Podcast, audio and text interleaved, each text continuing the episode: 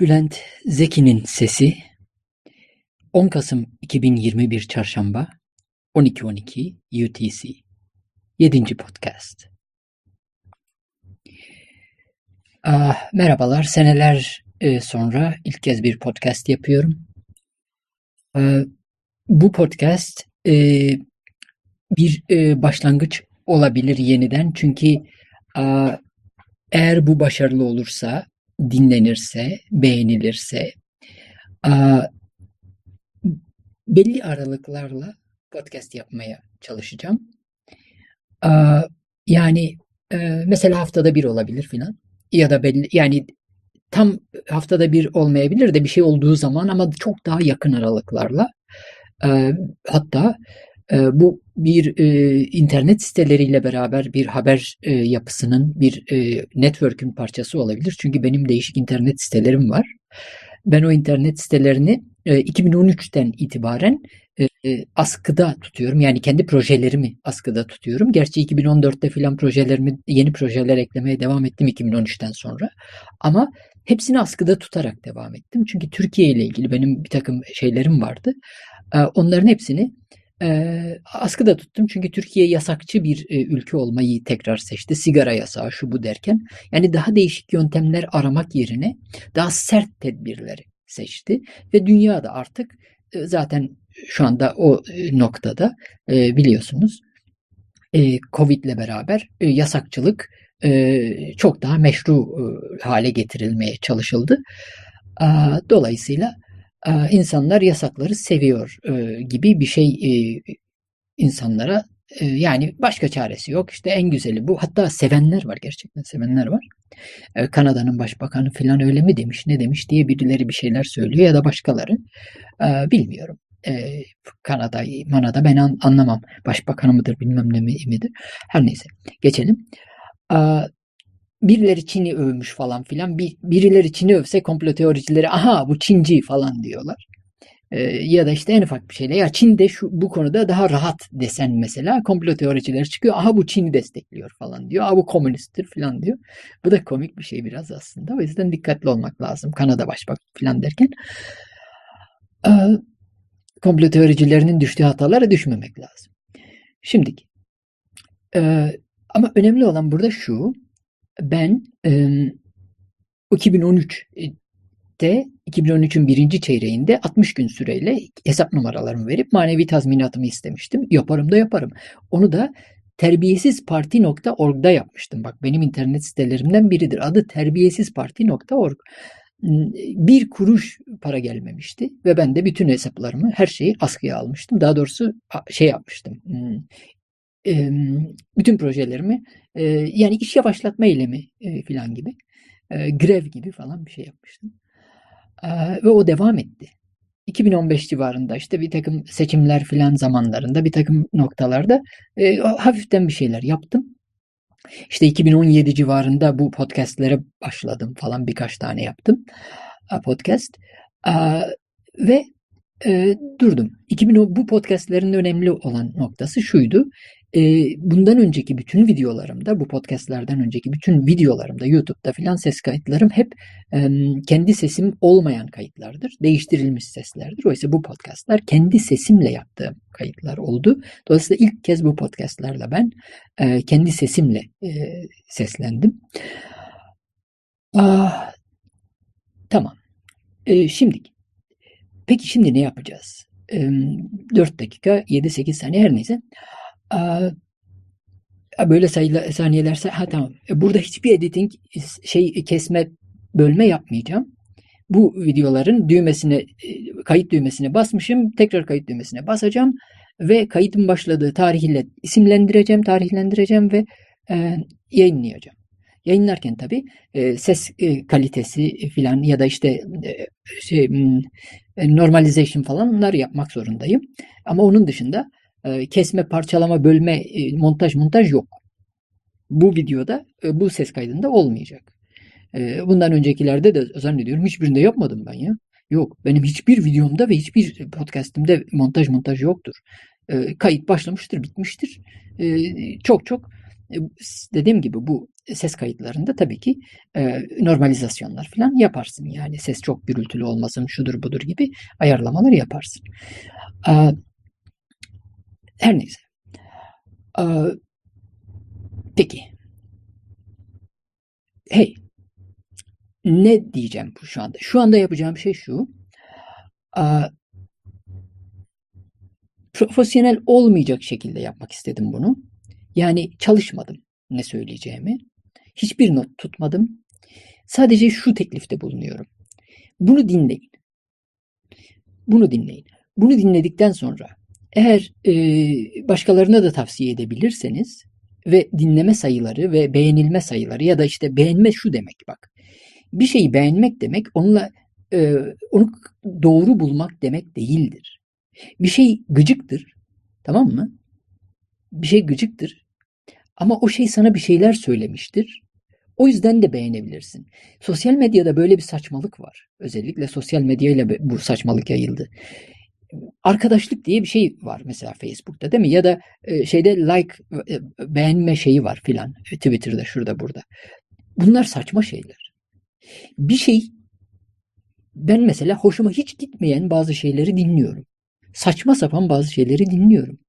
Onlar o podcastlere filan şey e, subscription'ım, aboneliğim vardır. Bu onların her söylediğini kabul ettiğim anlamına gelmez. Ama o podcastleri beğeniyorum. Çünkü saçma sapan oldukları halde arada bana ciddi ciddi şeyler söylüyorlar. Çok kıymetliler. Aynı görüşte değilim. Tamamen zıt görüşteyim. Ama onları belli aralıklarla dinliyorum. Veya bazı videolar veya bazı kanallar. Ben onların bana arada bir bazı şeyler söylemelerini beğeniyorum. Çünkü benim görüşümde olanlar bana o şeyleri söylemiyor. Tamam? Çünkü kült böyle çalışır. Bir kült sadece kendinde e, propaganda yapar. Kült dediğin propaganda yapar. Kült, kültür, kültür böyle oluşur ve böyle devam eder. Yani bir kültür e, kendisine uygun şeyleri propagandasını yaparak nesilden nesile kendi kültünü aktarır. Kültür budur. Dolayısıyla kültür bir propaganda grubudur e, ve yapısıdır. E, ve bu normaldir. Kültürlerin dünyada olması lazım. Çünkü doğru denen şey ne olduğunu biz Müslüman insanı adamız sadece Allah'ın bildiği şeydir. Doğru Allah katındadır. İstediğin saat, ister gece gündüz 7-24 laboratuvarlarda yaşa, ister dünyanın bütün Nobel ödüllerini topla, doğruyu bulamazsın. Müslümanlık bunu söyler. Doğru Allah katındadır. Sadece Allah'ın doğruluğu bildiğinden emin olabiliriz. Allah budur zaten. Tamam. Dolayısıyla bir kültür hata yapmış, bir kültür yamukmuş, bir alt kültür saçmalamış. Bunların hiçbir önemi yoktur. Çünkü kim nerede saçmalamıyor ki? Ya da bilmiyoruz. Belki o saçmalamıyordur da sen mesela Amiş diye bir şey vardı e, şeyde Hristiyanların şeyinde tamam mı? Bu Covid çıktı. Amiş ilk önce maske maske bir takım kuralları uygulamak istedi herhalde. Sonra vazgeçti. Bıraktı. Ve o Amish grubu yani o şey grup e, Hristiyan e, köktenci grup, kökten dinci Hristiyan grup, radikal Hristiyan grup böylece kontrol grubu olarak değer kazandı. Çünkü başka her yer bir takım önlemler alırken bir takım maske, mesafe filanı onlar bunlar, bu önlemleri almadılar. Hatta hatta onların bir takım ayinlerinde bir takım iyi şeyleri beraber e, Hristiyanlığın bazı ayinlerinde böyle bir şey var. Birisi oraya daldırıyor yiyor, öteki daldırıyor yiyor. Aynı kaptan yemek yemiş oldular böylece. Ve bunu belli aralıklarla yapmaya devam ettiler. Ve aralarında hastalık oranları, covid oranları son derece düşük. Bu çok tuhaf bir şey. Ben şöyle böyle demiyorum. Beni ilgilendirmez. Yani öyle yapın, böyle yapın, şudur budur beni ilgilendirmiyor. Ben maskemi takar çıkarım. Arkadaşım. Ben maskemi takarım. Bana diyorlarsa maske tak, ben maske takarım. Tamam mı? Bu bana ne? Ama tabii ki bana ne dememin sebebi şu. Çünkü ben fazla dışarıda gezmeyen bir insanım. yani haftada birkaç gün pazara falan gidersem ancak dışarıda geziyorum. O yüzden e, günde 8 saat maske takmam gerekmiyor. Günde 8 saat haftada 5 gün maske takmamı biri istese e, tekrar düşünmem gerekir. Çünkü bir insan çocukluğundan, bebekliğinden beri belli oksijen, karbondioksit alışverişiyle vücudunu yönetir. Vücudun asit baz dengesi ve diğer dengeleri buna göre çalışır.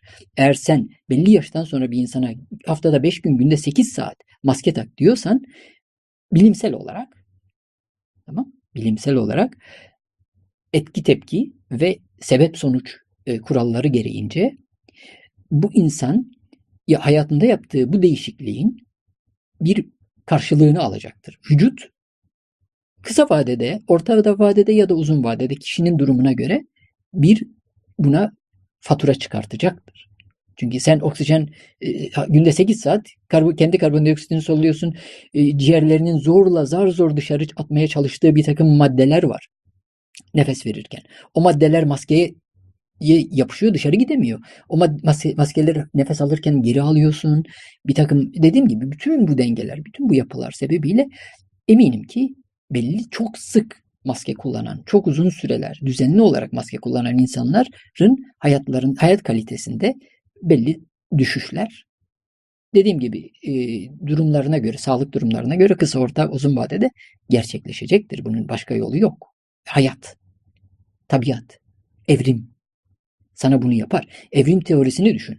Tamam mı? Survival of the fittest. Sen sen e, eğer maske takmaya başlayıp kendine handikap, e, engel yaratmaya başladıysan vücut senin vücudunda tabii ki sanki sen e, sakatmışsın gibi davranır.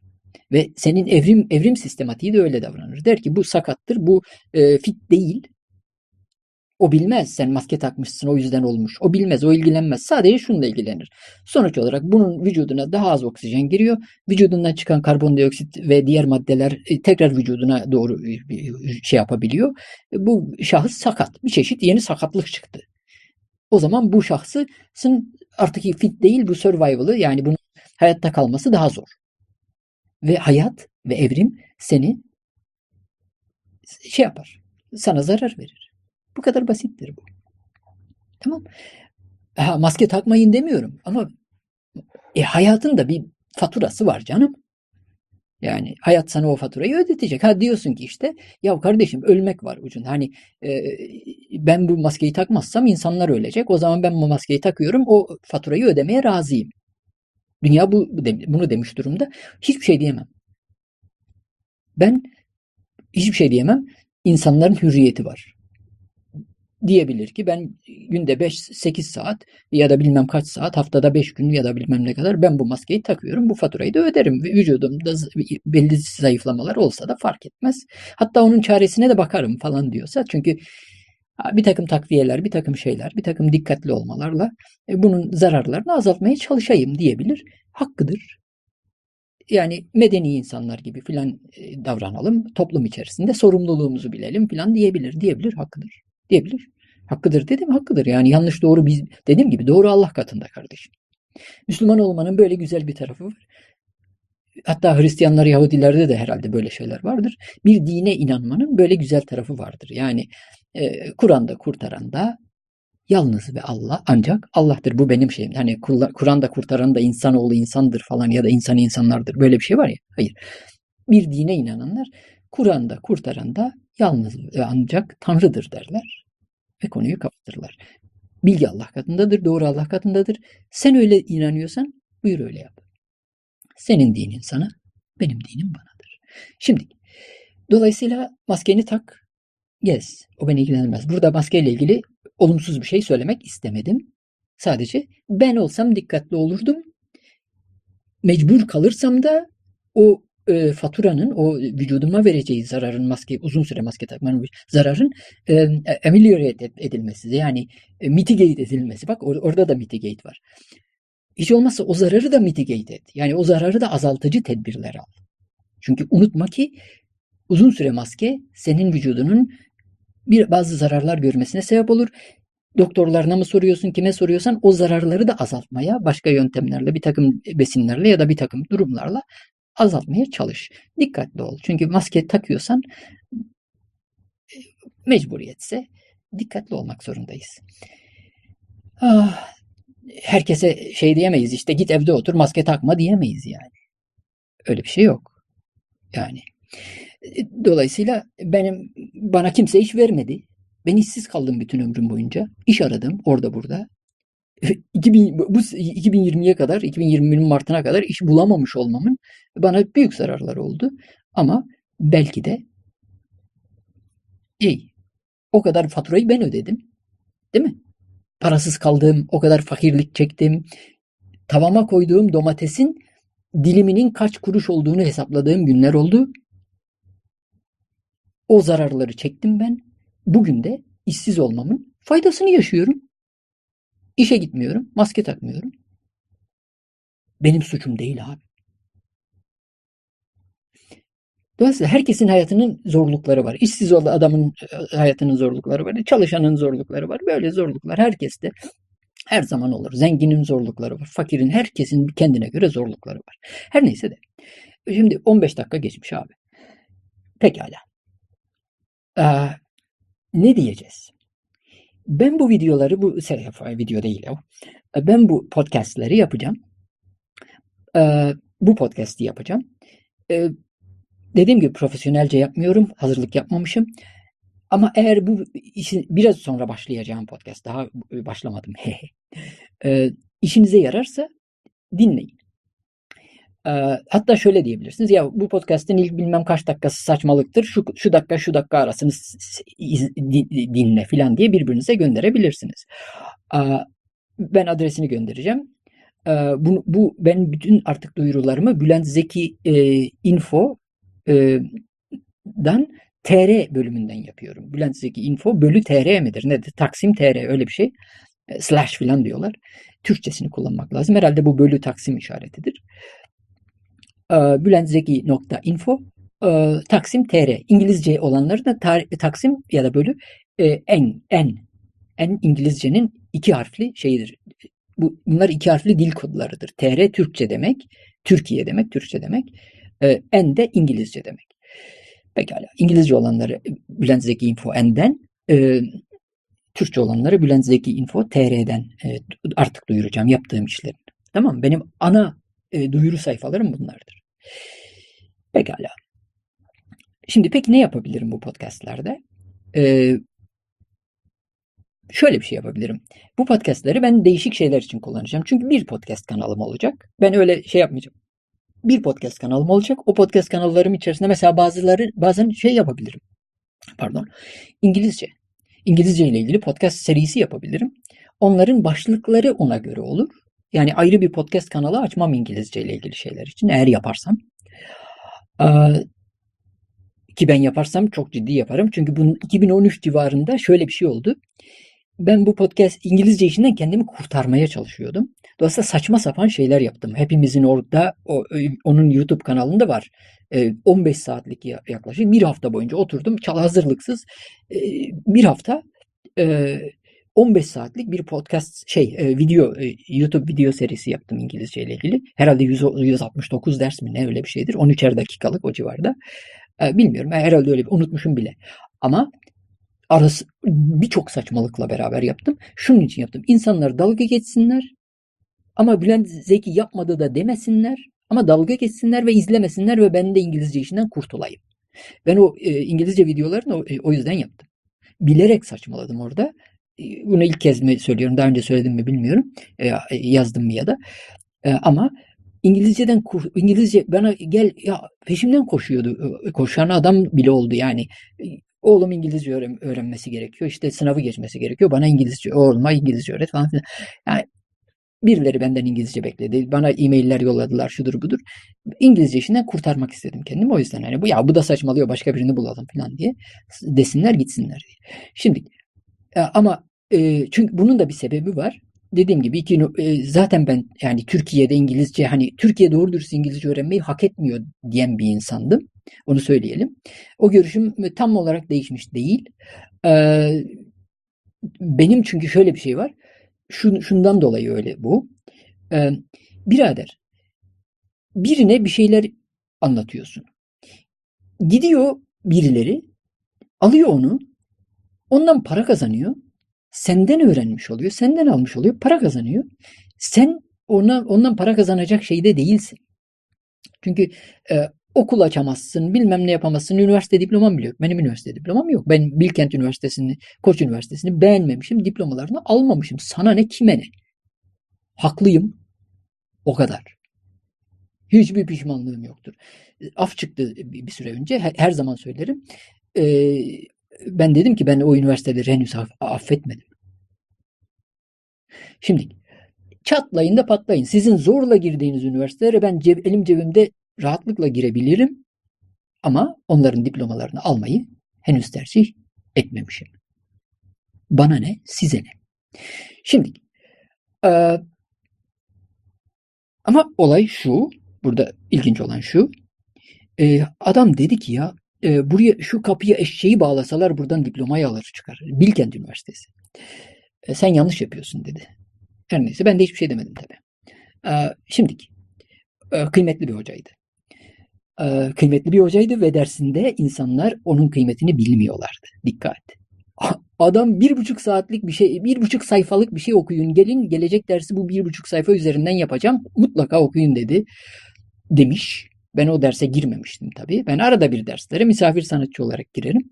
Sonra da devamsızlıktan sınıfta kalırdım filan. Bilkent öyleydi.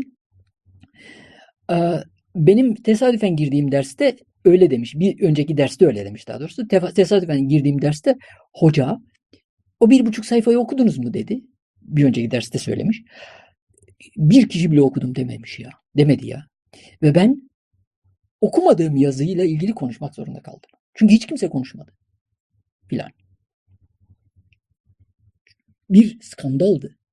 Uluslararası ilişkilerle ilgili söyleyelim. Uluslararası ilişkiler teorisi. Ders bu. Bir buçuk sayfalık yazıyı okumuyor. Vatan, okudunuz mu diye soruyor. Bir kişi o el kaldırmıyor. Bir kişiden çıt yok. Yale Üniversitesi. Adam diyor ki ben size diyor bir haftalık 150 sayfa, bu, 100, 100 sayfanın üzerinde bu okumayı veriyorum. Ayrıca ders ders kitabınız da var zaten, şey, şeyiniz de var, normal kaynaklarınız da var. Onları da okuyacaksınız. Üstüne bu 150 150 sayfayı da okuyacaksınız. Ben bu kadar ağır şeyi size veriyorum. Çünkü biliyorum ki siz dünyanın en ciddi öğrencilerisiniz. Burası dünyanın en ciddi yerlerinden biridir. Biliyorum ki siz buraya gelmekle bu kalitede olduğunuzu göstermiş oldunuz. Yale Üniversitesi bunu yapıyor. Bizde de bir buçuk sayfayı okumamış A paşa. Şimdi sen o hoca ne kadar kıymetli olsa da onun kıymetini bilmiyorsun ki. Çünkü onu değerlendirmiyorsun ki. Ondan faydalanmıyorsun ki.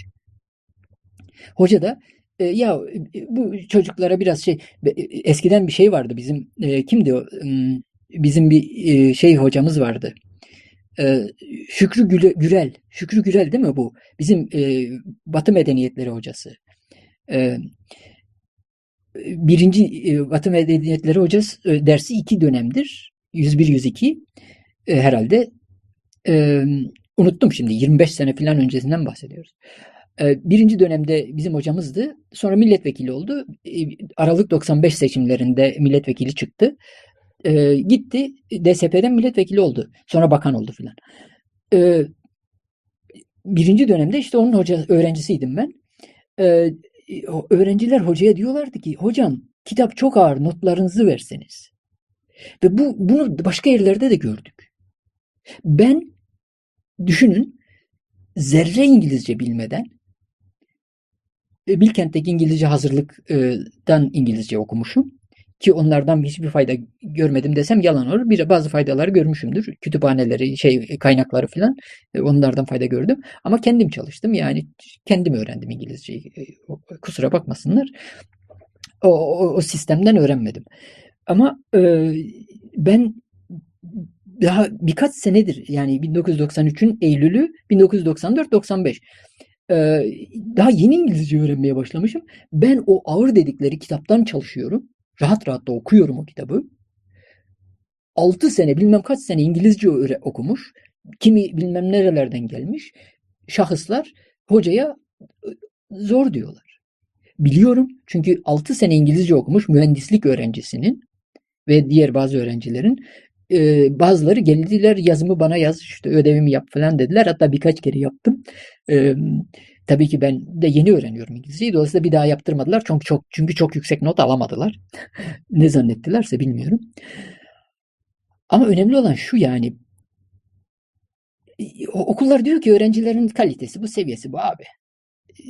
Öğrencilere fazla hani sen Bilkent'sin büyük üniversitesin falan ama e, Türkiye'nin büyük üniversitesin ama öğrenci kalitesi de bu. Liseden böyle geliyor. Dolayısıyla öğrencilere fazla ağır davranmayın. E, kaliteniz de yüksek olmasın falan filan. Yani Yale Üniversitesi değil bu diyor yani. 150 sayfa bir haftada ders veremezsin diyor. Oku, şey falan ama yani bir buçuk sayfayı bile okumadan gelmiş insanlar benim sınıf arkadaşlarımdı. Belki okumuşlardı, cesaretleri yoktu ama en az 15-20 kişi vardı o sınıfta. Neden bir kişi bile ya okudum işte bir buçuk sayfaydı şöyle şöyleydi niye diyemedi arkadaş? Demek ki belli kalitesizlik var yani. Çünkü o hoca durdu, bayağı zaman geçti, bir skandaldı, bir fiyaskoydu, bir felaketti. Ee, tabii ben tekrar derslere girmemeye devam ettim. Yani girdiğim uzun süreden sonra girdiğim ders buysa yani ben daha o derslere ne gireyim? Kütüphaneye giderim, kitap okurum yani. Her neyse. Ve o, o üniversiteden de diploma almadım. Tamam mı? Kim, kim ne derse dersin. Yani dersin ki ya kardeşim diploman olsaydı şöyle rahat hayatın olurdu. Olmazdı abi. Olmazdı. O yüzden diyorum Türkiye İngilizce öğrenmeyi hak etmiyor dedim ben. Abi sen diplomanı böyle almışsın. En iyi üniversitelerden birisi bu işte. Koç Üniversitesi'ne gittik. Koç Üniversitesi daha beter. Tamam mı? Hiç bana hikaye yazmayın. Koç Üniversitesi tarihte öğrenciydim ben. 5 ee, sene sonra. 5 yani 2000 1993 e, 97 e, Bilkent. 2002'den 2004'e falan mı ne öyle bir şey. Koç. E, e, tabii öğrenciliğim orada e, iki dönem sürmüştür. E, yarım e, dönemde yani şöyle söyleyelim iki dönem yani bir akademik yıl öğrenciliğim sürmüştür. Bir dönem yani yarım akademik yılda hazırlık, İngilizce hazırlık aldım. Çünkü aa, onun çok tuhaf hikayesi vardır. Onu da söyleyeyim abi. Ben 2002'de e, dedim ki hiç olmazsa bir diploma alayım. Bak bir üniversiteden bir diploma alayım. Ama şöyle olsun. Açık öğretim İngilizce öğretmenliği alayım. İngilizce öğretmenliği, açık öğretim, okula fazla gitme, gidip gelmen gerekmez. İstanbul. Ben de İstanbul'da yaşıyordum o sıra. Ee, ilk iki tercihim açık öğretim İngilizce öğretmenliğiydi. Tamam mı? Sınava girdim İngilizce sınavına. Saçma sapan bir şeyler oldu. Ee, zaman kaybettim. Hocanın bir tanesi yok şöyle olur, yok böyle olur, yok engelli şeyini alamazsın. Ben okuyacağım soruları falan dedi. Ee, okuttuk soruları. Hadi oku dedim. Birkaç soru okumaya çalıştı. Dedim ben böyle yapamam. Başkası bana soru. Alışık değilim. İngilizce ilk kez İngilizce sınavına giriyorum zaten. Bir de sen bana sorular okuyorsun. Alışık değilim. Benim elimde büyüteç var. Yazılar küçük ama durur durur okurum. Hoca dedi yok. O zaman engelli e, şeyini e, statünün kaybolur. Dedim kaybolursa kaybolsun kaybol. Sen kaybol yani gözümün önünden. Yani ben bu sınavı yapmak zorundayım. Senden dinleyemiyorum. Olmuyor. Ben kendim okuyacağım. Ben okumaya alışmışım. Dinlemeye değil ki. Her neyse. E, yavaş yavaş da olsa büyüteçle de olsa kendim okurum abi. Dinlene dinlene filan falan okurum. 15 dakika bilmem kaç dakikam gitti. Süre devam ediyor çünkü. Gitti gelmedi falan. Birine danışmaya gitti şudur budur. Zaman kaybettim. Her neyse o zaman kaybından o gıcık moral bozukluğundan filan sonra devam ettim. Kendim okuyarak devam ettim. Kadın geldi oturdu oraya. E, kendim devam ettim. Her neyse e, buna rağmen o sınavdan ki hazırlık mazırlık yapmamışım. Bütün gece ben e, yolculuktaydım. E, çünkü ha şöyle ben İstanbul'da yaşıyordum ama sistem beni tekrar sınav yeri olarak İzmir'deki fen lisesine mi ne o, o, o liseye göndermiş. Dolayısıyla sınav için İngilizce İzmir'e gitmek zorunda kaldım ben. O gece yolculuktaydım. Sabah kalk e, e, otobüsten indim, sınava girdim. Ve zaten hiçbir hazırlık da yapmamışım dediğim gibi. Ben İngilizceyi bildiğim kadar biliyorum abi dedim.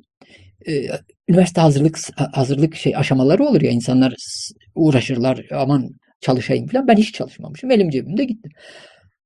Buna rağmen benim puanlarım o iki, ilk iki tercihime fazlasıyla yetiyordu. Fazlasıyla yetiyordu. Ve normalde benim açık öğretim İngilizce diploma e, e, şey, şimdi ilk iki tercihimden birincisine girmem lazımdı en azından. Değil mi? Ya da ikincisine en azından. Ama öyle olmadı. Öyle olmayacağını da biliyordum maalesef. Biliyordum ki bu adamlar, bu hıyarlar, e, bu dangalaklar benim puanlarımı kesecekler. Şimdi neymiş? Ben e, düz liseden mezun olmuşum. O yüzden ben o kategoride değilmişim. Benim puanlarımı kestiler. Bunu biliyordum keseceklerini. Dolayısıyla tercih yaparken şöyle yaptım. Üçüncü tercih, ilk iki tercih açık öğretim İngilizce öğretmeni. Üçüncü tercih e, benim puanlarımın biraz üstünde olan o sırada e, şeydi. E, Koç Üniversitesi tarihti. Dedim ki bunlar eğer bir şey yapar da bana Koç Üniversitesi tarihi hiç olmazsa vermezse çünkü Koç Üniversitesi tarihin şöyle bir özelliği var. Bak Koç Üniversitesi tarih benim öğrendiğim kadar Koç Üniversitesi e, TOEFL sistematiğiyle e, hazırlık yapan ve TOEFL sınavı veren bir üniversiteydi. Benim hiç alakam yok tarihle marihle. Umurumda değil tarih marih. Ben Koç Üniversitesi tarihi sadece şunun için seçmişim bak. Üçüncü tercih olarak. Ee, bunlar İngilizceyi nasıl öğretiyor hazırlıkta ve TOEFL sınavı nasıl bir sınav? Çünkü para yok bende. Fena halde fakirim, işsizim. TOEFL sınavını bedavaya görme fırsatı var. Dedim ki ben Koç Üniversitesi tarihe girerim. Hazırlık okurum. Tamam mı? Böylece İngilizce hazırlıkta nasıl öğretiyorlar onu görürüm. Ve e, bölüme geçerim. Bölümde birinci sınıfta İngilizce 101-102 var. Onları da alırım. Çünkü de o da Amerikan sistemi. Onları da alırım ve okulu bırakırım. Hesabım buydu. Tamam, tamam. Şimdi çünkü benim tek derdim İngilizce burada. Bu sınav, bu şeyde. Ama bunlar eğer bir daha büyük bir hıyarlık yapar da beni Koç Üniversitesi'ne de almazlarsa dördüncü bir te- tehdit tehdit te- te- şeyi yaptım. Tehdit etmek için dördüncü bir tercih daha yazdım. Dördüncü tercihim Fethullahçıların Fatih Üniversitesi'dir. Fatih Üniversitesi tarih. Dedim ki ulan beni siz Koç Üniversitesi tarihi almazsanız ben de Fethullahçıların şeyine giderim. Fatih Üniversitesi çünkü pu- puanım yetiyordu. Tamam mı? Puanım yetiyordu oraya. Beni oraya almak zorundalar. Puanım yetiyor, her şey yetiyor. Kesmiyorlar da puanları. Bak Koç Üniversitesi'ne benim puanım tam yetmiyor. Birkaç puan eksik kalıyor. Engelli puanı kontenjanından beni Koç Üniversitesi'ne alacaksınız. Ama olur da almazsanız ben giderim Fethullahçıların Fatih Üniversitesi'ne. Dördüncü tercih. Sadece dört tercihim vardı. Bunlardır. Tamam mı? o da çok komik yani. Eğer Fatih Üniversitesi tarih çıksaydı bilmiyorum oraya gider miydim gitmez miydim. Hiç onu hiç düşünmedim bile. Ben sırf tehdit için o dördüncü tercihi yazdım. Tabii ki Koç Üniversitesi tarihe beni aldılar. İlk üçüncü tercihimi aldılar. İlk iki tercihimi almadılar. Bu büyük bir hatadır. Türkiye'nin kaybıdır bu. Bu Türkiye'nin kaybıdır. Ben 2002'de o e, sınava girdiğimde beni o, oraya alsalardı, hak ettiğim puanı bana puana göre beni oraya yerleştirselerdi istediğim yere, fazla uğraşmadan bir İngilizce öğretmenliği diplomam olacaktı ve İngilizce öğretmeni olacaktım. Ya da en azından o yola girmiş olacaktım. İngilizce konusunda bir şeyler yapabilir olacaktım. Tamam? Profesyonelce. Dikkat. Peki Türkiye İngilizce öğret benim onlara İngilizce öğretmemi neden hak etmiyor konusuna bir daha gelelim. Şuradan ee, arkadaşım sen Bilkent Üniversitesi öğrencilerine hak ettiği e, o üniversitenin Türkiye'nin en üniversitelerinden birinin hak ettiği ağır ders yükünü veremiyorsun. Öğrenciler hileci, tüyocu, hocam notlarcı, bilmem yalancı, bilmem şu bu olarak mezun oluyorlar. Kısa yolcu, kestirmeci olarak mezun oluyorlar değil mi? Sonra 28 Şubat oluyor. Sen adice, sahtekarca sırf şu şöyle olmasın, imam hatipçiler bilmem ne olmasın diye herkese zarar verecek şekilde adice insanlara zarar veriyorsun. Ve bundan da pişman olduğun hiç belli değil. Tamam. Ne, aman dinciler ilerlemesin de ne olursa olsun. Tamam Üstelik bunu yaparken de adice şu şekilde yapıyorsun. Dikkat et. Erkekler başörtüsü falan takmadıkları için rahatlıkla üniversitelere girebiliyorlar. Sadece sakalını kesiyorsun falan filan. Ama kadınlar, kızlar başörtüsü taktıkları için negatif ayrımcılığa tabi oluyorlar. Yani dincilerin erkekleri gidebiliyor, kızları gidemiyor. Hatta bunun şeyini yazmıştım. E, şiir şiirimsi yazdım buna. Yani ben e, Kılıçdaroğlu çünkü 2009'da aday olduğu zaman e, türbanlılar e, belediyede işçi olabilir ama memur olamaz demiştim. Demişti, demiştim diyorum ama onu. E, demişti ya Kılıçdaroğlu belediye başkanı adayıydı. E, 2009 seçimleri.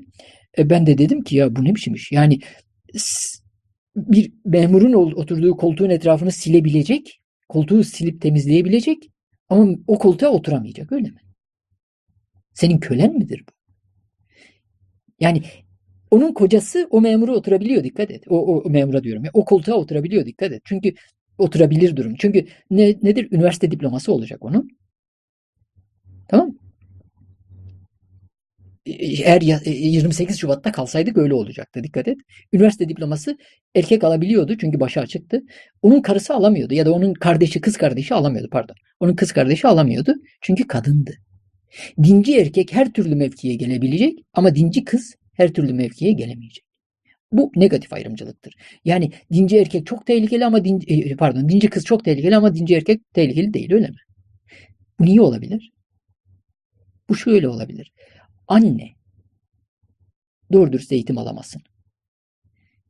Kızlar, kadınlar doğru dürüst bir yere gelemesin. Moralleri bozuk olsun. Hep kendilerini kötü hissetsinler. İçleri zehir dolu olsun. Nefret dolu olsun.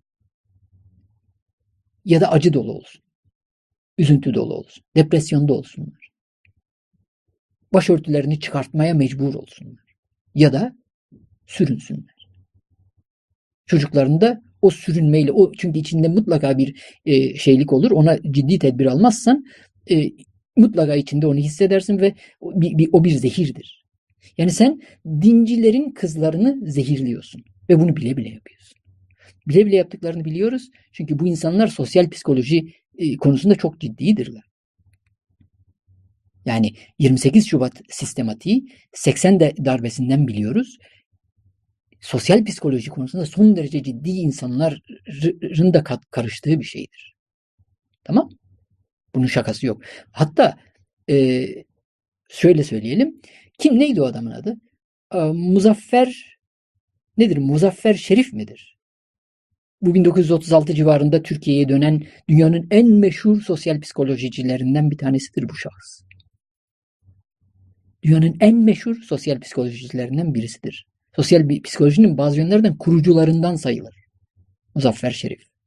Yanlış mı biliyorum ismi? Yanlışsa yanlış bilmiyorum. Araştıracak değilim. Dediğim gibi bu profesyonel bir şey değil. Dolayısıyla e, ama Muzaffer Şerif olabilir. Ve şahıs 1936'da Türkiye'ye dönüyor Amerika'dan ve e, Amerika'dan dönüyor olsa gerek Amerikalı e, Amerika'da bir, bir, sosyal psikolog herhalde öyle öyle biliyorum. E, dönüyor. Hangi üniversiteydi ya? Her neyse. Ee, ve Türkiye'ye döndüğü zaman çok komik bir şey söylüyor. Radyo diyor bir eğitim kurumudur diyor. Radyoda Alaturka müziği yasaklayın diyor. Şimdi çok komik bir şey bu. Çünkü 1920'li yıllarda 27 civarı bilmiyorum tam şey Türkiye'de bütün dünyada radyo kurulmuş zaten radyo öyle 1920'lerin sonları ve daha önceden Alaturka müziğin yasaklanması denenmiş zaten Türkiye'de. Yani kendisi Türkiye'ye dönmeden birkaç sene önce miydi neydi? Denenmiş zaten. Ve vazgeçilmiş. Adam dönmüş Türkiye'ye Alaturka müziğini radyodan yasaklayın. Radyo eğitim kurumudur diyor. Sosyal psikoloji uzmanı kendisi. Dünyaca ünlü. Şu anda sosyal psikolojinin kitaplarına bakın. Tarihini anlatan kitaplara filan. O ismi bulursunuz. Ee, dolayısıyla e, e, şimdi dolayısıyla hani bu insanlar böyle şeyler hani sosyoloji, sosyal psikoloji falan falan üzerinden yani sosyal mühendislik şeyleri bunlar. Hastaları diyelim. Başka bir şey diyemem. Çünkü e, eğer bunu doğru dürüst yapmazsan yani sonuçta sosyal mühendislik hayatın bir parçasıdır ama nasıl? Sağlıklı bir şekilde yapılırsa ve e, abartılmadan doğru dürüst e, yani sosyal mühendislik yapıyorum diye yapılmazsa. Tamam mı? Çünkü hayat için bir şeyler yaparsın o sosyal mühendislik olur.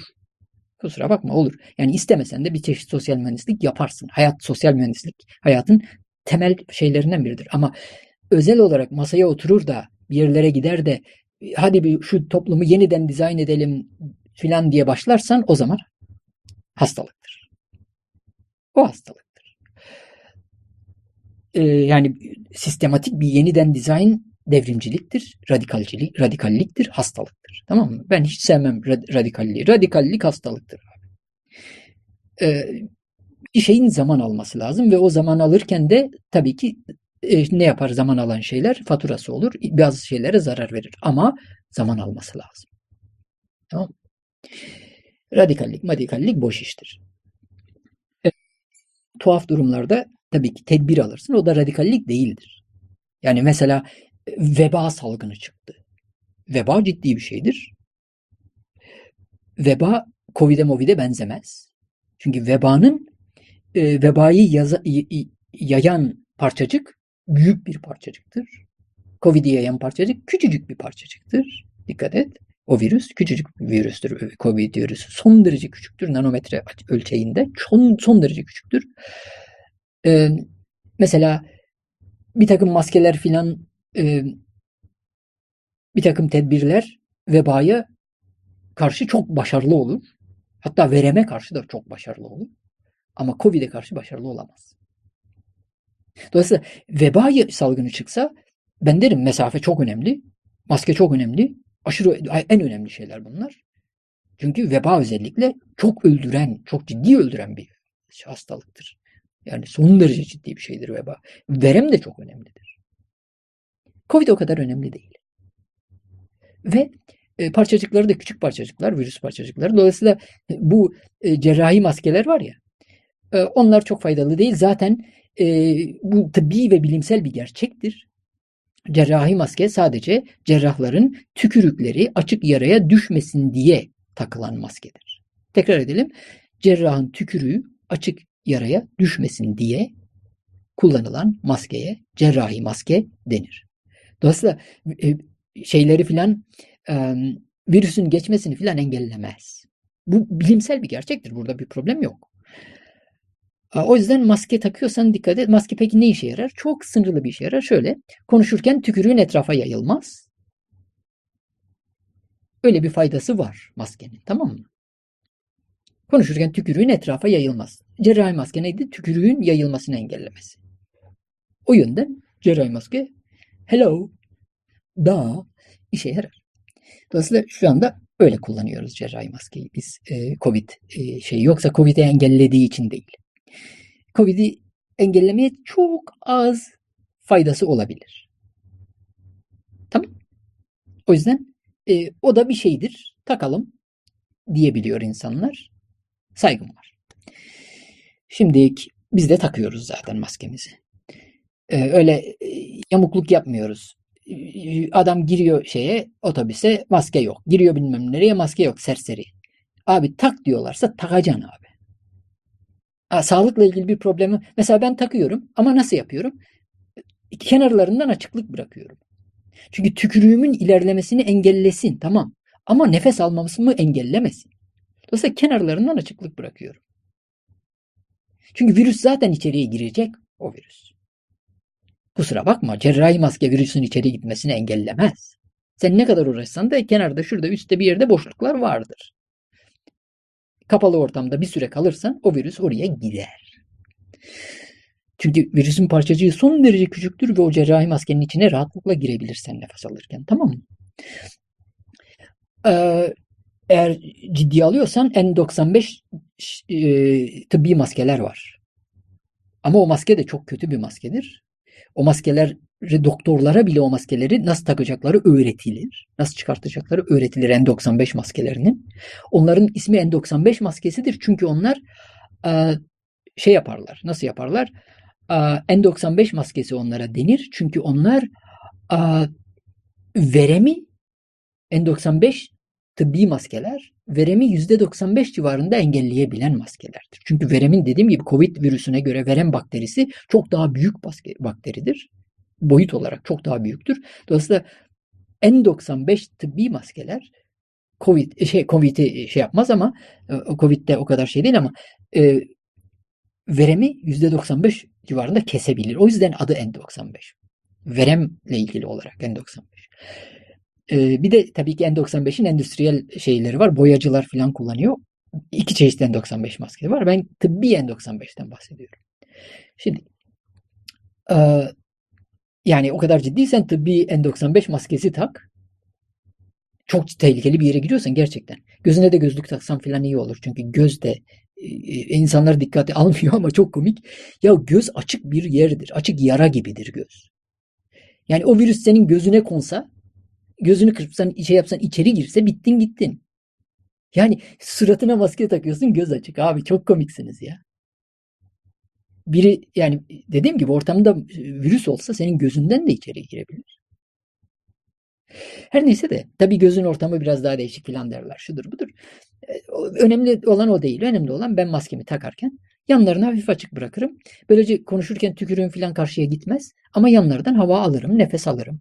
Nefesimi engellemem. Tamam mı? Öyle bir şey yok.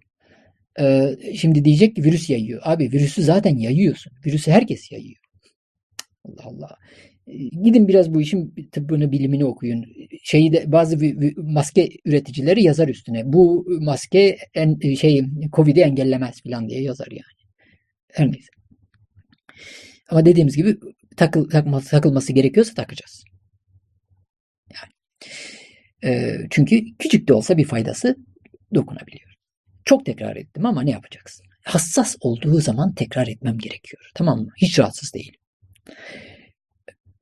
bazı insanlar rahatsız olabilir kusura bakmasınlar ama bazı başka insanlar için bu tekrarı yapmam gerekiyor.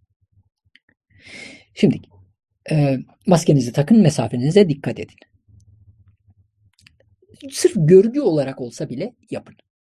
Ya işe yaramıyor deseniz bile görgü yani birini rahatsız etmez etmeyin abi. Uğraşmayın ya. Allah. Bulaşıklık etmeyin lan. Her neyse.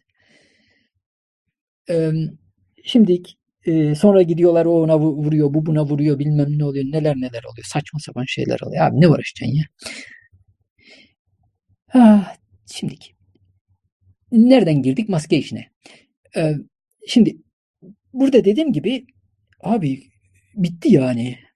Her neyse yani şey, şey, bu şeyi ben yaparken nereden geldik buraya? Şeyden bahsediyorduk oradan geldik. Şimdi oraya geri dönelim.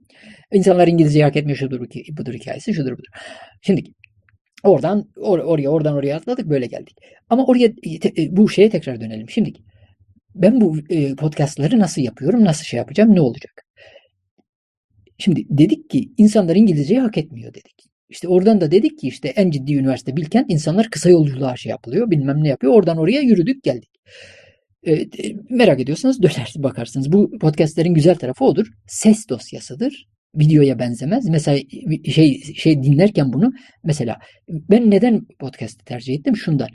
Abi YouTube filan mesela onu telefonunda izlemen için ekranın açık olması lazım. O da fena şarj yer. Çok fena şarj yer. Oysa bu ses öyle değildir. Kulaklıkla filan dinlersen özellikle Bluetooth kulaklıklarla dinlersen ileri geri alabiliyorsun. Ben mesela ayarlamışım. geri alma tuşuna bastığım zaman 15 saniye geri alıyor. İleri tuşuna bastığımız zaman 30 saniye ileri alıyor. Çok güzel bir şey kaçırıyorsun 15 saniye geri alıyorsun. Ee, bir reklam çıktığı zaman filan bazı yerlerde reklamlar olur. O reklamı 30 saniye ileri alıyorsun. Reklamı geçiyorsun. Böyle şeyler oluyor. Yani podcastler son derece hem şarjını az harcıyor hem de ileri geri alma konusunda kulaklıkla dinliyorsan özellikle Bluetooth'la çok güzel seçenekler veriyor. Çok daha pratik. Çok daha pratik. O yüzden podcast çok daha güzel bir şey. Şimdi ama e, 2013 falan dedik ya biz e, manevi tazminatımızı istedik hiç kimse bir şey bir kuruş vermedi. Ve onun üstüne onun e, eskiden beri gelen Türkiye'nin kısa yolculuğu, kestirmeciliği, adiliği. Türkiye insanları bu adiliği yaşıyorlar. E, e, dikkat edin. Ne oldu? Bu adilik nasıl devam etti? Bak 28 Şubatçılar o adiliği yaptılar. İmam Hatipçilere engel olacağız diye herkese engel oldular. Ayıptır. Ben İngilizceyi daha iyi biliyorum. Sınavı da geçmişim. O iki, ilk iki tercihim İngilizce öğretmenliğine de kazanmışım. Sen benim puanımı kesiyorsun. Başka insanlara puan ekliyorsun. Onlar ancak öyle beni geçebiliyorlar. Ve benim hak ettiğim yere onlar yerleşiyor. Sen hiç mi utanmadın? Yüzün hiç mi kızarmadı? Bana zarar vermedin sen. Ben tril trilyon dolarlık adamım. Bunun üstünde öyle yazıyor. Bu podcast'in üzerinde yazar bak. Tril trilyon dolarlık adam. Sen benim sana tril trilyon dolarlar kazan, kazandırmama engel oldun. Tamam. Bugün biraz sonra ona geleceğiz. Biraz sonra ona geleceğiz. Çünkü o var. Sen bunu yaptın. Ben eğer o diplomayı alabilseydim ciddi bir şey yapmış olacaktım. Çünkü benim gibi adamlara sen biraz para verirsen, biraz fırsat verirsen biz sana iş olanağı yaratırız. Biz iş yaratırız. Bizim zevkimiz odur. Benim keyfim o. Yeni ürün üretmek, yeni hizmet üretmek, yeni bir şey icat etmek, yeni bir şey yapmak. Benim benim alkolüm o, benim çikolatam o. Sen alkol içersin, ben onu yerim. içerim. Sen çikolata yersin, ben onu yerim. Ben güzel bir şey yaparım. Yeni bir şey üretirim. Sen ona engel oldun. Sen bu ülkeye çok büyük zarar verdin. Tamam? Kendine zarar verdin abi. Dinciler geldi. Ben AKP'ye hiç meraklı değilim. Ama o kadar saçmaladınız ki AKP'ye oy verdim ben. Düşünsene ben AKP'ye oy verdim ya. Senelerce. Sonra Geçersiz Oy Partisi'ni kurdum ben. AKP'ye fena sizin rüyanızda yapamadığınız muhalefeti yaptım. Ben bir tweetimle bir kampanyayı kesmiş adamım. Tamam Param yok, nüfuzum yok, bilmem neyim yok. Bir tweetle ben bir kampanyayı dünyada bitirmiş adam. Tamam ee, Dolayısıyla hani bilgi güçtür. Ve o bilgi senin zannettiğin şey değil. Sen o bilginin ne olduğunu bile bilmiyorsun. Sen başka şeyi bilgi zannediyorsun. Her neyse. Ee, o değil de e, dediğim gibi peki niye Türkiye bazı şeyler hak etmiyor? Sırf şunu, bana bunu yapmış sana şunu yapmış diye değil. Hayır. Türkiye kestirme bugün de Bitcoin'de düşün dünyada Bitcoin'in en ciddi e, şey yapan ülkelerden biridir Türkiye. Niye? Çünkü birileri demiş ki Bitcoin al zengin olursun. Kısa yolculuk kestirmecilik. Bitcoin kumarhanedir. Ya fiat money dedikleri şu elinizde tuttuğunuz paralar var ya Tamam mı? O kağıt paralar. Onlarda çok daha fazla kıymet var. Çünkü o hiç olmazsa kağıt olan. Onun arkasında bir devlet var bilmem ne var şudur budur. Bir bankacılık sistemi var. Bir ciddi sistem var onun arkasında. O kağıdı bankaya yatırırsan o banka batarsa senin e, paran belli bir seviyedeyse o parayı geri alabiliyorsun biliyor musun? Belli bir yere kadar. Bilmiyorum. Dünyada var. Türkiye'de de vardır herhalde. Ama Bitcoin'ini tutan e, kuruluş batarsa ya da herhangi bir şey görürse sen de onu saklamayı becerememişsen kim hiçbir yerden geri alamıyorsun parayı. Bitti. O Bitcoin'i. Bitcoin'in hiçbir kıymeti yok. Bitcoin birkaç sayı. Sayı. Sadece sayı. Eskiden altın vardı. Ben altından dalga geçiyordum altınla. Bitcoin ne yaptı biliyor musunuz? Altına yatırılan parayı altından çekti. Bunun şeyini anlatacağım ben. Tamam mı? Bak ne, ne olduğunu anlatalım. Hadi oraya da gireyim. Bitcoin diye bir şey var. 2008 civarında mı nerede bir yerde çıktı. Kimin çıktığı çıkarttığını bilmiyoruz. Zır zır şüphecilik diye zırlayanlar, bilim şüphecilik şu diye zırlayanlar tamam mı? Bilimci, bilmem neci, işte ilerici, bilmem ne şudur budur. Hani ötekiler dinciydi, biz bilimciydik, biz şüpheciydik. Ne oldu lan şüpheciliğiniz? Bitcoin'i kim icat etti abicim? Bana adını soyadını söyle o ad soyadın gerçek olduğunu göster. Çünkü bir ad soyad bulabilirsin. Ama o ad soyadın arkasında kim var? Onu bul. Onu söyle. Bulabiliyor musun? Yok. Satoshi. Kim lan bu Satoshi? Ona buna sataşan biri mi yani? Kim bu Satoshi?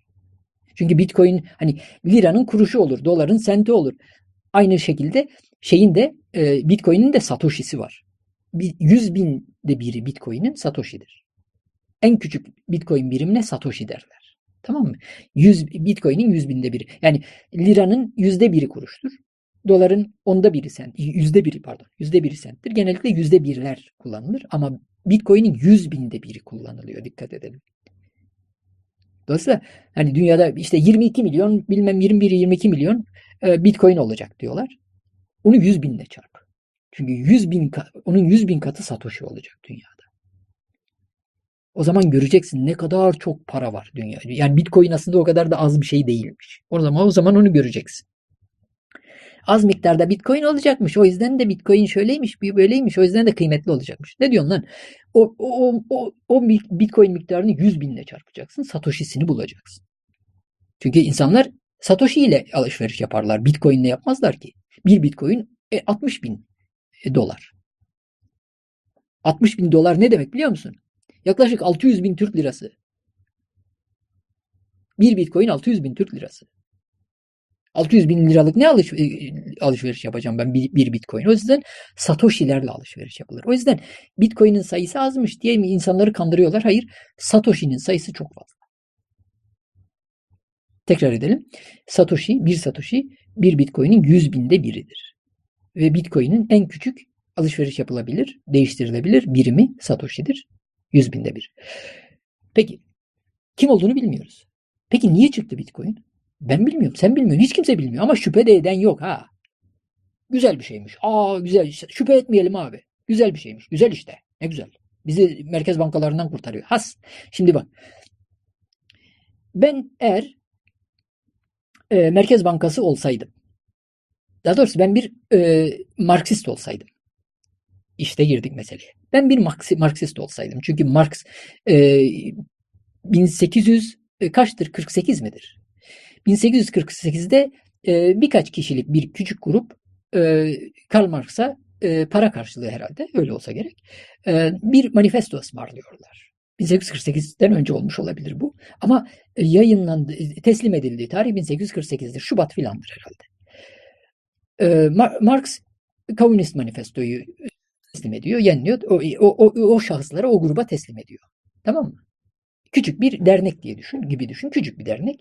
Diyor ki bize bir komünist manifesto yaz arkadaş. Sen çok güzel yazıyorsun. Karl Marx da yazıyor. Teslim ediyor. Şimdi 1848'in baharında bir de şeyler var. 1848 devrimleri var. Avrupa'nın çeşitli ülkelerinde. Ee, yalnız bu, bu devrimlerle o komünist manifestonun hiçbir alakası yok. Bilimsel olarak söylüyorum, akademik disiplinle söylüyorum. Akademisyenler çalışmışlar, demişler ki e, o devrimlere katılan her 100 bin kişiden biri bile Komünist Manifesto'yu okumamıştı, bilmiyordu. Dolayısıyla Komünist Manifesto'nun o devrimlerde hiçbir etkisi yok. Tamam o, Onu bilelim. O peki o devrimler niye yapıldı? 48 1848 devrimleri.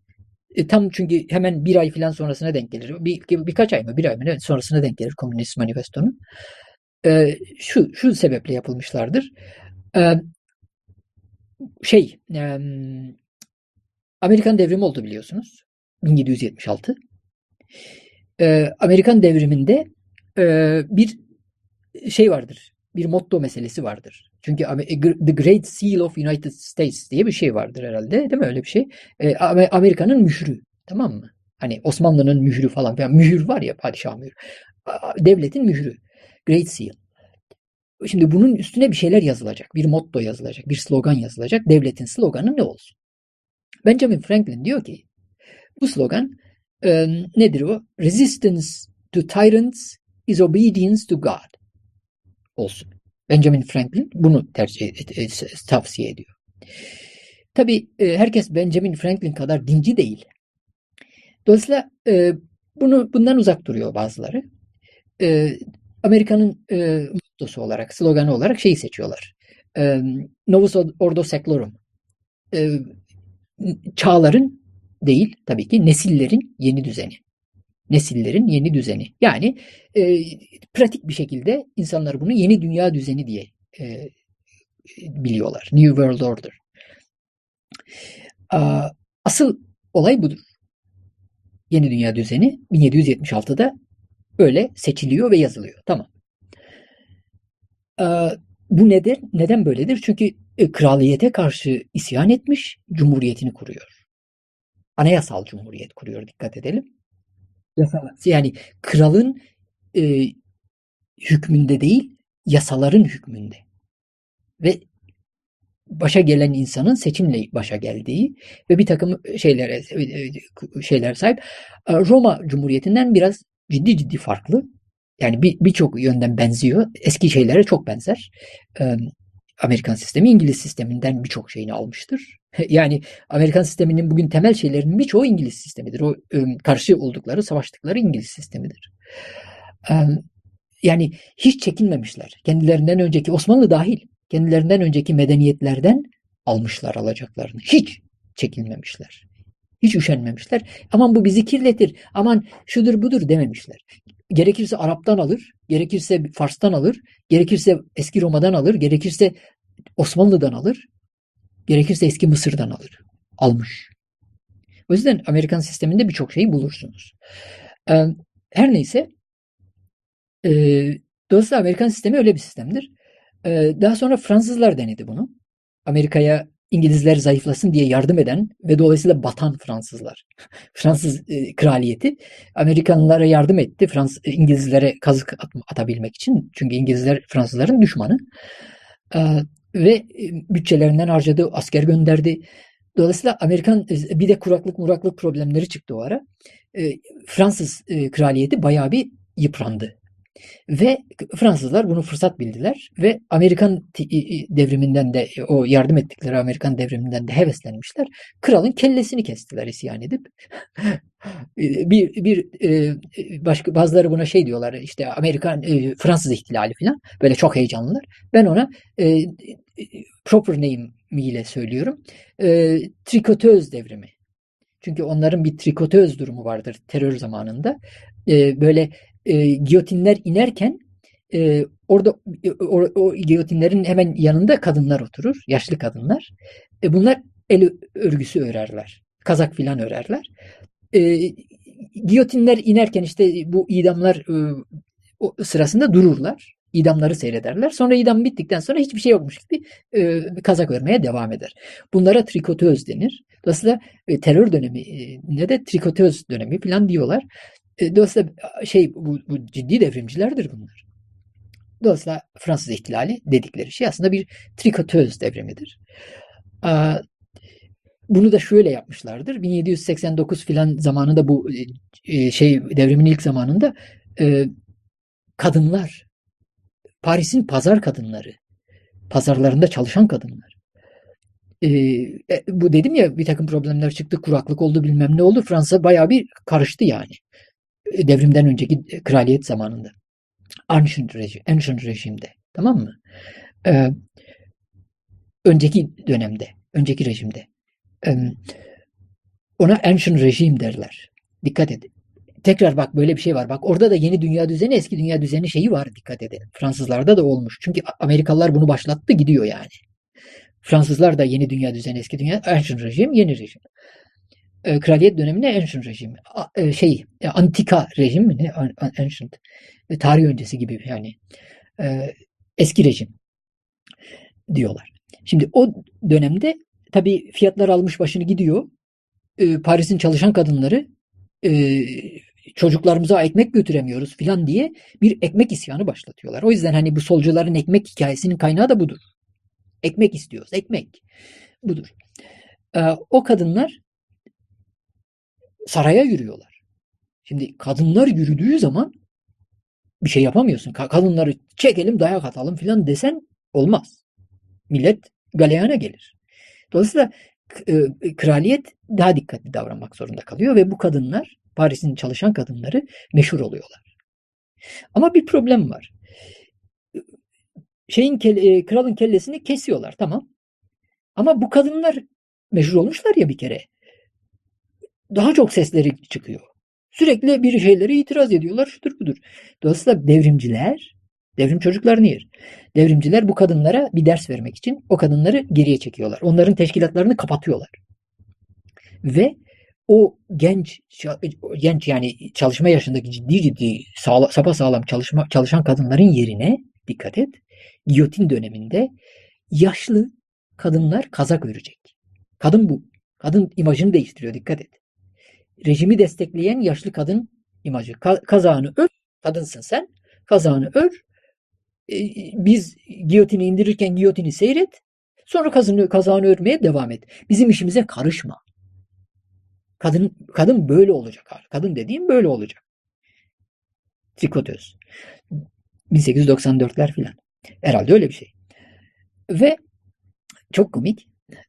Fransızlar işleri yüzlerine gözlerine bulaştırmakta o kadar meşhurlar ki 1800 civarında ne oluyor? Ee, Napolyon kendini imparator ilan ediyor. Düşünsene imparatorun kralın kellesini kesmişler. Yaklaşık 10 sene sonra birisi kendini imparator ilan ediyor. Hem de Napolyon. O kadar umutlandıkları Napolyon. Kendi elleriyle oralara koydukları Napolyon. Kendi imparator ilan ediyor. Tabii Napolyon imparatoru ilan ettiği zaman kendini şöyle bir şey var. Orada da bir problem var. Şimdi e, olayın çok komik bir tarafı var bu Fransızlarla ilgili. Mesela devrim yapıyorlar ya insan hakları falan falan şey, şeyler var ya hani öyle bilinir Fransızlar. Şunu söyleyelim. Fransızlar Fransa'da çok insan haklarıcı. Tamam mı? 1300'lerde Fransızlar şey yapmışlar. E, bu çok ilginçtir. E, Fransızlar 1300'lerde e, Fransa'ya bir köle girerse hürdür demişler. Tamam mı? Dolayısıyla Fransa'da kölelik istemiyoruz gibi bir şey var burada. Tamam 1300'lerde düşün. E, tabii var mı yok mu? Var tabii ki. Ama e, kuralına göre var. Şey yani hayvanlaşmadan var falan. Hani kölelik yoksa hani bir yerlerde çalışan insanlar şunlar bunlar var ama e, kolonilerdeki gibi kölelik yok. Tamam mı? O, o şekil şey yok. Herhalde yoktur yani. Çünkü 1315'ler filandan bahsediyoruz. Adam diyor buraya diyor gelen ayak basan köle köle hürdür diyor. Bitti. Köleliği bitmiştir diyor. Tamam mı? Ama Fransa'nın dikkat edelim 1315'ti bu. 1789'da ee, devrim yaptığında kendi kolonileri var ve o kolonilerde köleleri var. Haiti. Ee, Fransız kolonisi. 700 bin civarında köle var. Ve e, çok ciddi böyle kaç tanedir? 8 tane midir? E, gaddarca öldürme yöntemleri var. Çünkü e, 30 bin tane yaklaşık 30 bin tane e, güvenlik görevlisi 700 bin civarında köleyi kontrol etmek zorunda. Tamam mı? Bir ada düşün. 30 bin güvenlik görevlisi 700 bin köleyi e, eşek gibi çalıştırmak zorunda affedersin. Çok pis iş. Ve e, köleler isyan edemesin bilmem ne yapamasın diye gaddarca köleleri bir öteki kölelerin karşısında öldürüyorlar. Bu yöntemlerden bir tanesi sadece. Keloğlan dizilerinde, filmlerinden biliyorsunuz. Ee, iğneli fıçı. Çivili bir fıçıdır. Ee, köle fıçıya konur. Öteki köleler şey tepenin aşağı tarafında diptedirler. Köle tepeden aşağı yuvarlanır. İlk önce çok ciddi çığlıklar tabii ki. Çiviler batıyor. Ve bir süre sonra çığlıklar kesilir. Köle ölmüştür. Şimdi bu sadece basit bir yöntem. Yani yöntemlerden sadece bir tanesi. Şimdi Haiti'deki köleler tabii ki e, şimdi bu insan hakları falan bir şeyler bir şeyler diyorlar ama kölelik devam ediyor şeyde. E, köleliği kaldırıyor. Bak dikkat edelim. Haiti'deki köleliği de kaldırıyor. Tamam mı? 1794 bilmiyorum. Ne, nasıl oldu o iş? Ha yok bir dakika. O işin ayrıntısını fazla bilmiyorum ama şöyle bildiğim kadarıyla şudur. Ee, biliyorum da okumuştum da yani şimdi dediğim gibi bu profesyonel bir podcast değil. Bunun profesyonel bir podcast olmasını istiyorsanız beni destekleyin. İşe yaradığını bileyim. O zaman gerçekten çalışırım. Çalışıp buraya bunu yazar koyarım ve siz de çok faydalanırsınız. Ama şimdi daha yok. Yani Türkiye bazı şeyleri hak etmiyor falan dedim ya. O oradan gidiyoruz. Ama hak etmek istiyorsanız o zaman gayret edeceksiniz. Bedelini ödeyeceksiniz. Hiç olmazsa paylaşın. Güzel olmuş deyin. Ya bunun daha iyisini yaparsan daha iyi izleriz deyin. Daha iyi dinleriz deyin. Biraz heveslenelim ya. Değil mi? Ben heveslenmezsem niye profesyonel çalışayım ki? Bunun bin katı daha güzelini yaparım ben. Bin katı daha az tekrar ederim. Bin katı daha profesyonel olur. Daha az yorucu olur. Hazırlığımı yaparım. Yazarım şuraya.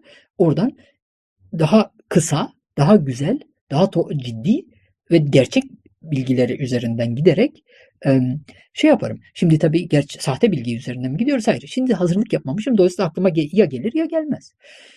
Şimdi devam edeyim. Ee, zannediyorum 1894 civarında bu trikotöz filan zamanları herhalde. Şey o, o terörcüler hiç olmazsa köleliği kaldırıyorlar mı, hafifletiyorlar mı? Ne öyle bir şey var. Var. Ama Haiti'de olmayabilir. Çünkü Haiti'de şöyle bir Haiti'de şöyle bir problem var Haiti'de. 1891'lerde e, mi nerede e, kölelik devam ediyor Haiti'de. İsyan ediyorlar. Bir yolunu buluyorlar, isyan ediyorlar. Yani köleler isyan ediyor ve kendi bağımsızlıklarını kazanıyorlar.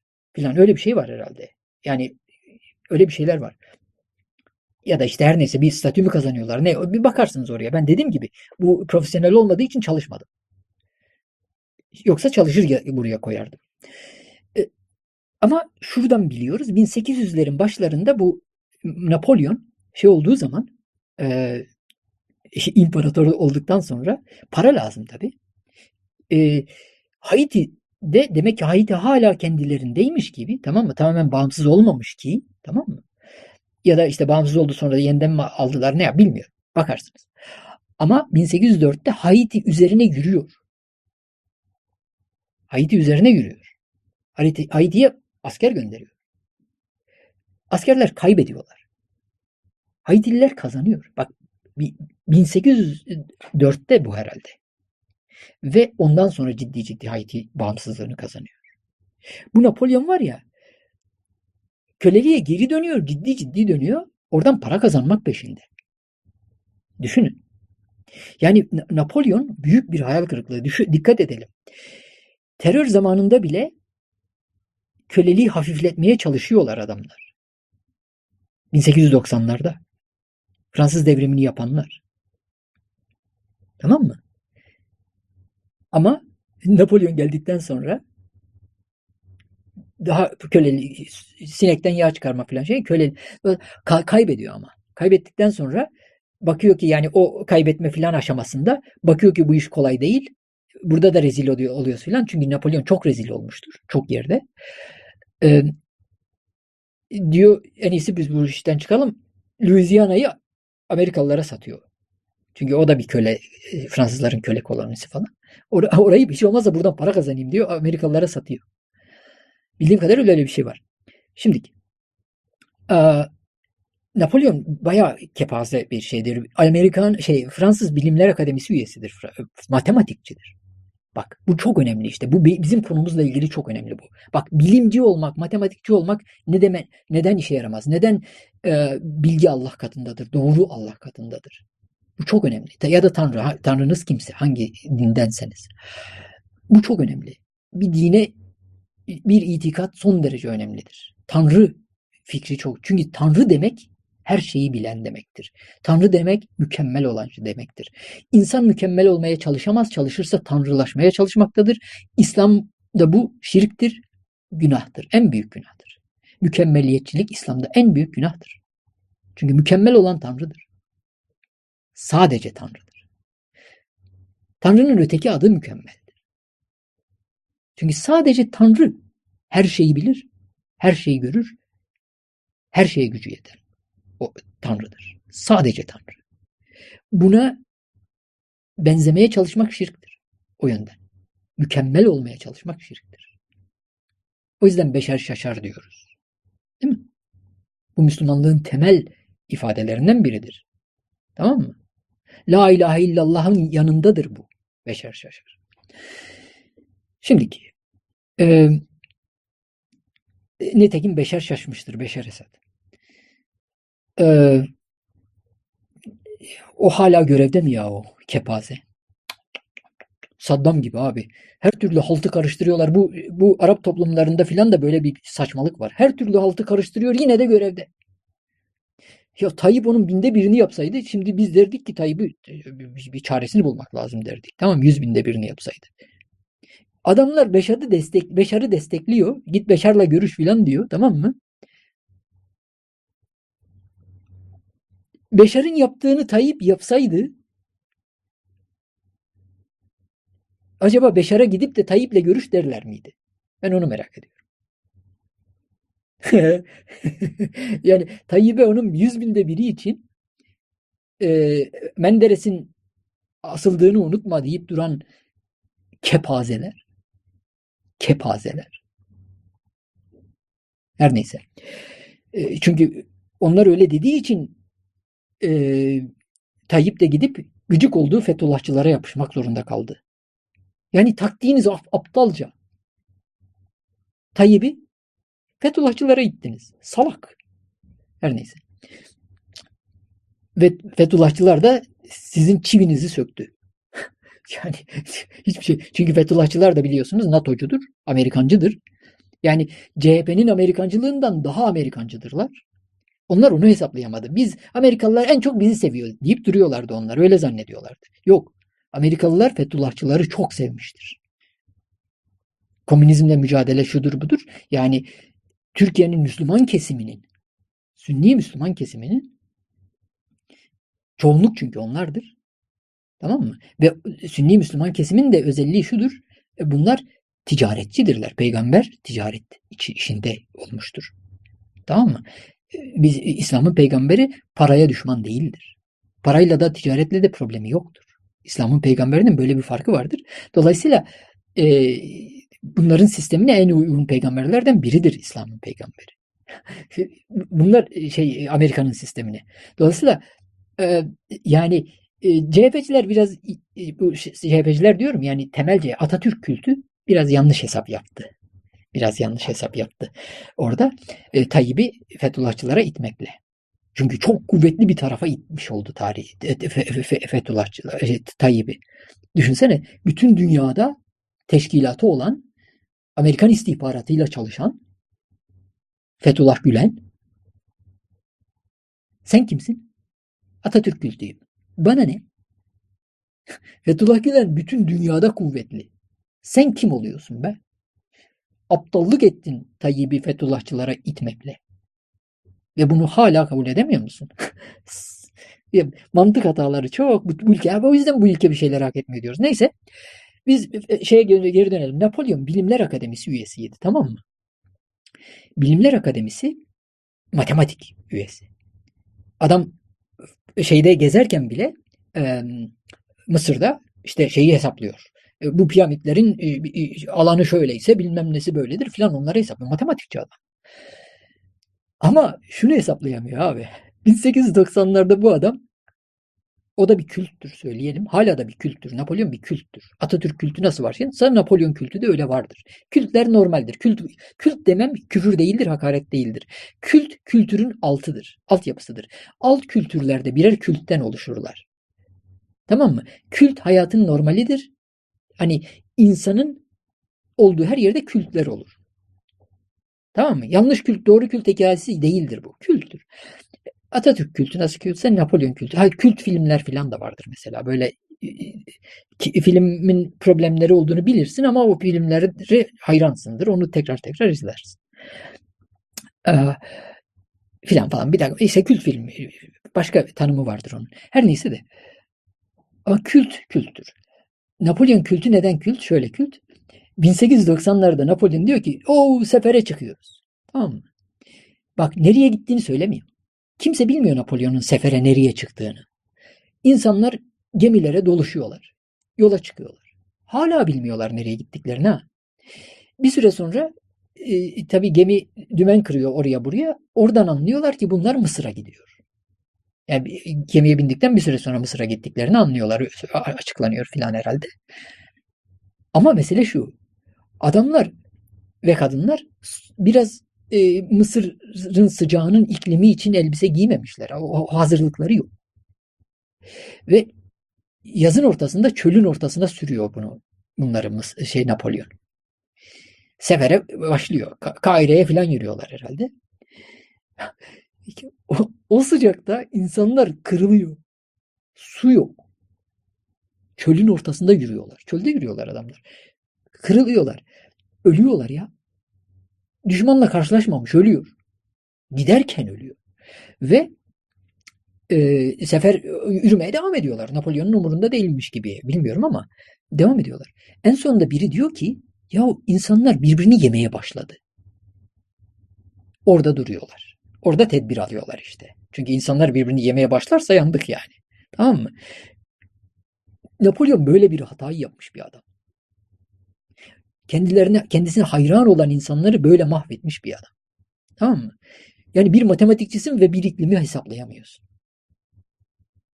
Orada o zamanda o şekilde o şartlarda oraya gidilemeyeceğini hesaplayamıyorsun. Değil mi? 1890'lar bak. Tamam mı? 1804 e, e, pardon 1790'lar. Hani bu Cezzer, Cezzer Ahmet Paşa saçmalığını hatırlıyor musun? O zırvalığı. Hatırlıyor musunuz? Cezzer ne demek? Kasap. Kasap Ahmet Paşa. Niye? Adam psikopat. Cezar Ahmet Paşa, Kasap Ahmet Paşa bir psikopat. Öyle biliniyor. Çok gaddar. Kasap ya adı kasap. Cezzar kasap demek tekrar ediyorum. Şimdi kasap Ahmet Paşa'nın bir kalesi var. Tamam mı? Napolyon bu kaleye önden akın saldırıyor. Şimdi kaleyi saramıyor. Kalenin etrafını bütün saramıyor doğru dürüst. Çünkü biliyor ki arka taraftan İngilizler Cezzar'a kasaba yardım ediyorlar. Ve İngilizlerle uğraşmak istemiyor. Çünkü o kadar güçlü değil. Zaten bir takım hatalar yapmış, saçmalamış, şudur budur. İngilizlerle doğrudan karşı karşıya gelirse çok rezil olacak. Napolyon biliyor bunu. Dolayısıyla e, kaleyi doğru dürüst saramıyor. Aylarca salak gibi önden vuruyor, vuruyor, vuruyor, vuruyor. Sonra bırakıp gitmek zorunda kalıyor. İngilizler kazanıyor. Şimdi e, ve bu Napolyon'un saçmalıklarından bir tanesi de şeydir. Tabi o e, kendi amirallerinin falan bilmem nelerin artık e, savaşta nedir neyse adı neyse her neyse onların hatası. Ama Napolyon da öküz değil ya pardon. E, öküz mü değil mi onu bilmiyoruz. E, belki öküzün önünde gideni. Şimdi Napolyon ve komutanları gemileri öyle bir akşam vakti öyle bir yerleştiriyorlar ki Oradan bir İngilizler geçiyor tamam mı? Diyorlar ki Allah. Tabi Allah demiyorlar da God falan diyorlardır her neyse. My word falan diyorlardır herhalde. Ee, her neyse. Ee, şimdi diyorlar ki bu, bu, bunları e, sitting dog yani bu. Ee, bunları biz yani oturan ördek. Şimdi şöyle bir şey var.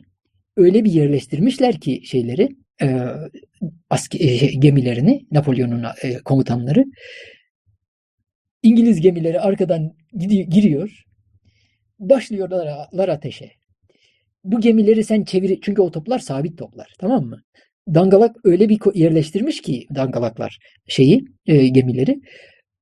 E, gemileri çevireceksin ancak öyle o taraftaki as, e, şeye gemilere e, sa, topların namlusu döner. Topun namlusunu karaya çevirmiş herhalde. Öyle bir şey yapmış manyak. Her kimse. Öyle gemileri demirlemiş.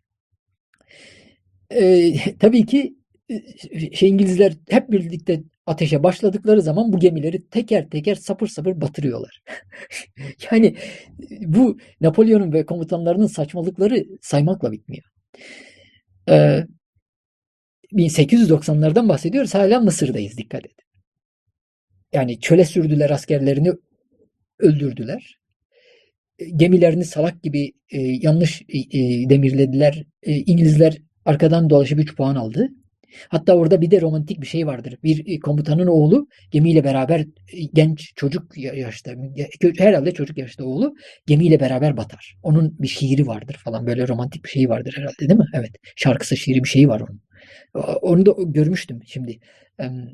Hatta onu da koyabilirdik buraya profesyonelce olsaydı.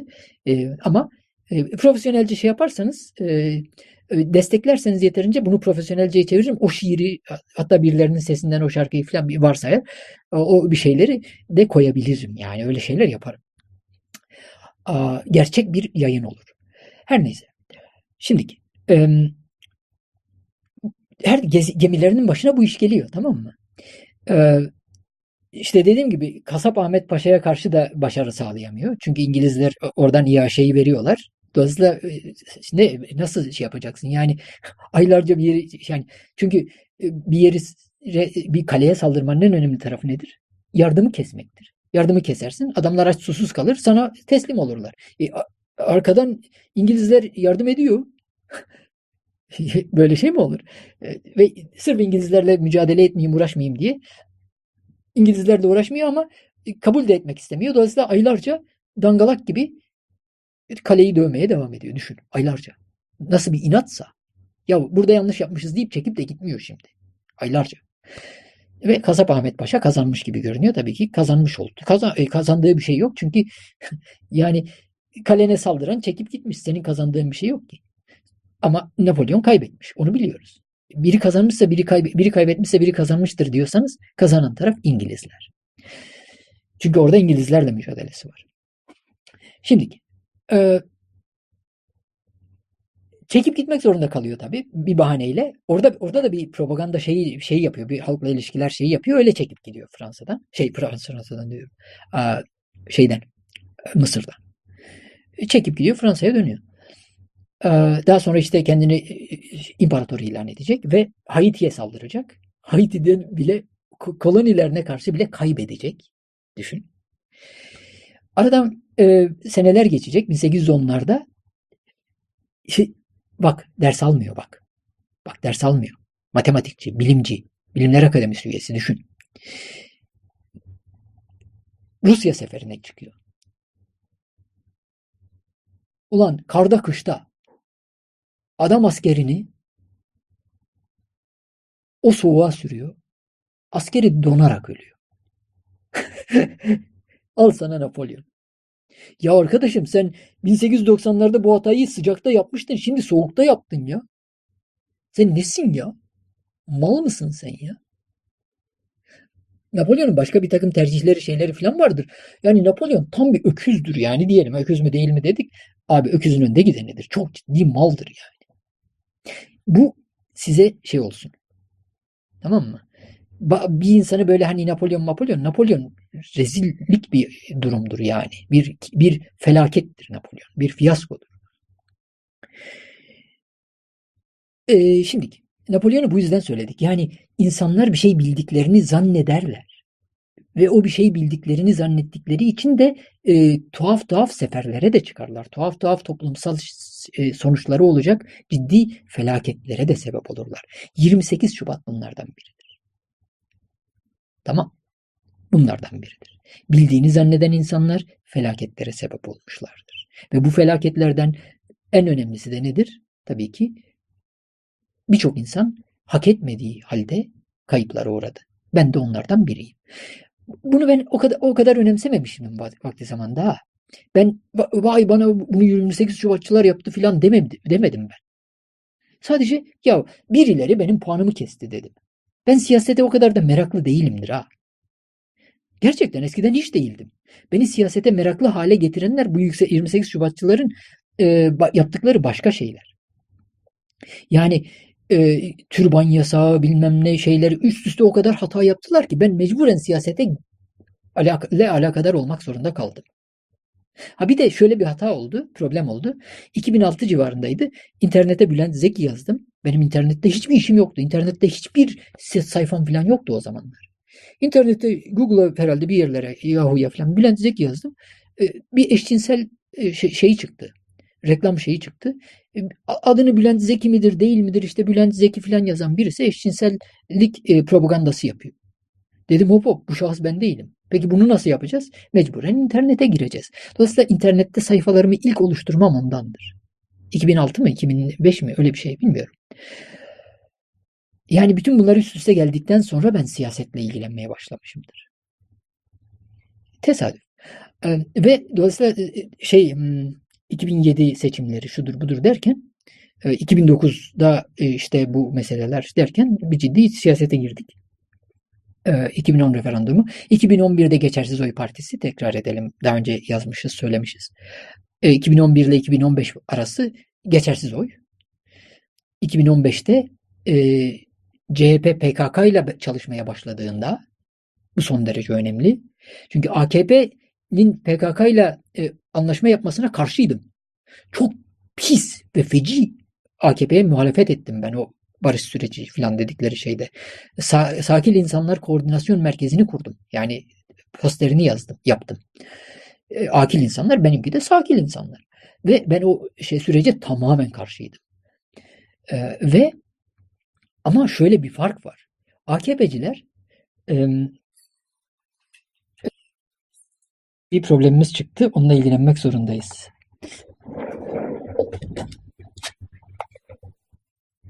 Ee, AKP e, PKK'cılardan kurtulmaya çalışıyordu. Daha doğrusu PKK'cıları zayıflatmaya çalışıyordu. O anlaşmalar şunlar bunlar o şey görüşmeleri o yüzden yapıyordu. Tamam mı?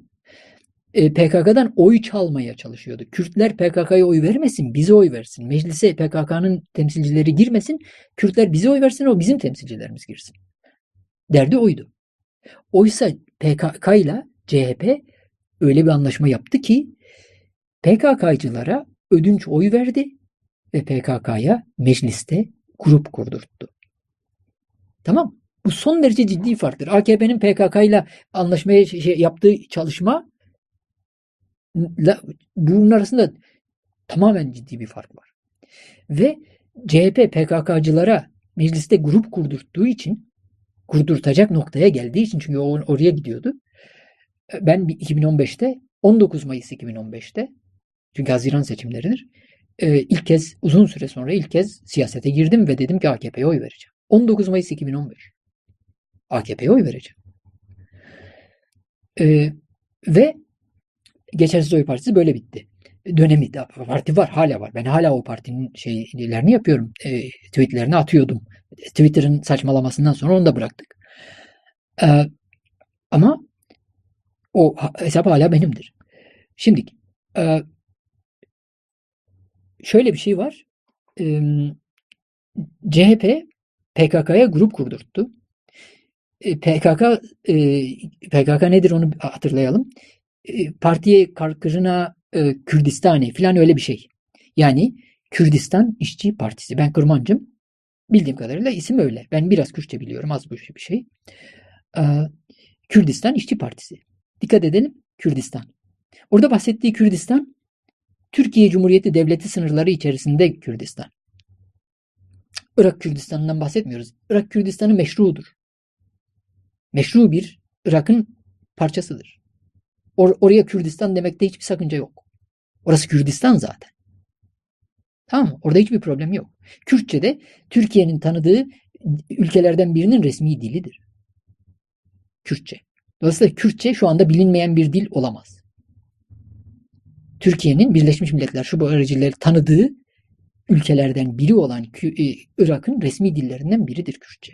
Dolayısıyla Kürtçe İngilizce statüsündedir Türkiye'de şu anda. Onu hatırlayalım. Onu, onu unutmayın. Resmi olarak, anayasal olarak Türkiye İngilizce statüsü. Türkçe İngilizce statüsü. Yani birisi Kürtçe üniversite kurabilir. Kürtçe eğitim veren üniversite kurabilir teknik olarak. Kürtçe eğitim veren üniversite teknik olarak kurabiliyorsunuz. Tamam. Onu bir, bir söyleyelim. Her neyse çünkü İngilizce eğitim veren üniversite niye kurabiliyorsunuz? Çünkü İngilizce tanıdığımız ülkelerden birinin resmi dili olduğu için bazıları.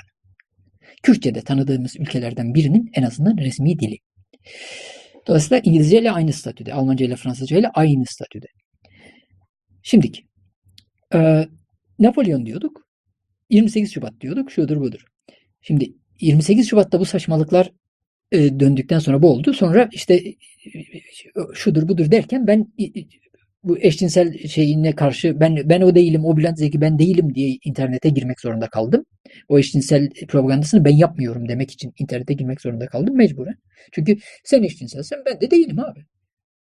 Benim de ismim Bülent Zeki. Sen de belki be, ismin Bülent Zeki değil, benim ismimi kullanıyorsun. Çünkü benim yazı tarzımla yazmış.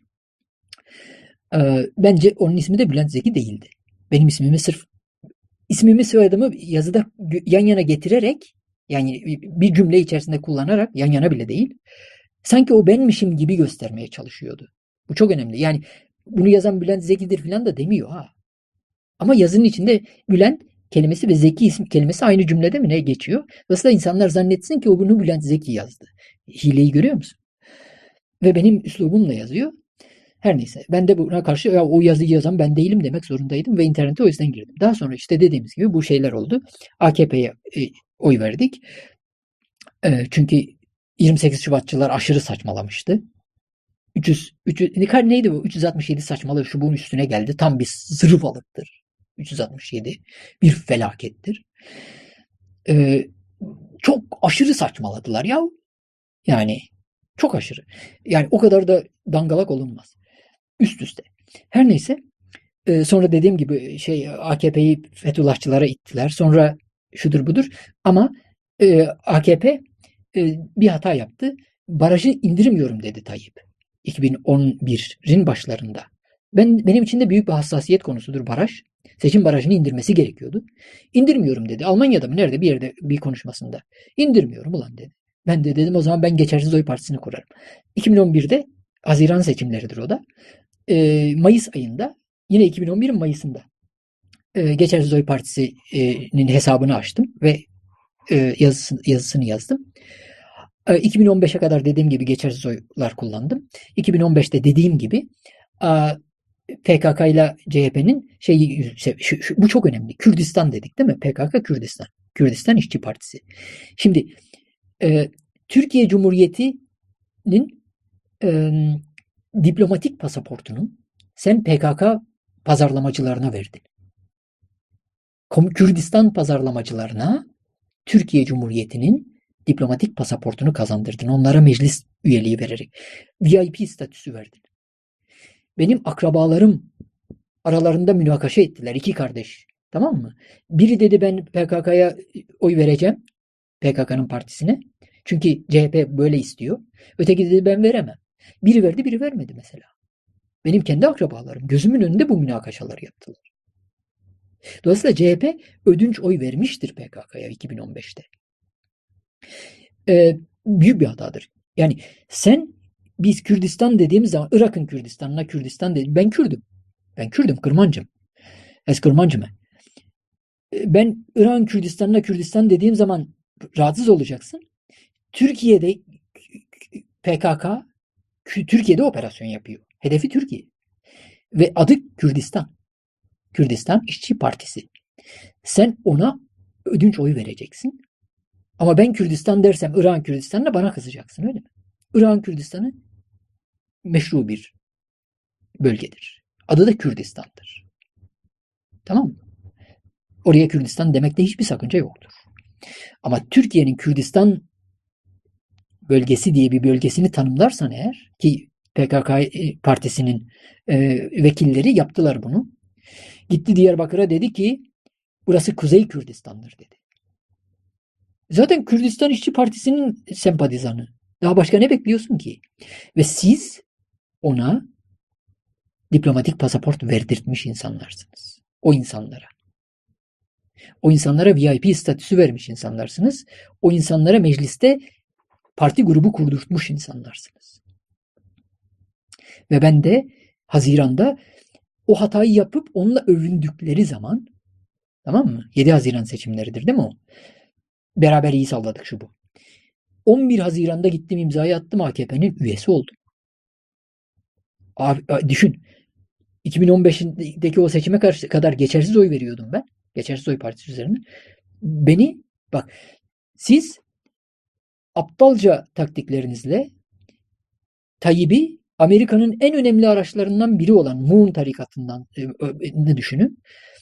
En önemli dünyadaki en önemli araçlarından biri olan Amerikan istihbaratının Fethullah Gülen teşkilatına e, doğru ittiniz. Amerika sizden vazgeçer yine Fethullah Gülen teşkilatından vazgeçmez. İdi o zamanlar. Hala da öyle herhalde. O aptallığı yaptınız, taktik hatayı yaptınız. Sonra da benim gibi insanları PKK'yı meclise sokarak Kürdistan İşçi Partisi'ni meclise sokarak onun pazarlamacılarını diplomatik Türkiye Cumhuriyeti pasaportu verdire kazandırarak benim gibi insanları da AKP üyesi yaptırdınız. Bu sizin hatanız. Sizin hatanız. Kürdistan İşçi Partisi'ni meclise kendi ödünç oylarınızla sokmayacaktınız. Tamam. Ama onun da sebepleri var. Onu niye yaptınız, nereden talimat aldınız onu hiç kimsenin söylemediği şekilde ben ileride söyleyeceğim.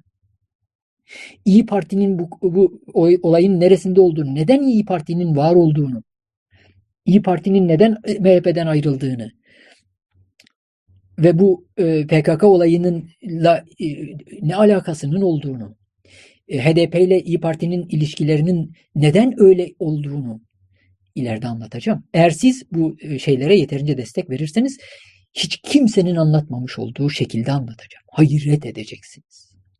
Ama şimdilik anlatmıyorum.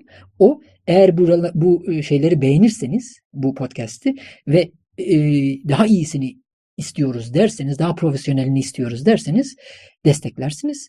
Ben de yaparım. Her neyse o, şimdilik konum o değil. Konum şu. E, Türkiye neden bazı şeyleri hak etmiyor noktasındayız. Çünkü bu podcast niye profesyonel değil? Ben niye daha iyisini yapmıyorum? Ve sizden neden destek istiyorum daha iyisini yapmadan önce? Onu anlatmaya çalışıyoruz. Gördünüz mü? Türkiye ne hatalar yapmış? Çünkü Türkiye tiyocular ülkesi. Doğru dürüst bir IP işi yok. Mesela e, intellectual property, property diye bir şey vardır. Tamam mı? Ben bir şeyi icat etmişsem, ben bir fikri icat etmişsem, ben bir e, sana bir çok önemli fikir vermişsem, İngilizce konusunda olabilir, başka bir konuda olabilir. Biz sana bir şeyi öğretme şekli göstermişsem, sen benim hakkımı vermek zorundasın. Onu sana ben öğretmişim, ben icat etmişim. Sen benden alıp bunu gidip parasını kazanıp beni de fakir bırakamazsın. Bu sadece ahlak vicdan meselesi değildir. Bu sen kendini fakirleştiriyorsun demektir. Çünkü bir ülke bir şeyi icat edene onun hakkını vermediği zaman o şeyi icat edenin hevesini söndürmüş olur. Ödül ve ceza sistematiği yanlış çalışır. Tüyoculara, kısa yolculara, dolandırıcılara, sahtekarlara, hırsızlara para kazandıran bir ülke ama bir şeyi gerçekten icat edenleri fakir bırakan bir ülke. O zaman birileri bir şey icat etmez ki Türkiye'de. Ben bir şey icat etmek için giderim Amerika'ya şuraya buraya. Gerçi Amerika'da battı. Gerçi onu da söyleyelim. Avrupa'ya şuraya buraya giderim. Ki Avrupa'da ayrı bir bela. Avrupa Amerika'dan beter. Ortada kaldık be. Ulan 10-15 sene önce hiç olmazsa bir Amerika'mız vardı. Şöyle böyleydi ama Amerika'ydı. Bu 11 Eylül'den sonra yavaş yavaş Amerika'nın içine ettiler. Sonra Obama geldi. Tam Amerika Marksist şey, şeylerin ya yeni Marksist ya da işte öyle bir şeylerin şeyine döndü. E, deneye, deney taht, deneme tahtasına döndü. Yani Amerika eski Amerika değil. Yani Amerika'ya benim bir, birkaç akrabam genç. E, yeşil şeyiyle mi neyle gitmişler? Yeşil kart mı? Bu green kart mı? Onunla gitmişler. Üzüldüm yani. Çünkü onların zannettikleri Amerika değil orası. Türkiye'de kalsalar daha iyi olurdu belki bilmiyorum. Şu anda öyle. Ama hiç olmazsa bazı açılardan yani bir şey icat edeceksen hiç olmazsa Amerika'da sistem daha iyi yerleşik, hakkını daha iyi savunabiliyorsun. Türkiye'de o kadar değil. Türkiye'de vatandaş senin hakkını çalıyor zaten. Düşünsene. Yani ben doğru dürüst İngilizce bir şey yapacağım. Ama ben okulum yok, bir şeyim yok. Parasını ben kazanamıyorum. O parasını kazanabiliyor diye parasını kazanacak. Bana bir e, 3-5 kuruş bile para vermeyecek düşün. Düşün. Ben bilmem ona şöyle fayda sağlayacağım. Siyasette bilmem nerede fayda sağlayacağım. Ben manevi tazminatımı isteyeceğim 2013'te. Bir kuruş bile hesabıma para hiç kimse göndermeyecek. Düşün. 2013'te oldu bu. Benden faydalanan insanlar vardı bu ülkede ve bu dünyada. Bir kuruş para hiç kimse göndermedi. Bir kuruş. Ve dedim ki yok bu ülke hak etmiyor. Bana ne? O zaman biz hiçbir şey öğretmemişiz. Hiçbir işe yaramamışız. Hiç kimse ya bundan da faydalandık dememiş. Demek ki biz boşa uğraşıyoruz. Zaman niye uğraşayım ki? Demek ki ben kendimi bir şey zannediyormuşum. Benim hiçbir faydam olmamış. Hiçbir etkim olmamış. Hiçbir işe yaramamış. Niye uğraşıyorum? Niye yoruluyorum? Niye kendimi riske atıyorum? Ben internete video koyacağım, şey koyacağım. Biri de bana dava açsa ben kaybederim. Üç kuruş bile para kazanmadığım yerde niye yapayım bunu? O yüzden bu podcastleri devam etmemi, ettirmemi istiyorsanız destek verirsiniz. Destek vermiyorsanız diyeceğim ki demek ki istemiyorlarmış. Ee, Napolyon'dan o yüzden de bahsettik. Çünkü yani Napolyon e, kendini bir şey zannedenler 367 salaklığını yapanlar. O da bir çeşit Napolyon işte. Aptalca bir şey değil mi? Ben bu podcastlarda e, mantık hatalarını, aptalca taktikleri çok şey yapıyorum. Dikkat edin. Ee, ee, pekala. Şimdi, şimdi ne söyleyeceğiz? Bir, bir ara bir şey söyleyeceğim dedim değil mi? Ben bir konuya gireceğim dedim. Hadi girelim. 1 saat 43 dakika geçmiş. Tamam mı? Daha yeni giriyorum. Çünkü bu podcast epey bir uzun olabilir. 3 saat, 3 saat olabilir. Tamam mı? Hiç umurumda değil. Bu podcast uzun olacak. Ee, durdura durdura dinlersiniz. Podcast e, programları var. Onları da hızla, hızlandırarak da dinleyebiliyorsunuz. Ben mesela e, 1 nokta pardon 1.2 hızında dinleyebiliyorum. 1.4 hızında da rahatlıkla dinleyebilirsiniz. Hızlandırarak dinlerseniz daha kısa sürede bitiyor. E, durdura durdura boş zamanlarınızda dinlersiniz. Beni ilgilendirmiyor. Çünkü ben de, ben de saatler süren podcastlar dinleyebiliyorum bazen. Her podcast'in böyle olmaz. Bu profesyonelce olmadığı için uzun sürecek. Ben uzun podcastler yapmayı yapanlara da kızarım uzun televizyon programları mesela tarihin arka odası filan kepazeliktir. Zavallılıktır. Yani o kadar şey biliyorsan abi çok daha ciddi program yap, çok daha kısa sürsün Çok daha fazla para kazan. Dangalak. Tarihin arka odası filan saçmalıklar. Ben onlarla çok dalga geçmişimdir. Neydi onlar? Murat Bardakçı, neydi? Fatih Altaylı filan falan. Yani televizyonculuğu biliyor musunuz siz? Nah biliyorsunuz. Televizyonculuk görmemiştik değil mi tabii? Her neyse. Yani çok dangalak insanlar var. Çok dangalak gruplar var. Ee, hiç şeyim olmaz. Eskiden küfür etmezdim ben böyle değil mi? Dangalak küfür müdür? Dangalak küfür olabilir. Ama ben podcast şeyini kullanıyorum. Dikkat et. Podcast, podcastlerde bu tür sözler söylenebiliyor. Amerikalılar bunu rahatlıkla yapıyorlar. İngilizler bunu rahatlıkla yapıyorlar. Ee, böyle kelimeler kullanılabiliyor podcastlerde. Çünkü bu bir podcast. Podcast'in şeyi bu, türü bu. Bu, bu tür böyle bir tür. Dangalak diyebiliyorsun. Mesela YouTube'da biraz daha dikkatli olurum. Ama podcast'te bunu diyebiliyorsun. Çünkü Amerikalılar ve İngilizler diyebiliyor. Ama çok ağır tehditler mehditler olmaz. Şeyler olmaz biliyorsunuz zaten şey. Ama dangalak kelimesi hafif bir kelimedir. Öküz kelimesi hafif bir kelimedir. Öküz hafif bir, öküz bir hayvandır sonuçta. Hafif bir kelimedir öküz. Ne? Öküz. Bizim öküzlerimiz vardı. Ot yerlerdi. E, tuvaletlerini yaptıkları zaman bile o zamanlar kokmazdı. Biliyor musun? Sonra ama bu senelerde köye gittiğiniz zaman köy koka, koka, kokabiliyor. Bir buçuk saat, iki saat konuşursam böyle olur. Çünkü verdikleri yem başka, ilaçlar var, bilmem neler var. Bizim zamanımızda hayvan biz otlatırdık. Çobanı bizdik. Gider otlatırdık. Şu bu da vermezdik. Köyde yaşıyordu zaten dedemler.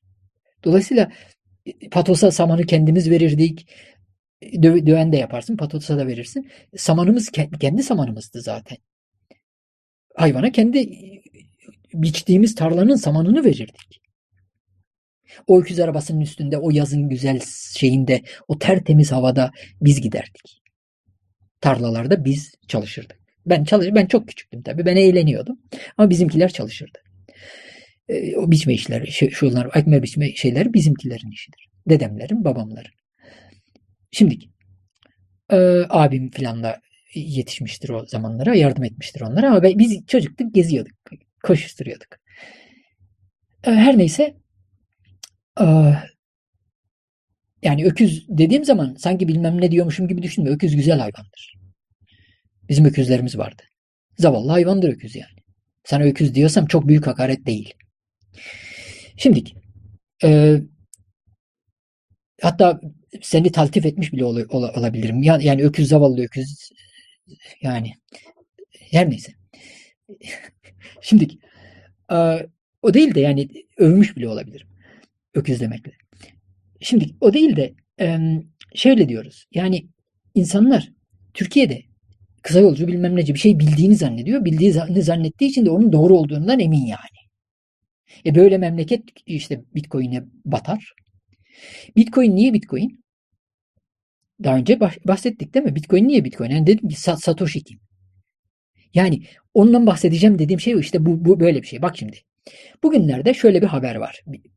Sonuçta haber de vereceğiz değil mi? Ben bunu profesyonelce yaparsam e, haberler üzerinden şey yaparım. Böyle felsefe değil. Haberler üzerinden. Dünyada sizin e, NTV'nin şunun bunun e, Habertürk, Habertürk gibi kült kanallarının Atatürk kültünün temel kanallarından biridir Habertürk. Asıl CHP'dir. Buna şaşabilirsiniz, küfür edebilirsiniz ama demek ki birçok şeyi bilmiyorsunuz. Her neyse de ben biliyorum. Ha ben Napolyon'um. Şimdi her neyse ama gerçekten öyle gibi görünüyor bana. Ee, emin değilim tabii bilmiyorum ama sanki öyleymiş gibi görünüyor çünkü çok uzun senelerdir gözlemlemişim.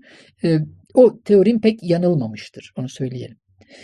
Ee, çok ince özel işlerdir bunlar. Şimdi e, ve yanlış mı yapıyorlar? Şey yapmıyor. Hayır. E, hiç olmazsa Habertürk onu biraz profesyonelce yapıyor abi. Halk TV'ye kim gidiyor? Keltekulteler gidiyor. Keltekulte Kürtçe bir kelimedir. E, Kürtçe e, dil olarak şeye benzer. E, bu Arapça ve İngilizce gibi gruplar var. Hint Avrupa Dil Grubu. O gruptandır. E, Fransızca'da keşköş, keşköş mü? Keşköş. Aa unuttum bak. Keltekulte. Yok on, onlara benzer bak. Fransızca'da ne vardır? Kelkeşöz. Kelkeşöz diye bir şey vardır değil mi? İngilizce, Kürtçe'de keşkuş diye bir şey vardır. Keşkuş, kelköşöz. Türkçesi bunun öteberidir. Eşya, öteberi.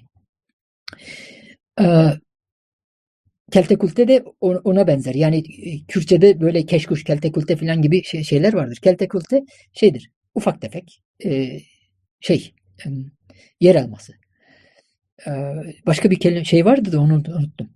Yani bunlar e, halk TV falan keltekulteler onları on, onları ayırıp oraya yolluyorlar. Gerçek profesyoneller şeyde kalıyor. Özellikle e, Habertürk'te kalıyor. Hatta bir kısmı CNN Türk'te kalır, bir kısmı NTV'de kalır. Ee, gerçek profesyoneller oralarda çalışır. Onların bir kısmı başka kanallara giderler. Ee, orada da e, şey operasyonları yaparlar. Yani e, bir kısmı da tabii ki yani ben şeyde bile e, TVNet'te bile e, Atatürk kültünden parçalar vardır. E, pek belli olmaz. E, bulabilirsiniz. Ama bunun sakıncası da yoktur. Her yerde başka gruplardan birer birer insan ya da oralara biraz eskiden olmuş, oralarda eskiden çalışmış, oralara bir yakınlığı, ruhsal bir şeyleri olan hala şey insanlar olmalıdır zaten. Kültler e, böyle birlikte yaşarlar. Birlikte çalışabilmeleri lazım. BBN, BBN kanal olarak bu, bu, bunu yapıyor biraz herhalde. Bunu tam böyle şey olarak yapıyor. Her neyse de dolayısıyla hani neyden bahsediyorduk? Habertürk filan dedik. O şeyden girdik Habertürk'e. Orada kaldık yani. O Murat Bardakçı filan e, bu 6 saatlik programlarla övünen saçma sapan şeyler. Her neyse. Ee, her neyse. Ee, kaç para kazandılar ondan bilmiyorum. Hala kazanıyorlar mı bilmiyorum. Bak adam bir dizi yapıyor. Dizi film yapıyor bak düşün. 20 sene önce yapıyor. Bugün hala milyonlar kazanıyor. Bugün hala o diziden milyonlar kazanıyor. Televizyonculuk böyle bir şey çocuk. Sen dalga mı geçiyorsun? Adam bir belgesel yapıyor, satıyor, satıyor. Adam bir şey yapıyor, satıyor. Televizyonculuk bu. Sen televizyonculuğun çoluk çocuğusun. Kelte kultesisin aslında. Ama işte bu keltekulteler hani e, de Türkiye'nin profesyonelleriymiş gibi oluyor. Habertürkler'de çalışıyorlar. Onların daha keltekultesi var çünkü. Onların daha yamuğu var çünkü. Onlar da haber, şey halk TV'lere bilmem nelere şutlanıyor. Tamam mı? Çünkü onlar taktik konusunda daha kabalar. Daha kabalar. Kaba. Sonuçta bir mesleğin de bir şeyi olur. Meslekte kalabilmen lazım. Rakibinle çalışabilmen lazım. Rakibine sağ gösterip sol vurabilmen lazım. Ya da sol gösterip sağ vurabilmen lazım. Öyle bir şeyler yapabilmen lazım. Habertürk bunları yapabilen bir kanal. Tamam mı? Dolayısıyla gerçek CHP'dir dediğim zaman bazıları anlamayabilir. Ee, senin olabildiğinden çok daha profesyonel CHP'dir. Kılıçdaroğlu'nun olabildiğinden çok daha profesyonel CHP'dir. Her neyse. Ee, şimdiki. Ama tabii orada da temizlik faaliyetleri sürüyor. Çünkü bazıları da çok daha kaba kalıyorlar. Çünkü Habertürk'ün kullandığı niş o niş. Yani Habertürk'ten onları bazı çok daha şey kalan ne, neydi vardı? Bazı birkaç CNN Türk de öyledir. CNN Türk'ten de öyle bir fazla kaba kalan birkaç kişinin e, atıldığını biliyoruz.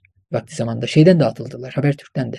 Çünkü o konsept öyle bir konsept. Habertürk'le CNN Türk'ün konseptleri birbirinden farklı.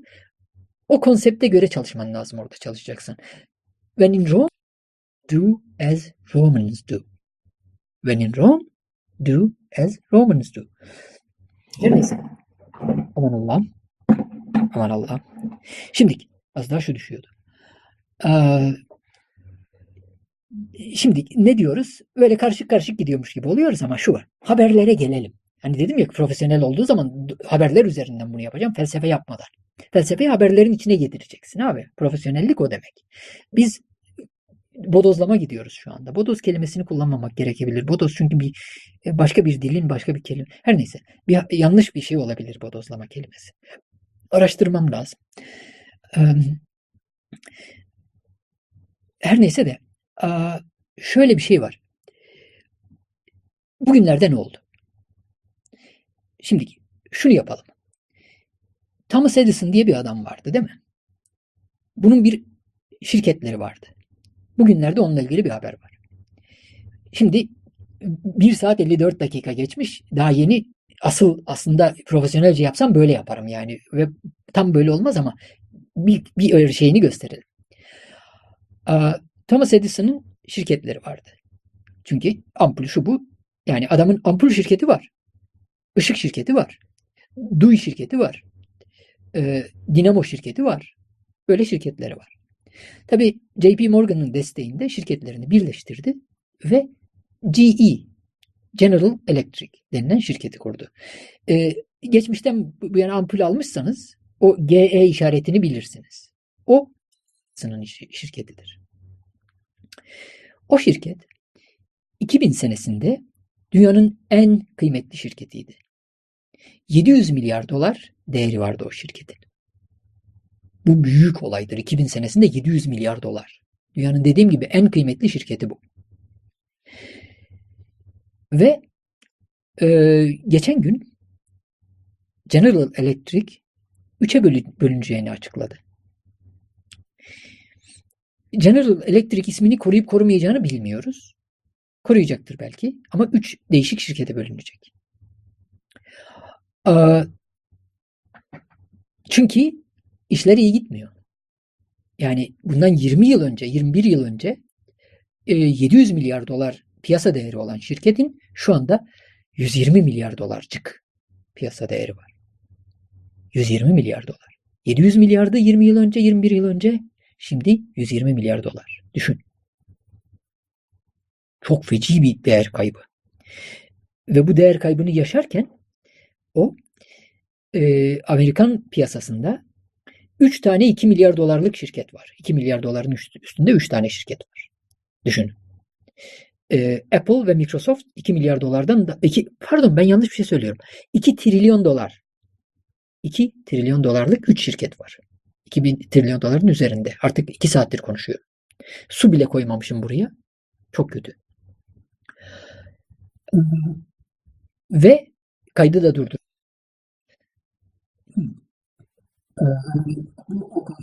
Durduramıyoruz bu kaydı. Montaj montaj yapamıyoruz, durdurup başlatamıyoruz. Tamam mı? Bunu bunu yapmayacağım. Ee, şimdiki bilmiyorum daha önce hiç yaptım mı? Yapmamışımdır herhalde. Yapmamışımdır diye biliyorum. Yapmadım. Öyle biliyorum. Her neyse. Şimdi yapmıyorum abi. Daha önce de yapmadım. Öyle biliyorum. Neyse abartmayayım daha takıntı oldu.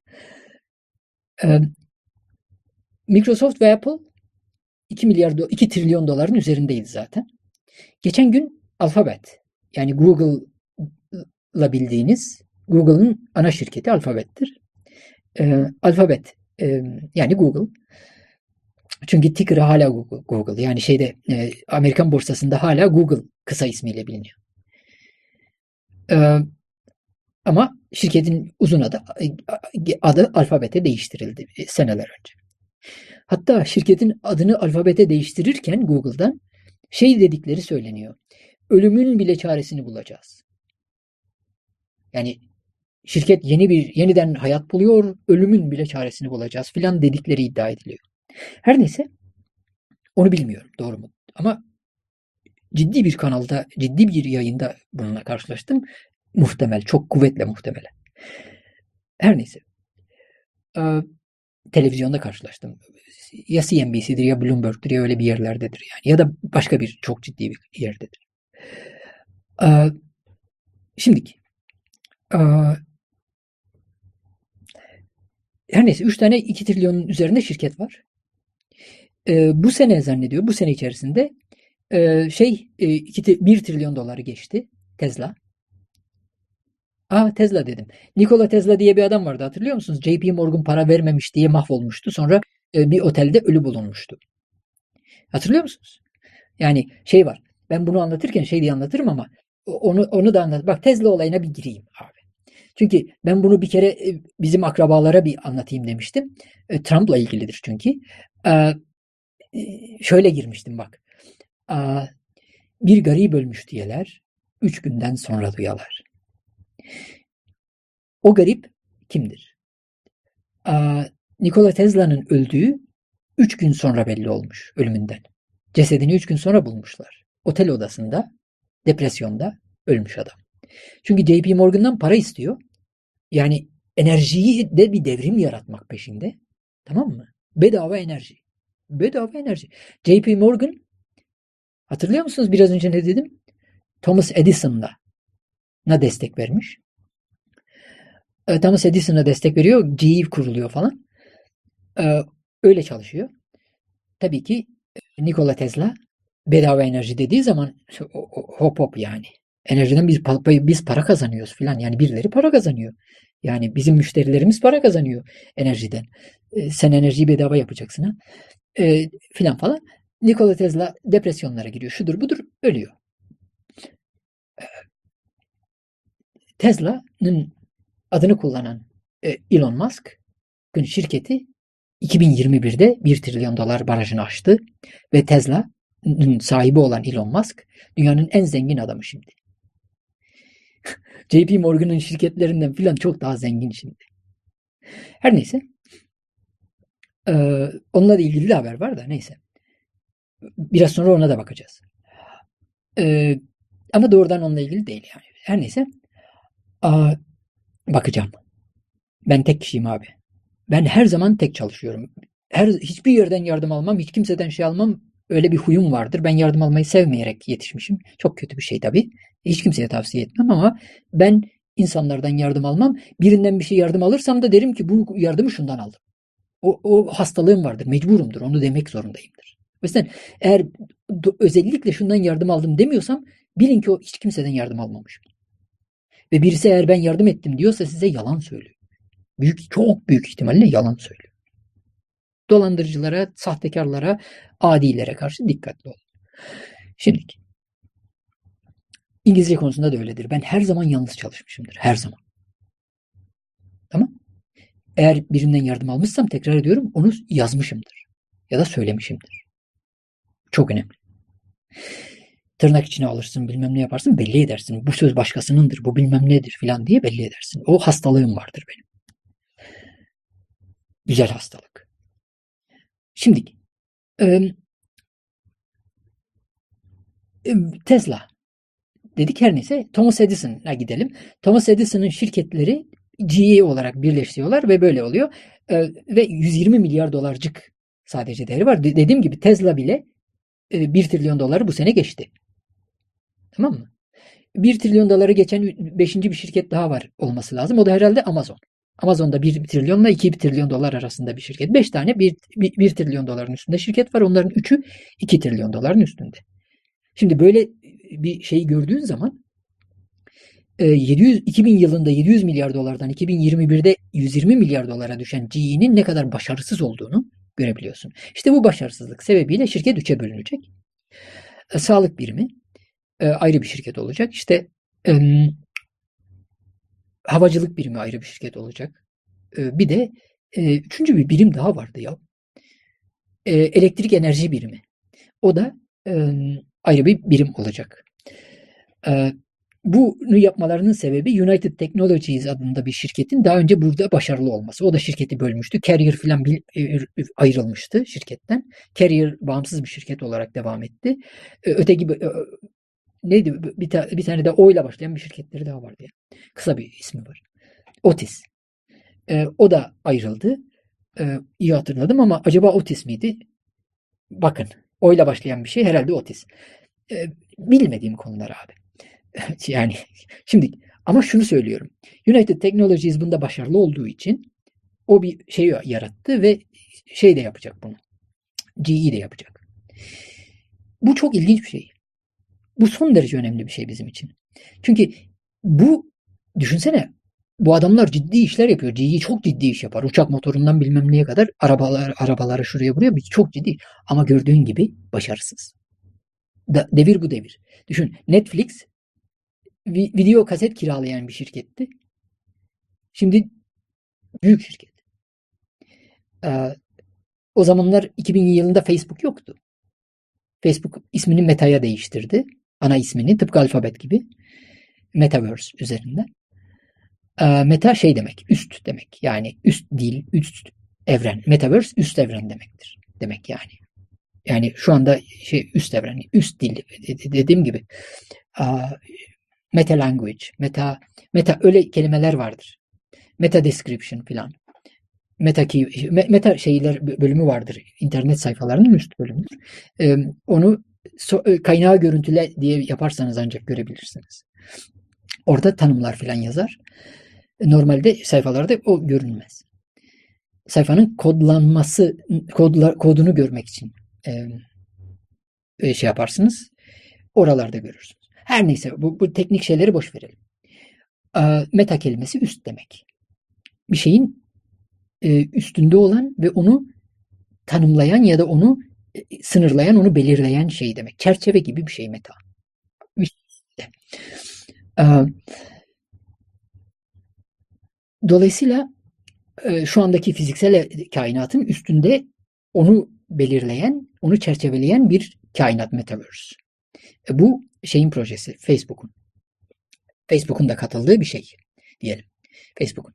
Şimdi o yüzden adını Meta'ya değiştirdi ve Metaverse'ü kuracak. Öyle düşünüyor. Daha nasıl yapacağı bile belli değil. Hayal daha ama yapmaya yapacak. Yapmaya çalışacak. Şimdi şöyle bir şey var. İşte bunlar Apple gibi bilgisayar, yazılım, şey gibi şirketler, Microsoft gibi, Amazon gibi düşün. Yani dijital ortamın şirketleri trilyon dolarlık şirketlere dönüşürken 1889'da kurulmuş olan General Electric 24 24 Nisan 1884. Öyle olsa gerek bilmiyorum bakarsınız. Önemli değil ki. 1889'da kurulmuş. Bu kadar eski ve bu kadar güçlü bir şirket ve büyümeye de devam etmiş, değişik alanlarda da başarılı olmaya devam etmiş bir şirket yine de 2021'de ancak 120 milyar doları bulabiliyor. Öteki şirketler trilyon dolarlık şirketler. Bu çok önemli. Haberlerden biri bu. Nasıl bir dünyada yaşıyoruz? Bunu görmüş olduk. Tamam ee, e, peki bu dünya bir dakika herhalde tanımadı söylediğim sözü bilmiyorum.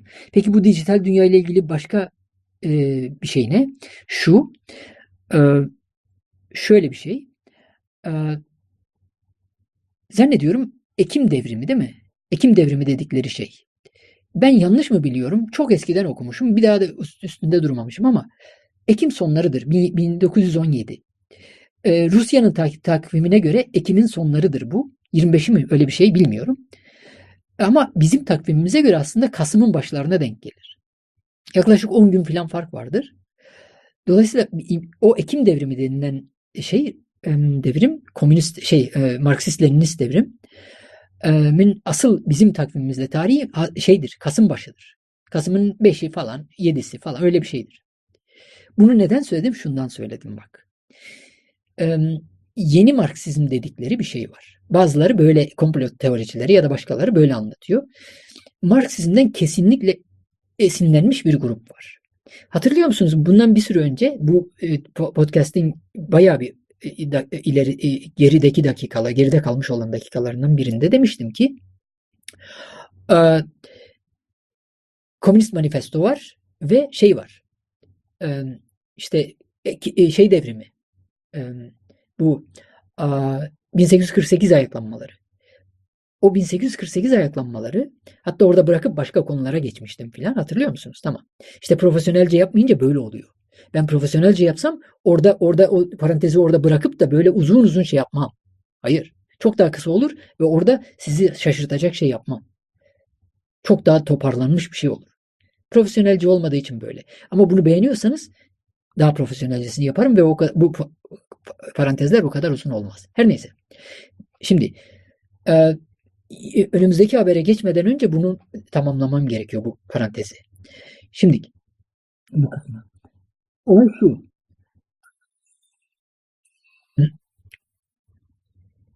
Bu e, Komünist Manifesto'yu yayınlıyor. Teslim ediyor şey Karl Marx. Komünist Manifesto, Manifesto'da 10 tane madde var.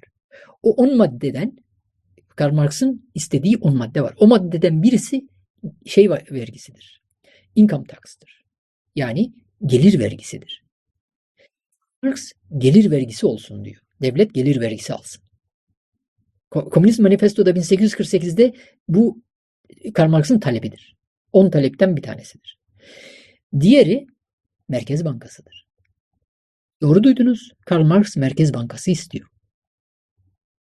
Şimdi bunu size pek söyleyen çıkmaz bilmiyorum ama Merkez Bankası'dır. Karl Marx'ın Komünist Manifesto'daki taleplerinden bir tanesi. 10 talebinden bir tanesi. Peki ne oldu?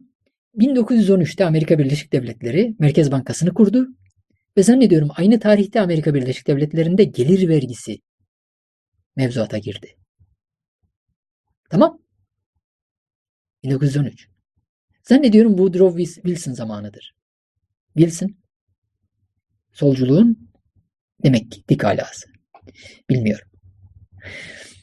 Ya solculuk ne diyelim işte bu Karl Marx'ın istediği iki şeyi devreye almışlar. Woodrow Wilson'dır herhalde. Bir bakmak lazım. Ee, şimdiki kim kimse artık o dönemde zannediyorum Wilson ama başkası da olabilir ama ben Wilson diye biliyorum.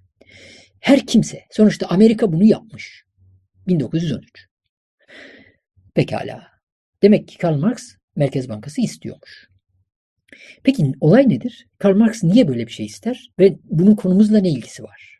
Bu haberlerle ne ilgisi var? Şu ilgisi var. Bak. Karl Marx merkeziyetçi bir adamdır. Ama bu merkeziyetçilik merkeziyetçiliktir. Bütün insanlığı ben yöneteyim.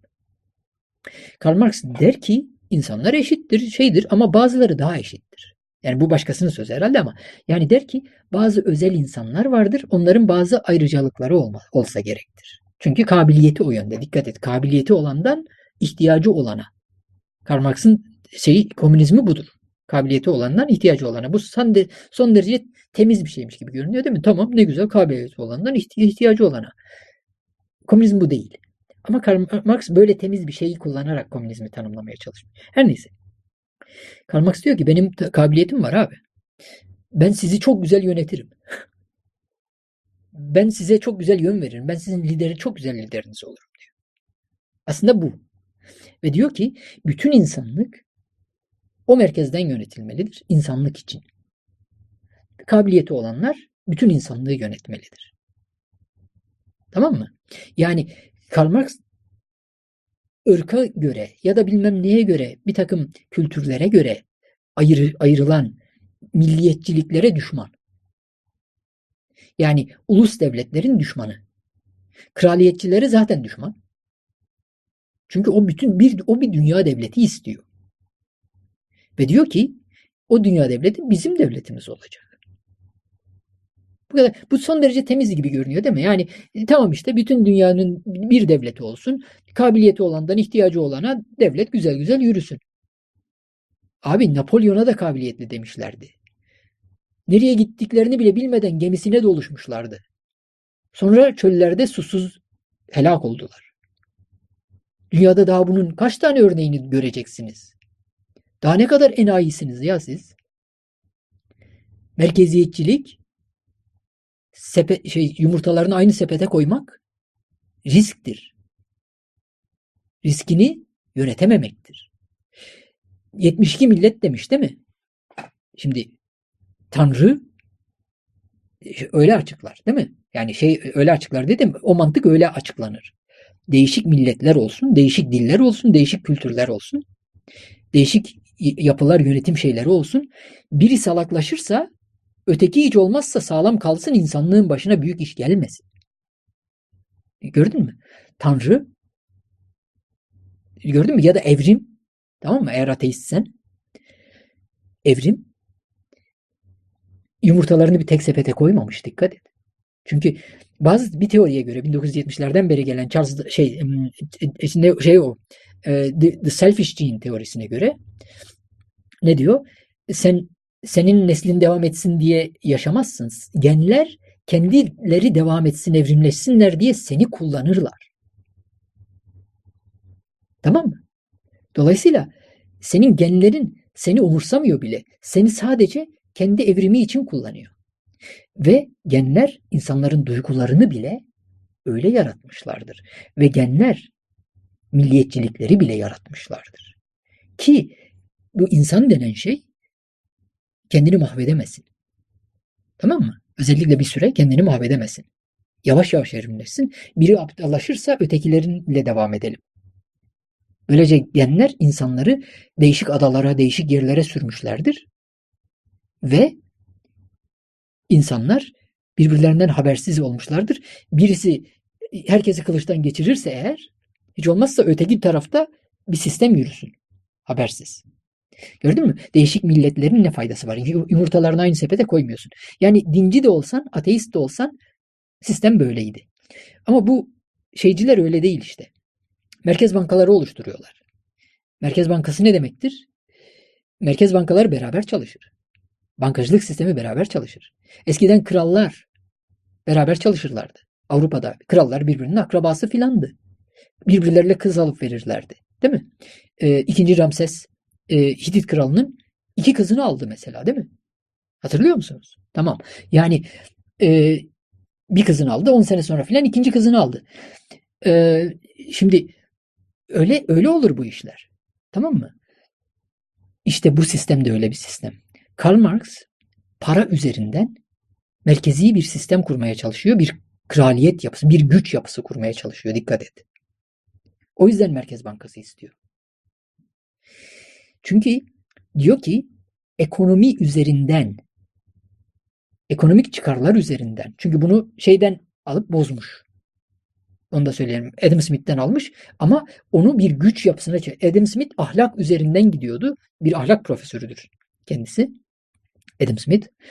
Ee, dürüstlük filan yani diyor ki e, e, bu saçmalık neyse. E, e, Adam Smith'i öyle yanlış anlatıyorlar ki insanlara. Adam Smith e, merkantilizm kelimesini icat eden adamdır. Merkantilizm sömürgeciliktir. Adam Smith sömürgeciliğe karşıydı. Çünkü diyor ki bu serseriler gidiyorlar zavallı fakir ülkeleri sömürüyorlar. Onun parasını kazanıyor. Geliyor benim ülkemde parasıyla siyaseti satın alıyor.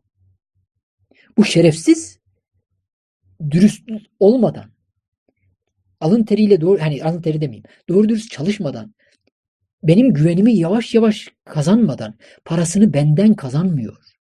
Çünkü para nasıl kazanılır? Bir iş öğreneceksin. O işi yapmaya devam edeceksin. O işi belli kalitede yapacaksın ki müşterin olsun. Aynı toplum içinde.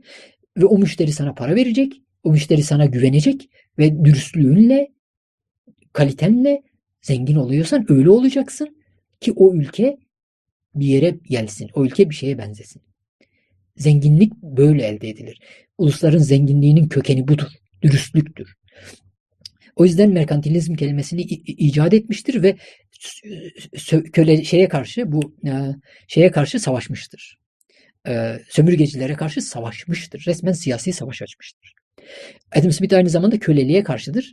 Der ki hastalıklı insanlar hizmetleri için köleleri seçerler. Sağlıklı insan bir hizmet almak istiyorsa onunla bir sözleşme yapar. İki tarafında rızasıyla hangi şartlarda çalışılacağı bilinir ve öyle çalışılır. Sadece hastalıklı insan bir kölenin hizmetinden yararlanmak ister. Kölelik fakirleştiricidir. Adam Smith'in bu şeyi kölelikle mücadelede çok etkilidir. Daha sonra kullanılmıştır bu mantığı. Onu söyleyelim. Dolayısıyla Adam Smith bir e, kapitalizm kelimesini Karl Marx icat etmiştir. Onu söyleyelim. Adam Smith merkantilizm kelimesini mücadele etmek için icat etmiştir.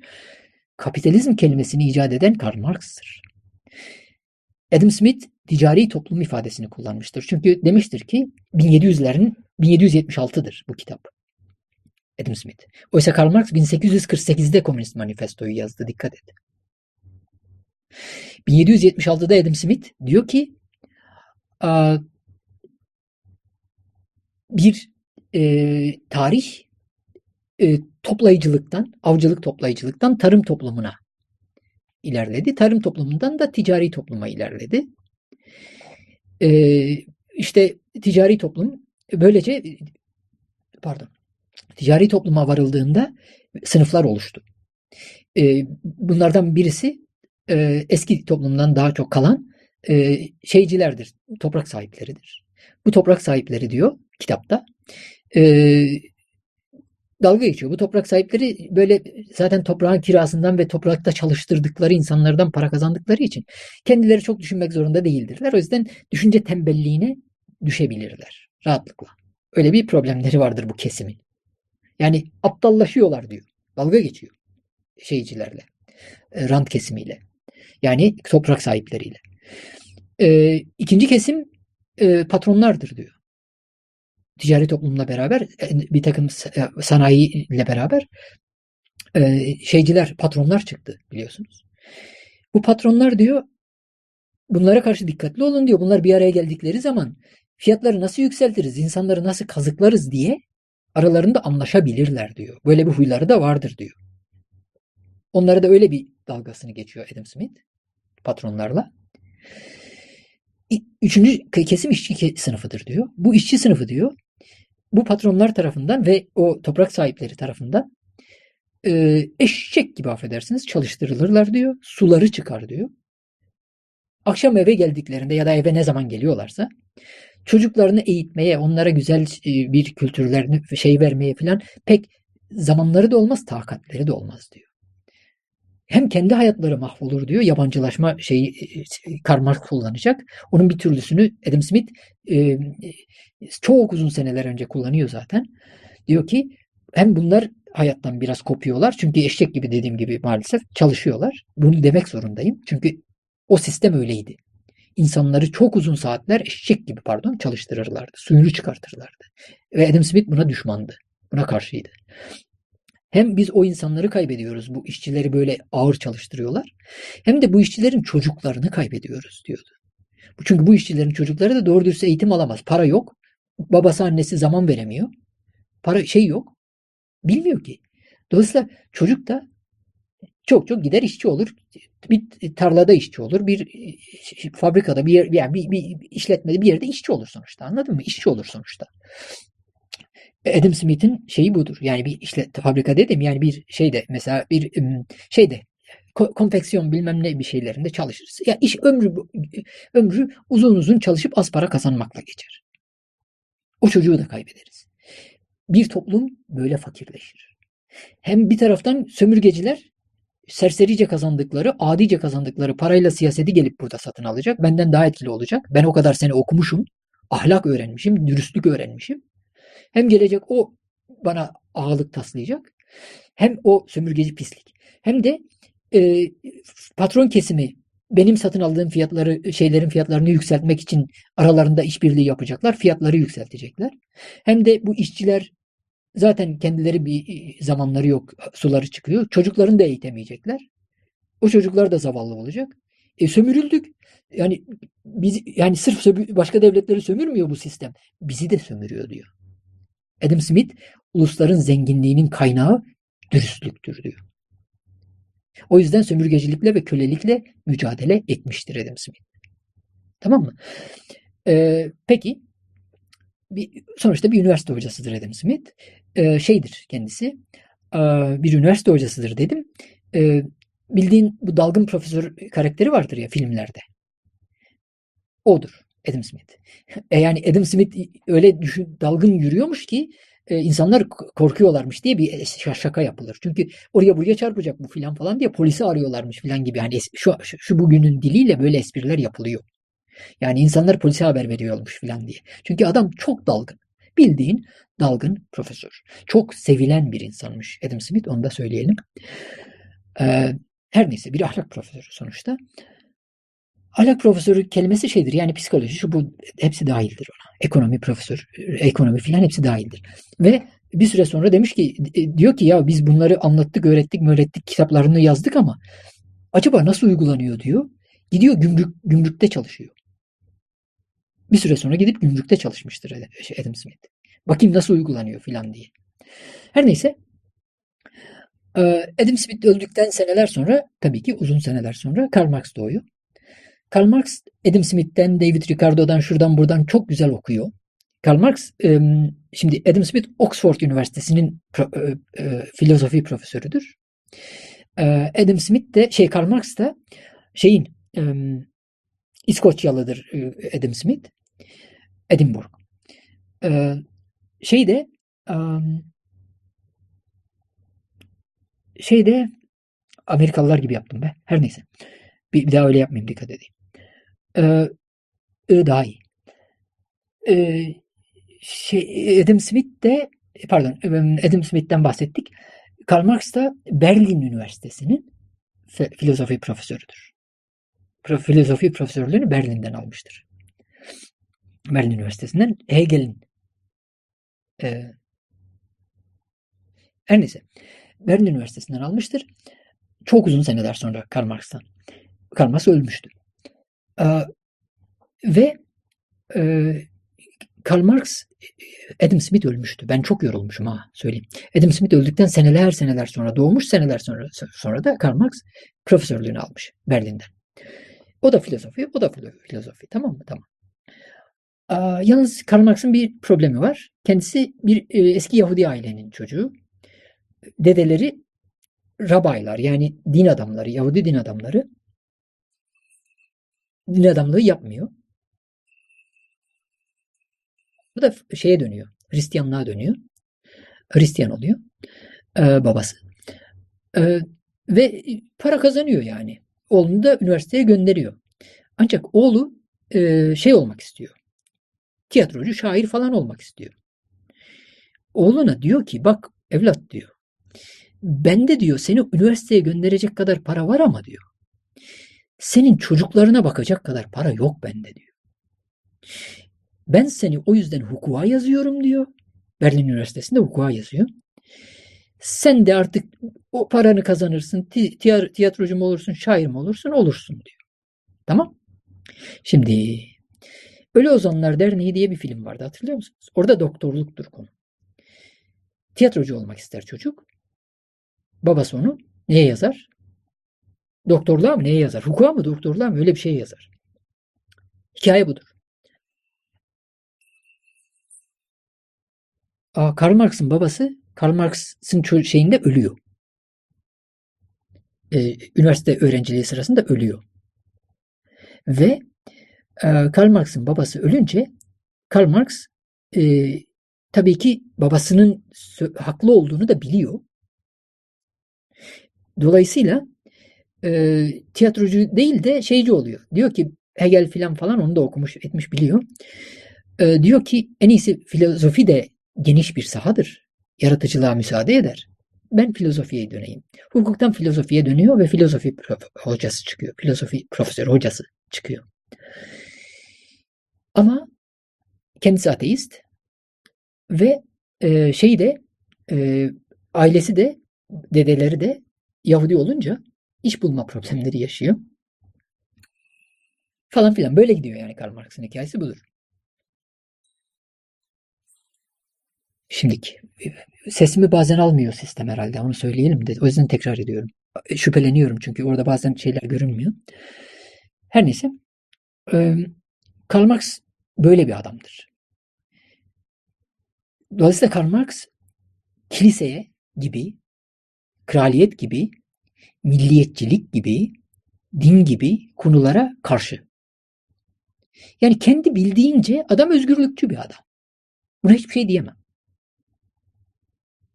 Bildiği birçok şey, bildiği birçok şey yanlış. Tamam. Bir felakettir Karl Marx. Napolyon gibi bir felakettir ve dünyaya en büyük zararı vermiş insanlardan biridir. E, the road to hell is paved with good intentions. Nedir o? Daha önce de bunu bir videoda şey yapmıştık. Cehenneme giden yol e, iyi niyetlerle e, döşenmiştir, yapılmıştır. E, adam cennete gitmek için yapmış, cehenneme gidiyor. O da iyi niyetiyle insanlığı kurtarmaya çalışmış arkadaş. Şimdi e, bu yüzden milliyetçiliklere karşıdır. Bir dünya devleti ister. Bir dünya, bütün hatta bir dünya yapısı ister. Devleti de değil. Komünizmde çünkü devlet yok. O, olay şudur Karl Marx'ta. Der ki Karl Marx, çünkü bir sonraki habere geçmeden önce bu parantezi kapatmak zorundayım dedim. Dikkat edin. Karl Marx, çünkü dijital dünya filan konusunu böyle tamamlayacağız. E, o haberle beraber öyle gideceğiz.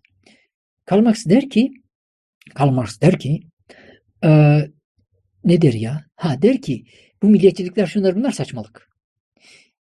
Şöyle bir şey var. Kapitalizm kelimesini icat eden Karl Marx'tır hatırlayalım.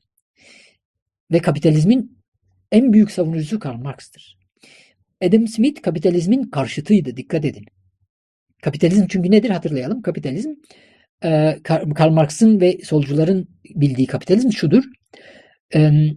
Bu zenginler devleti de yanlarına alarak milliyetçiliği de yanlarına alarak, bütün dini de dini de yanlarına alarak, yani var olan bütün statiko şeylerini yanlarına alarak, hatta medyayı yanlarına alarak, çünkü medya neyle çalışır? Reklamla çalışır. Şirketler, kapitalistler. Hepsini yayın yanlarına alarak, hatta eğitim sistemi şu her şeyiyle beraber ne yaparlar? İnsanlara e, kendilerini zengin tutacak şeyleri öğretirler. Kendilerine karşı olacak şeyleri de öğretmezler. Onları tukaka hani derler Türkiye'de. Onları kötülerler. Tamam mı? Dolayısıyla dolayısıyla milliyetçilik kötüdür, din kötüdür, devlet kötüdür, bayrak kötüdür. Şey şu bu kötüdür. Şu he, şu bu kötüdür. Çünkü bayrak şu bu hepsi milliyetçiliğin, devletin, şeyin şunun bunun simgesi. Hepsi kötüdür. İnsan ateist tabi bu adam. İnsan hiçbir bu afyona mafyona din afyondur şey e, takılmadan kendi yaratıcılığıyla kendi hayatını yaşamalıdır. Devlet mevlet boş iş. Şimdi bu e, saçma sapan görüş Karl Marx'ın iyi niyetle ortaya koyduğu bir görüş. E, şimdi e, peki bu görüşü nasıl destekleyecek? Ne yapacak? E, bunun yapmasına neye bağlı? Şuna bağlı. Çok komik bir şey bu ama bak. Son derece komik. Son derece komik.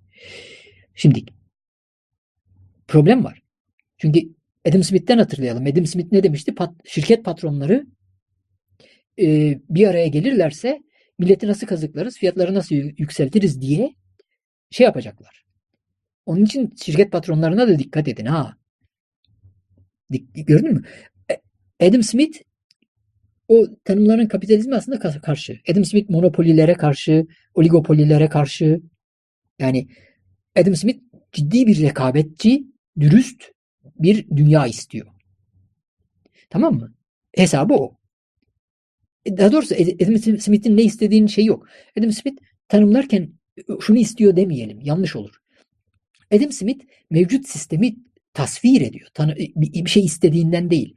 Adam Smith diyor ki e, sistem zenginliğini dürüstlüğe ve açık hesap verebilir, şeffaf rekabete borçludur.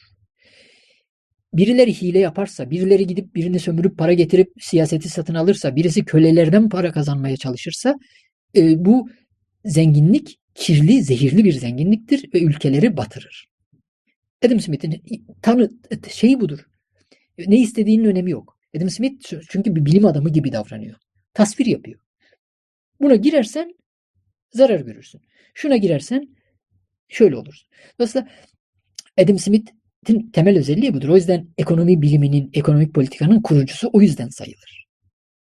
Yani bir e, peygamber gibi davranmamıştır. Bir e, gördüğünü tasvir eden biri gibi davranmıştır. Dolayısıyla bilimsel, gözlemci davra- davranışıdır.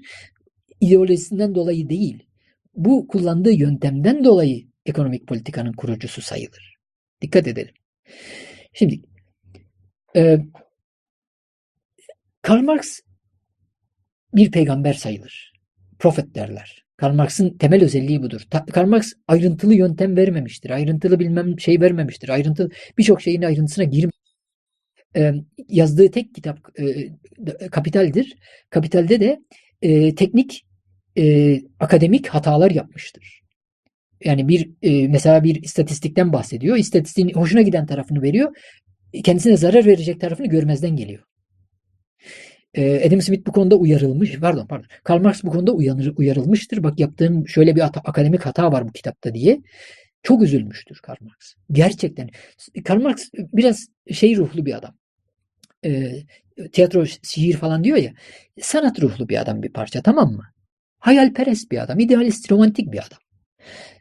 Çok içerlemiştir. Çünkü bilimsel bir kitap yazacağım diye işe başlamıştı gerçekten rahatsız olmuştur. Böyle sahiden rahatsız olmuştur. Bir daha da kitap yazmamıştır. Dikkat edelim.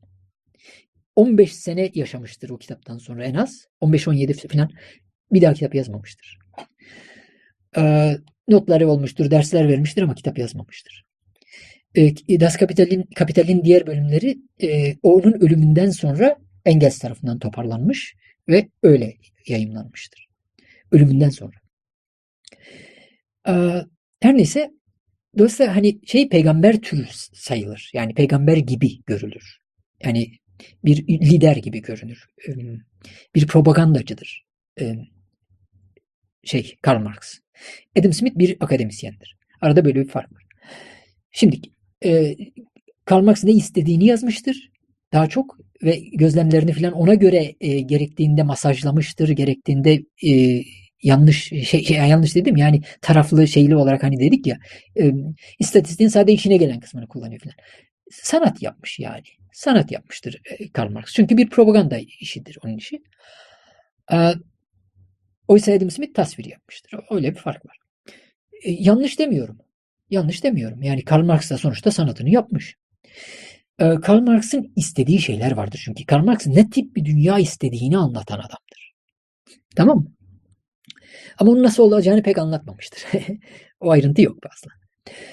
Ee, demişti Karl Marx'ın o yüzden şeye ihtiyacı var, güce ihtiyacı var. Karl Marx bir yapı kurmaya çalışıyor. Bir devrim yapmaya çalışıyor Karl Marx. Ve diyor ki tamam ben kiliseye karşıyım. Ben şeye karşıyım. 3 saati geçecek ha bu. 4 saate falan gider. Dedim ki bu profesyonelce değil. Ben bile bile bunu yap, böyle yapıyorum. Eğer beğenirseniz Sadece bir saatlik profesyonelce işler yaparım. Ne siz rahatsız olursunuz ne ben.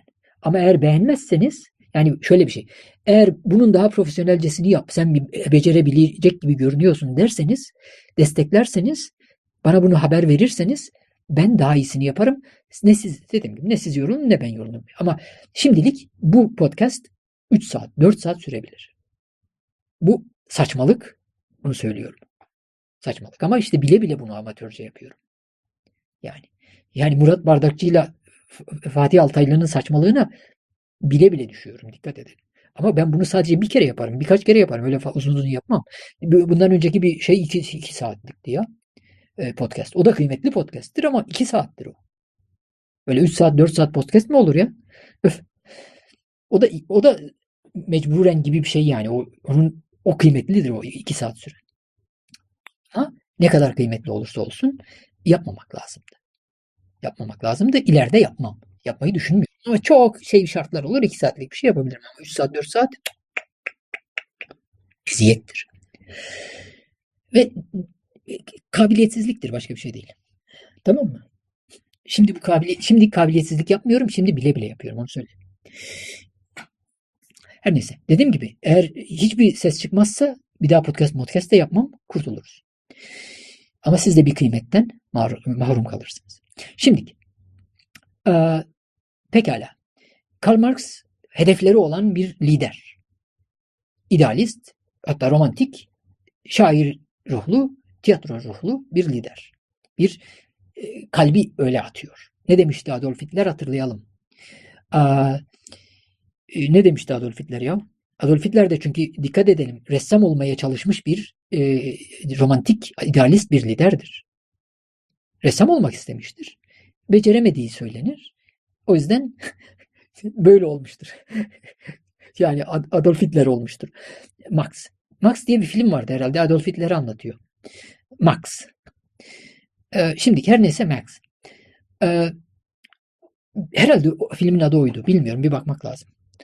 Adolf Hitler'in gençliğini e, anlatan bir film vardır. Ressam olmaya çalışıyor. Ay, şudur budur. Sonra şeye geçiyor falan filan ve Hitler'in Hitler oluşunun hikayesidir. Hitler ne demişti hatırlayalım. Ee, if you want to e, ne, ne, Türkçesinden gidelim. Tam İngilizcesini de hatırlamıyorum. Çok çok kıymetli bir sözdür ha. Hitler deyip yani Hitler deyip geçme. Yani şöyle bir şey var. Hitler gibi Karl Marx gibi adamlar Mao öyle değil. Mao, Mao'yu saymayın. Mao resmen adi bir adam bence. Ama Hitler, Karl Marx gibi adamlar da tuhaf bir şey varmış. Onu yapamamışlar. O yüzden o enerji çok kötü sonuçlar vermiş. Onu söyleyelim. Yani bu insanları e, Hitler'i biraz e, ressam yapsaydık daha iyi olurdu yani. Ben onu söylüyorum. Şeyde Karl Marx'ı da tiyatrocu yapsaydık daha iyi olurdu yani. Hitler ne diyor? Bak o o kabiliyetin o şeyin derinde izi var bak. Ne diyor? Güneş gibi aydınlatmak istiyorsan önce güneş gibi yanmayı becereceksin. Bak, güneş gibi aydınlatmayı becerebilmek için önce güneş gibi yanmayı becereceksin. Bu çok önemli bir laftır. Çok kıymetli bir laftır. Adolf Hitler'i övmüş olduk gibi görünüyor. Ben Müslüman adamım. Yahudiler biliyorsunuz İbrahimi dinlerdir bunlar. Yani Hazreti İbrahim, Yahudiler, Yahudilik, Musevilik bizim şeyimizdir. Yani dinimizin kaynağıdır. Ben, ben anti Yahudi anti bilmem ne olamam yani. Böyle bir dünya yok. Sonuçta anladın mı? Yahudilik, Musevilik kıymetlidir. Museviler de çok çekmiş insanlardır. Her neyse. Adolf Hitler. Öyle ben, ben hatırlayalım. Ben Rothschild'i savundum. Bir kadın Rothschild vardı. E, Michel Hüseyin'in e, Hard Talk programına BBC'ye konuk olmuştu. E, Michel Hüseyin biraz aşırı gitti üstüne. Ben de o Rothschild'i savundum. Ben e, David Rockefeller mi? Hangi Rockefeller? Bir Rockefeller'i savundum ben. Çünkü çevirisi yanlış yapılmıştı bir lafının. Hani internet acaba olmasa mıydı falan diye. Öyle bir şaka yaptı adam. Tuttular onu bütün komplo teorilerine kullandılar. Adam şaka yapıyor.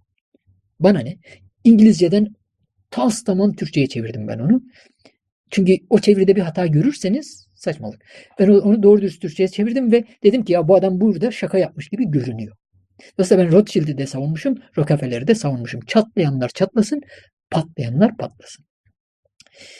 Adolf Hitler öyle demiş. Ya güneş gibi aydınlatmayı becerebilmek için önce güneş gibi yanmayı becereceksin. Yani içinde kalbinde bir şey olacak. Bu insanlarda bu var. Karl Marx'ta da var. Şimdiki.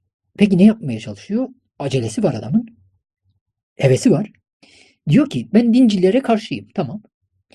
Devletlere, milliyetçilere, şuna bunu hepsine onlara da karşıyım. Karşıyız karşı. Ona da karşıyım. Ama bunları nasıl aşacağız abi? Her şeye karşı her şeyi bilme olmaz. Bunlardan birilerini seç seçmemiz lazım. Akıllıca olma, davranmamız lazım. Doğru dürüst taktik yapmamız lazım. Ve Karl Marx 20 yıl falan çalışmış adam ya. 20 yıl çalışma şey değil ama doğru uzun süre çalışmış. 1867'dir ee, Karl Marx'ın kapitali mesela. Evet 1867'dir Karl Marx'ın kapitali. Ee, Adam Smith'in e, şeyinden 90 sene sonradır. 1776 1867. 90 sene.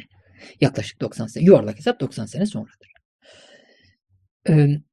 Dolayısıyla hani Karl Marx bayağı bir çalışmış adamdır ve çok çok ciddi bir e, şey şey ortaya koymuştur. Hani nasıl olacağını söylemedi dedik ya. Hayır. Orada bir hata var gibi görünüyor. Dikkat. Karl Marx son derece ciddi bir şey ortaya koymuştur. Altyapı ortaya koymuştur. Ciddi bir yani daha sonra geleceklerin kullanacağı ve bu dünyayı dönüştürecekleri çok önemli bir altyapı oluşturmuştur Karl Marx. Düşünsenize bir düşünsel altyapı fiziksel yapıyı dönüştürmüş. Zaten altyapı üst yapı şeyini Karl Marx kurarken diyor ki e, altyapı üst yapı birbirini etkiler. Yani sırf üst yapı altyapıyı etkilemez. E, pardon altyapı üst yapıyı oluşturmaz. Hayır. Üst yapı altyapıyı, altyapı üst yapıyı dönüştürür. Beraber birbirlerini dönüştürürler. Ama en sonunda etkin olan altyapıdır filan. Öyle bir şey. Her neyse. Ee, sonuçta Karl Marx diyor ki tamam ne yapalım? Biz bu sistemi dönüştüreceğiz. Bu devletlere, milliyetçiliklere, dinlere, kraliyetlere, şuna buna karşılık e, bir, güç oluşturmamız lazım. Nasıl oluştururuz abi? Kapitalizm diye bir şey icat ediyor. Bu bir. İki, kapitalizmin gücünü kullanıyor. Bir dikkat edelim. Adam Smith patronların gücüne, zenginlerin gücüne, nüfus sahiplerinin gücüne karşı hareket etmiştir. Çünkü onlarda dürüstlük yoksa onlar kendi milletlerini zehirlerler demiştir. Oysa Adam şey Karl Marx hayır diyor. Bizim öyle şeye ötekiler de zehir diyor. Sen dürüstlük mürüstlük diyorsun bunlar boş işler diyor. Alın teri malın teri boş işler diyor. Sen alın teri diyerek Karl Marx'ın Adam Smith'ten ayrıldığı nokta bu. Adam Smith de çok beğeniyor Karl Marx. Okumuş, şey yapmış çok beğeniyor. Kaynaklarından biridir. Çok beğeniyor. Ama şöyle bir problem var diyor sende. Sen işte dürüstçe çalışalım alın teri falan diyorsun ama abi dünyada dolandırıcı, serseri, adi e, bitmez ki diyor. O yüzden bizim de taktik kullanabilmemiz lazım diyor. Sadece dürüstlükle olmuyor diyor. Dikkat. Dolayısıyla kapitalizm kelimesini icat ediyor ve kapitalizmle icat ettiği şeyi çok iyi tanımlıyor. Dikkat edelim. Ee, her neyse. Ee, şeyde Adam Smith de Marx şey merkantilizmi icat etmişti kelime olarak. Merkantilizmle mücadele etmek için kullanmıştı. Tamam mı? Sömürgecilikle mücadele etmek için merkantilizmi icat etmişti kelime olarak ve kullanmıştı. Oysa Karl Marx kapitalizmi icat ediyor, ayrıntısıyla tanımlıyor ama kapitalizmi kullanıyor. Karl Marx'ın Adam Smith'ten farkı bu. Diyor ki abi dürüstlükler nereye kadar? Ezilen taraf dürüst kalırsan ezilirsin. Biz o güçlere karşı, devletlere, dinlere karşı hiç olmazsa kapitalizmin gücünü kullanalım. Neden diyor? Şöyle diyor bak. Aslında bu bir dindir onu söyleyelim. Din, dinsel bir yapıdır. Söylerler zaten dinsel bir yapı olduğunu söylerler şeyin Marksizmin. Şöyle bir dinsel yapı. Dinsel yapı gibi. Tamam mı? Şöyle bir yapı bak. Diyor ki kapitalizm kapitalizmin en büyük savunucusu Karl Marx'tır. Çok övmüştür kapitalizmi. Nasıl övmüştür? Şöyle övmüştür bak. Diyor ki hak verebilirsiniz belki dinlerseniz Karl Marx'a. Tamam mı? Diyor ki bu kapitalizm e, eskiden e, e hani Adam Smith'in yaptığı tanım var diye işte avcılık toplayıcılık avcı toplayıcı toplum, tarım toplumu ve ticari toplum. Avcılık toplayıcılıkla geçinen toplum neydi? E, kendisi bir şey üretemiyordu doğru dürüst. Sistematik üretim yapamıyordu. Ve o yüzden de e, başkalarının başka hayvanların avladığı hayvanları e, ya da kendisi hay, hayvan, hayvan avlıyor. E, hayvan avlamayı beceriyor tamam ama düzenli üretim yapamıyor. Yani öldürüp yiyebiliyor. Tamam mı? Veya işte dallardan meyve toplayabiliyor ama doğru üretim yapamıyor. Sistematik üretim yapamıyor. Ee, ve bu yüzden de o toplum toplayıcı avcı toplum. Ama bir gün geliyor e, özellikle hayvancılık ev, hayvanlar evcilleştiriliyor. Ve sonra bitki evcilleştiriliyor. Hayvanların ve bitkinin evcilleştirilmesi demek sistematik üretim demek. Ve yerleşik hayata geçiş demek. Tarım hayvancılık. Yani aslında bu hayvancılık toplumu, de, tarım toplumu demeyelim, evcilleş, evcilleştirilmiş hayvan ve tarım e, e, e, bitki toplumu bu. Dolayısıyla evcillik burada önemli. Yani sistematik üretim, sistematik hayvan üretimi, hayvanları yakalıyorsun, bağlıyorsun, sistematik bir ahırda tutuyorsun ya da ağılda tutuyorsun, e, çobanlığını yapıyorsun ve sistematik olarak üretiyorsun. Veya bitkiyi kendin tarlaya ekip kendin üretiyorsun. Bu bir, bu bir devrim tabii ki ve toplum yapısı değişiyor. Adam Smith'in tanımladığı ikinci toplum yapısı bu. Bir başka toplum yapısı bu. Adam Smith'in tanımladığı üçüncü toplum yapısı ne? Ticari toplum. O da şu demek. Şimdi tarım toplumu ya da evcilleştirilmiş bitki hayvan toplumu ne, ne yapmıştı? Bak ses gitmedi. E, o toplum kendi bitkisini, kendi hayvanını kendi e, yerleşik hayatıyla üretmişti değil mi? Ama şöyle bir problem var. Geniş bir aile istiyor o. Tarlayı, tar, tarlayı biçeceksin, hayvanı e, sağacaksın, hayvanına çoban bulacaksın. Şudur budur geniş aile ister. Ve kendi üretimini kendin yapacaksın. Yani koyunun yününü diyeceksin. Ee, e, ebenin örekesi budur. Öreke. Yüne girmek için kullanılır. O, o şeye yüreke denir. Öreke denir. Kürtçesi teşidir. Benim e, üvey ninem e, o, o teşiyle, o örekeyle çok güzel benim nenem o örekeyle çok güzel fal bakardı. Belki de görür, görürsün ereke, eve, ben yani ben ebemin örekesini görmüş adam. Benim benim çocukluğumda hatırlıyorum. Bizim pire dediğimiz üvey ninemiz, annemin e, annesi, üvey annesi e, şey yapardı. O örekeyle yünü böyle şey yünü eğirirken e, fal bakardı. Fal bakardı. Hatırlıyorum ben o teşi. Biz teşi deriz. Kürtçe. Kırmancıki. Bizim kırmancıkimiz de o teşidir. Şimdi e, sonuçta e, ne, ne, ne diyorduk la biz? İşte neyse tarım toplumunda böyledir. Yani kendi yönünü eğireceksin, kendi kazağını kendin yapacaksın. Böylece zamanın tamamen buna gidiyor. Kendi üretimini yapmaya gidiyor. Oysa ticari toplum şunu değiştirdi. Bak toplumsal yapı nasıl değişti? Üretim şeyi değişti bak. Adam Smith'in tanımladığı şey şudur. Daha Marx'ın doğma uzun yıllar var dikkat edelim. Adam Smith'in yaptığı şey şu tanım. Diyor ki ben diyor e, kazağımı kendim örmeyeceğim diyor. Ben diyor eğer e, hayvancılıkta çok iyiysem ben hayvancılıkla uzmanlaşacağım. Yünü de başkasına satacağım. Kazağı o yapsın. Ben kazak yapmak için zamanımı harcayamam.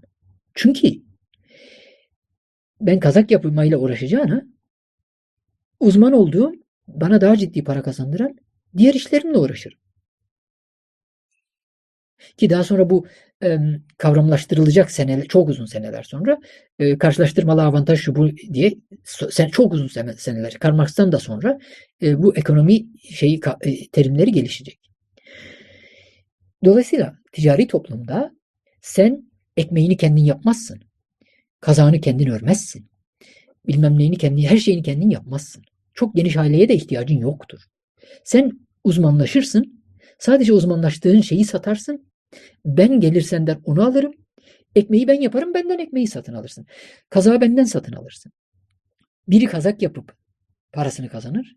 Biri ekmek yapıp parasını kazanır. Başka biri e, tarımla parasını kazanır. Başka biri hayvancılıkla süt, süt sağıp peynir yapıp parasını kazanır. Böylece ticari toplum oluşmuş olur. Ben senden bir şey satın alırım ve böylece zamanımı o şeye harcamam. Sen de benden bir şey satın alırsın zamanını. Dolayısıyla herkes ekmek yapmaktan kurtuldu. Herkes kazak yapmaktan kurtuldu. Gördün mü? Ticari toplumun tarım toplumundan farkı bu. Gördüğün gibi hayvancılık şey e, to, bu bu toplum yapıları, toplumun evrimi Adam Smith tarafından böyle tanımlanmıştır ve bu iyi bir şey sınıflandırmadır. Karl Marx bunu kullanıyor. Diyor ki tarım toplumunda diyor üretim ilişkileri ve üretim üretim şekilleri, araçları ve ilişkileri üretim araçları yani işte öküz arabasıdır bilmem nedir şudur budur. Hani öyle ya da işte atlar kullan beygir kullanıyorsan beygirin arabasıdır filan ama sonuçta bir şeyin arabası. Da tarım yapıyorsun. Sonuçta bu şeyler var filan falan. E, tırpan var şudur budur. Sonuçta üretim araçları çok hızlı gelişemedi diyor tarım toplumunda. Üretim ilişkileri de dolayısıyla çok hızlı değişemedi diyor. Oysa bu ticari bu ticari toplumda diyor. Şey, Adam Smith'in şeyi ticari toplum, kullandığı terim ticari toplumdur. Karl Marx diyor ki işte bu ticari, o ticari toplum demiyor artık. Kapitalizm diyor. O, o kendi şeyini icat etmiş. Kapitalizm diye. Dikkat. Karl Marx'ın niyeti başka. Dolayısıyla o ticari toplum demiyor. O kapitalizm diyor. Çünkü onu kullanacak Karl Marx. Diyor ki kapitalizmde diyor şey olur diyor. E, kapitalizmde üretim şekilleri sürekli değişir diyor. Çünkü diyor fabrika şey şey e, üretim şey ne, nedir diyor? Çünkü a, üretim araçları değişir diyor. Tamam mı? Yani dün sen e, mesela şeyle şey kullanıyordun diyor. Buhar makinesi icat edilmemişti diyor. Dolayısıyla hayvanlarla çekiyordun diyor yükünü. Oysa şimdi buhar makinesi ve trenler var diyor. Gördün mü kapitalizm? Kapitalizm kar için hani Adam Smith demişti ya ticari toplumda herkes uzman olduğu sahada uzman olduğu sahada zengin olmaya çalışsın. Dolayısıyla uzmanlık gelişsin. Bir insan bütün zamanını sadece o sınırlı uzman olduğu sahaya versin ve onu geliştirsin. Ticari toplum budur. Ve böylece gelişme hızlanmıştır. Karl Marx da diyor ki işte bu ha ha işte bu var ya bu. Bak adamlar sadece kendi sahasında çalıştılar ve buhar makinesini geliştirdiler. Sonra treni geliştirdiler ve zengin oldular. Tren yolları şu bu derken birileri zengin oldu. Değil mi? Çelik şu bu daha sonra geldi. Bessemer sistemi şudur budur 1850'ler. Karl Marx 1867'de kitabını yazdı hatırlayalım. E, dolayısıyla gemicilik falan da gelişti. Daha başka birçok saha. Ya, üretim araçları geliştikçe bu uzmanlık sebebiyle ka- kapitalizm uzmanlığı geliştiriyor. Uzmanlık e, bir sahaya yoğunlaşıyor ve o sahayı geliştiriyor. Ve böylece üretim araçları kendini sürekli yeniliyor. Çünkü bir şirket bir şirket daha ilginç bir şey icat ediyor. O zengin oluyor. Öteki şirket geride kalıyor falan. Böyle birbirlerini yiyorlar. Ve kapitalizm üretim araçlarını ve ilişkilerini sürekli geliştirdiği için sürekli yıkım yaratıyor. Sürekli değişiklik yaratıyor. O yüzden de zengin kesimi sürekli değişiyor. Değişebiliyor en azından. Bugün zengin olan yarın fakirleşebilir. Dolayısıyla eski sistemlerdeki gibi öyle toprak sahibiyim, e, sülaleler boyunca, sülalemin e, kadar herkes zengin artık. Çünkü benden o devralacak toprağı, o topraktan zengin olacak filan. Eski tarım toplumu bu. Oysa kapitalizm diyor Karl Marx. Yok diyor. Sen şirket kurdun diyelim. Başkası başka şey icat eder. Senin zenginliğin biter. Bu güzel. Kapitalizmi övme noktası bir tanesi bu. Karl Marx'ın. Tamam mı? Ticari toplumu. Bu bir. İkincisi diyor ki bu madenlerde filan kömür mömür hani tren filan kömürle çalışıyor. Kömür mömür derken tam madenlerde ya da işte bu e, şey e, tekstil sektöründe filan e, bu çalıştırılan insanlar var. O zamanlar öyle bir şey ki bu. Mesela bir küçücük çocuk, 7 yaşına kadar küçük çocuk bir madende kapının önünde bekler. Karanlıkta bekler. Yer altında madendedir. O kapının o taraftan açılabilmesi lazım. E bir, bir işçiyi de yetişkin bir işçiyi de o, oraya harcayamazsın. Küçük çocuk koyarlar kapının başına. O karanlıkta, o yer altında o çocuk bekler. Ve oradan kapı çalındığı zaman o kapıyı o çocuk açacaktır. Çocuk işçiliği. Tamam Ve e, e, zaten çocuk biraz büyüdüğü zaman da kendisi de madende çalışmaya başlayacaktır. Gördün mü? Kapitalizmin ilginç şey, tuhaf şeyi bu. Karl Marx boşuna kapitalizm düşmanı olmamış. Ama şunu unutmayın. Adam Smith'in bahsettiği ticari toplum bu değil. Adam Smith diyor ki bu çocuğu çalıştırdın ya sen. Sen adisin diyor Adam Smith. Karl Marx da diyor ki buna sen adisin demekle bir şey yapmış olmazsın ki sadece tespit yapmış olursun. Akademik, bilimsel tespit yapmış olursun diyor. Karl Marx'ın Adam Smith'e kızdığı nokta bu. Biz diyor bunu değiştireceğiz diyor Karl Marx. Şimdi e, tabii Adam Smith ölmüş. E, ve Karl Marx diyor ki kapitalizmin bir güzel tarafı da şudur diyor bak. Kapitalizme kızıyor ama güzel taraflarını tek tek övüyor dikkat edelim. Diyor ki haklı bulabilirsiniz dinledikçe. Ee, ne demişti biraz önce? Kapitalizm e, sürekli yeni şeyler icat ederek zengin kesimini değiştiriyor. Yani zenginlik çocuk, babadan çocuğa, dededen çocuğa, toruna kalmak zorunda değil.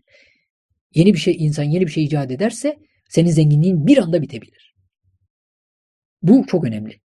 Kapitalizmin güzel bir tarafı demek ki toplumsal yapıyı, statikoyu değiştirebilme gücü kapitalizmin. Bu bir. Karl Marx'ın kapitalizmi övdüğü biraz önce söyledik. Nokta bu. İkinci nokta şu. O çocuk işçiler var ya. O kapıda duran 6 yaş, 7 yaşındaki, 8 yaşındaki çocuk ya da 12-13 yaşına geldiği zaman kendisi işçi olan çocuk. Yani taş kıran falan çocuk. O bir gelir elde ediyor. En azından bir güç elde ediyor.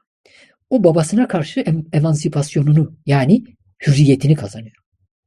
Böylece aile de Karl Marx için aile de son derece kötü bir kurumdur. Bu şeyden gelir. Onu da söyleyelim. Ee, nereden gelir biliyor musunuz?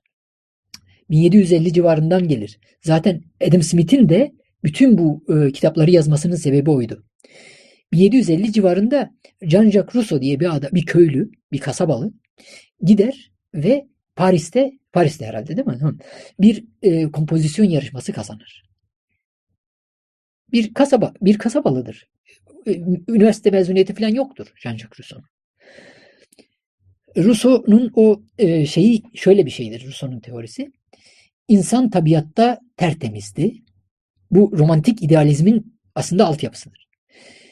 1800'lerde e, devreye girecek olan romantik idealizmin altyapısıdır. İnsan tabiatın içinde tertemizdi. Daha sonra medeniyet oldu. Tarım toplumu falan var ya.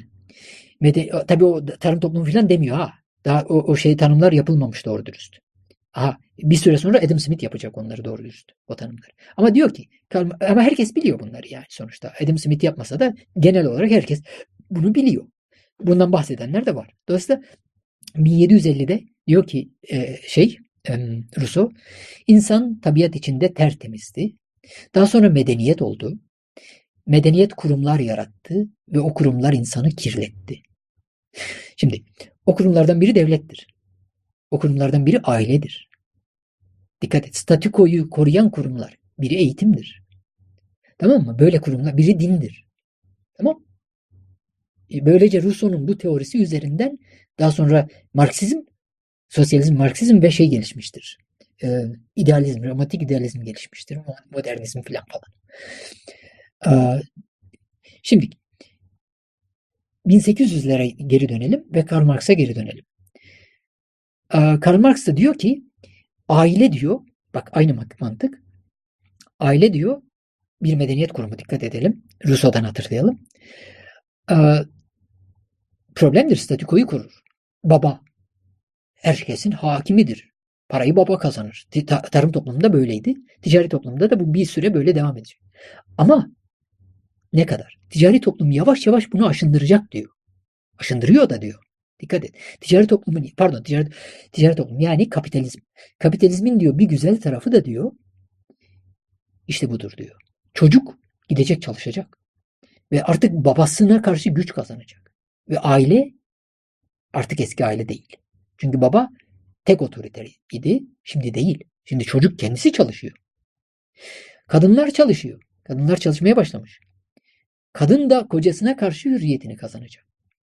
Dolayısıyla kapitalizm bir e, zengin kesimin zenginliğini torunlarına kadar aktarmasını garanti olmaktan çıkardı.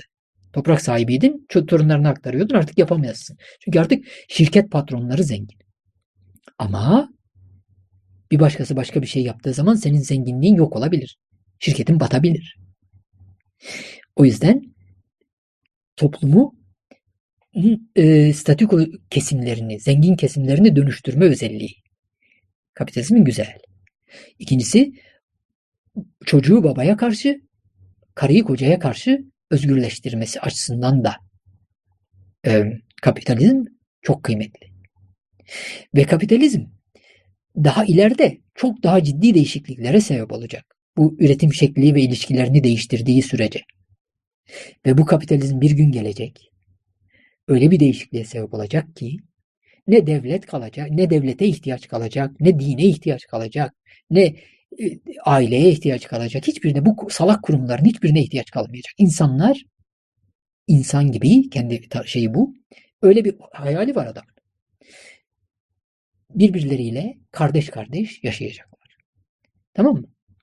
Mahsuni'den hatırlayalım. Hatırlayabilir miyim? Ee, ne diyordu Mahsuni? Ee, dağılır ordular, kalkar mahkeme. Ee, ne olduğu zaman? Hayda unuttum ha. Ee, bilmiyorum ne olduğu zaman. Ee, dağılır ordular, kalkar mahkeme. Ee, her neyse bu e, o mantıktır. Ve bu saçma sapan bir mantıktır onu söyleyelim. E, bu insan işte yani Adam Smith tamam bir akademisyendi. Sadece tanım yaptı anladım. Karl Marx Adam Smith'e kızdı. Çünkü e, Yahudi bir aileden geliyor. E, kendisi ateist. Yahudiliğe de kızıyor. E, ama insanlığın bir kurtuluşu olması lazım diyor. Derdi o. Ama onu yaparken o da başka bir hataya düşüyor. Başka bir aşırılığa gidiyor. Başka bir radikalliğe gidiyor. Ee, ama sonuçta ne diyor? Bakın dikkat edin dedim ya şey Marksizm din gibidir. Din gibi bir yapıdır. Ee, bu, Budizm'de bu vardır. Şeyde bu vardı. Hinduizm'de bu vardır. E, Budizm'de bu vardır. Böyle bir şeyler vardır. Ne derler? E, Asya e, dinlerinde Budizm bir dindir. Tanrısı vardır Budizmin. Bak bir ara birileri tanrısı yok filan falan demeye çalıştılar. E, ne yapsınlar? Onlar da uğraşıyor işte. Tanrısı vardır Budizmin. Budizm bir dindir. Yoga da onun ibadetlerinde. Yoga, yoga da bir ibadettir. Kimseyi suçlamıyoruz. Kimseye laf söylemiyoruz. Bir Müslüman yoga yapsın ben e, karşı değilim. Yoga kıymetli bir ibadettir. Ama sen bunu egzersiz olarak yapabilirsin. bir Müslüman ilim içinde olsa alıp getirecektir. Ve o da bir çeşit ilimdir. Yoga çok kıymetli bir şeydir. Tavsiye ediyoruz. Her neyse ben bir Müslüman olarak tavsiye ederim. Hani şey şey gibi değilim ben yani yap, şey namaz kılma bale bale yap saçmalığı değil. Hayır. Bir Müslüman, bir kız Müslüman namazını da kılabilir, bale de yapabilir, saçını da aç, açabilir. Günahsa Allah yazar. Bir Müslüman, bir Müslüman yoga da yapabilir, namazda kılabilir. Yogayı şey için yapıyorsa bir sakınca yoktur. Egzersizi sağlığı için yapıyorsa sakıncası yoktur. Hiçbir sakıncası yoktur. Kim var demişse yalan etmiş. Müslümanlık buna kabul eder. Buna şeydir, olumludur. Ee, sadece ibadet olarak yapmayacaksın. Müslümansan eğer. Ee, şimdi e, senin dinin sana, benim dinim banadır. Eğer Müslüman değilsen de sorun yok. Aa, şöyle bir durum var. Ee, niye girdik? Ha, şey, bu e, Asya dinlerinde şöyle bir şey vardır. Samsara ve Nirvana vardır. Samsara e, bir bir varlığın, bir ruhun dünyaya gelip tekrar gitmesi, tekrar gelip gitmesidir. E, varlığının dünyadaki kısmı o o ömrü, ömür başka, hayat başka. Ben her zaman öyle ayırmışımdır. Neredeyse her zaman. Kendi o dünyadaki o ömrü boyunca ölene kadar doğru dürüst bir nasıl hayat yaşıyorsa o hesaplanır ve öldükten sonra o varlık e, tekrar dünyaya o hesaplardan sonra başka bir varlık olarak gelir. İşte bitki olarak gelebilir, insan olarak gelebilir, hayvan olarak gelebilir ama ölüp tekrar dünyaya gelecektir. Ölüp tekrar dünyaya gelecektir. Ta ki ruhu e, belli bir e, nirvanaya ulaşıncaya, şey erahant seviyesine, erahant mıdır nedir o öyle bir şeydir. Erahat, erahant öyle derler. O seviyeye ulaşıncaya kadar. E, ruhu o seviyeye ulaştığı zaman o artık onun son hayatıdır. O seviye erahant kişinin hayatta olduğu zaman. Aydınlandığı mesela Buda dediğimiz e, adı, adını söylemeyeyim e, söyleyeyim neyse Gotama Siddhartha mı öyle bir şey. Çok kötü bir Türkçe olarak hiç, hiç hiç tavsiye etmem yani. Öyle bir ismi var ona benzer bir isim var. Bir daha da söylemem valla Buda'nın gerçek ismini bir daha da söyletmeyin bana. Her neyse e, Buda ismini almıştır daha sonra e, yalnız bu şahıs 29 yaşında mı ne bilmiyorum aydınlanmıştır.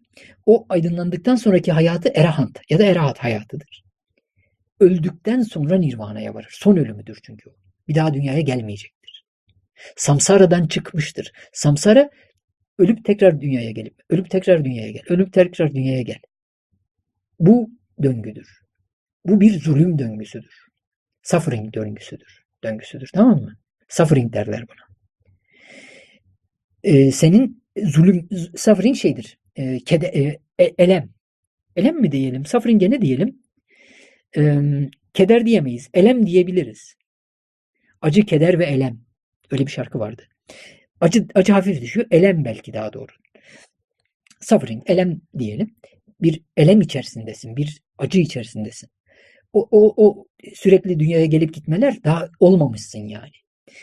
Dolayısıyla daha o seviyeye ruhun çıkmamış. Dolayısıyla bir daha dünyaya geleceksin. Bir daha dünyaya geleceksin. Ta ki ruhunu o seviyeye erahan seviyesi, erahat seviyesine ya da erahan seviyesine gelene kadar. O başka bir kelime olabilir. Şey, başka bir söylenişi olabilir. Ben bilmiyorum. Ben öyle okudum. Okuduğumdan biliyorum. Ee, yani rahata erinceye kadar. Erahat diyelim. Rahata erinceye kadar. Al güneş dil teorisi. Bütün diller Türkçeden çıkmıştır. Her neyse. E, komik. E, neyse artık sesim gitti ya. Tamam. Bu da öyle bir şey işte. Kapitalizm diyor o samsara gibi bir şeydir. Yani onu doğrudan sana söylemiyor ama odur aslında söylediği. Ki o zamanlar biliniyordu bunların bir kısmı söyleyelim yani batıda. Ee, çalışılıyordu. Ee, şimdiki şöyle böyle biliniyorlardı e, ne diyelim? Şöyle diyelim. Bazı kesimler bazı kesimler bunları ciddi ciddi biliyordu. Bazı kesimler bilmiyordu. Ee, şimdi kapitalizm o samsara döngüsüdür. Seni olgunlaştıran döngüdür. Tamam mı? Hatırlayalım İslam mükemmeliyetçi değildir Ama bunlar mükemmeliyetçi yapılardır. E, bunu karıştırmayalım. İslam'ı ben o yüzden tercih ediyorum. Sağ olasın. E, üstü kalsın. Şimdiki şarkılardan e, her neyse e, ben almay almayayım üstü kalsın mıydı? Neydi öyle bir şarkı var? Güzel şarkı. E, klibi de güzeldir. E, Alain Delon'un benim. Aa, ya oradaki gözlüklü şahsı ben hep şeye benzetirim. Bu Ülke, Ülke TV'de bir tane sunucu var ya. Turgay Güler. Her neyse. Şimdiki. Ben benzetirim çünkü gözler fazla bozuk. Öyle bir şey var. Gözlüğü de var. Dedim tamam. Turgay Güler. Her neyse espri yapıyorum. Alakası yok. Benzemiyordur bile. Belki. Ben hiç anlamam. Dediğim gibi ben yolda babamı görmüşüm. Bu babam mı diye kendi kendime düşünmüşüm. ya benim e, e, affedersiniz ama yani kendi sevgilisini e, uzaktan geçerken tanımayan bir insan daha ne olsun. E, her neyse benim benzetmem o kadar. E, şimdiki e, şöyle bir durum var. E, bu e, dinler öyle diyorlar. Samsara'dan e, rahatlığa geçiyorsun, rahatlığa geçiyorsun, rahata eriyorsun. Oradan da ölünce nirvana'ya varmış oluyorsun. Bir daha doğmayacaksın. E, şöyle denir, uzatalım biraz. E, bu da espridir bu. Bu da doğmuş. Doğar doğmaz etrafına şöyle bir bakmış. Ulan demiş, şerefsizim bu dünyaya bir daha gelirsem. Şimdi bu, bu espri yani. Bilmiyorum başkası böyle bir espri yaptı mı? Ben mi uyduruyorum onu bilmiyorum. Herhalde bir yerlerden buna benzer bir şey duydum. Böyle geliştirdim. Çünkü yani sonuçta etrafına bakarsan şey, göbek bağı şu bu işler karışık. Demiş şerefsizim bir daha bu dünyaya gelir. Dolayısıyla Nirvana'ya öyle var. Şimdi her neyse bir daha gelmiyor dünyaya bitti. Ah işte bu kapitalizmi şeyin övmesi buradadır. Karl Marx'ın. Diyor ki bu üretim ilişkileri biraz önce söyledim. Üretim ilişkileri öyle bir noktaya gelecek ki bir daha değişmek zorunda kalmayacaklar ve insan bu aptalca kurumlardan devletmiş, eğitimmiş, şuymuş bunlardan yani bu şey bu şeylerin e, stat, statiko yaratmasından ve şeyinden kurtulacak. İnsan hep aydın kalacak. İnsan hep iyi kalacak. İnsan hep yaratıcı ve üretici kalacak. Karl Marx'ın hayali bu. Tamam Adam böyle bir hayalle yaşamış. İşte bu yüzden Samsara Nirvana şeyinin bir başka türlüsüdür. Ateist şeklidir bu. Ve seni Nirvana'ya ulaştıracak olan şey işte o kapitalizmdir. Başka hiçbir şey değil. Rusya'da devrim olabilir mi diye soruyorlar. O diyor olamaz. Çünkü Rusya kapitalist değil. Bir tarım toplumu hala. Adam Smith'in sınıflandırmasını kullanıyor dikkat edin. E, dolayısıyla bu çok önemli bunun için. O yüzden e, şeyciler Lenin filan bile dikkat edelim Lenin Rusya'dan Almanya'da devrim yaratmaya çalışmıştır. Çünkü Lenin Rusya'daydı ama Rusya'nın toplumunun köylü toplumu olduğunu biliyordu.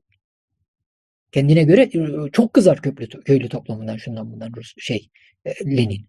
Ve e, Almanya'da devrim yaratmaya çalıştılar. Tekrar edelim. 17-24 arası yaşamıştır. Şey, 24'te öldü.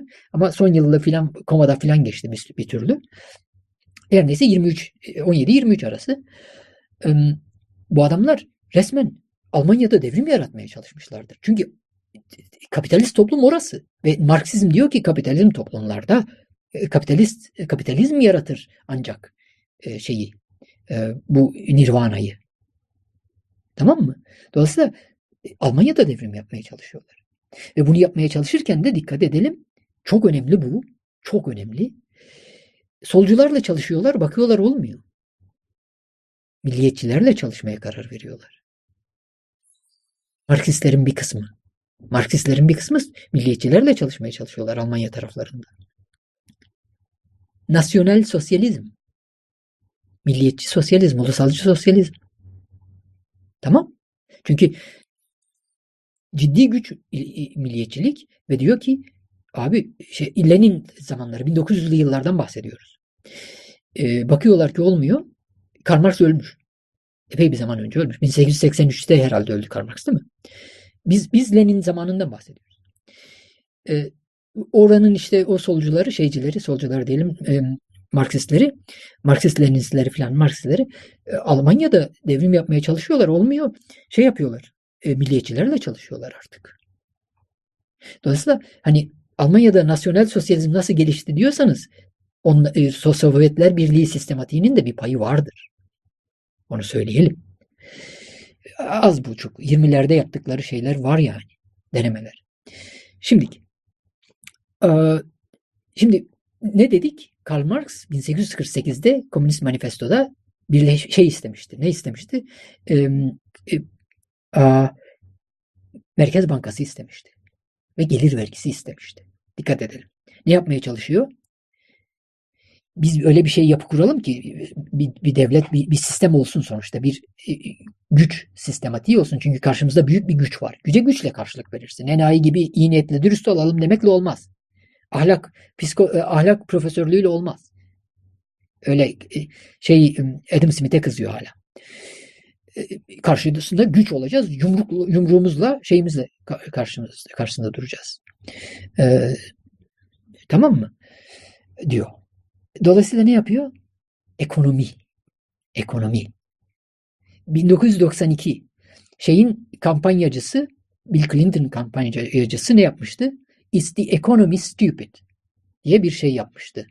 Niye? Çünkü orada kampanya e, şey bürosundakiler e, ekonomiyi önce öne alsınlar. Çünkü bunlar zaten solcu, onu da söyleyelim.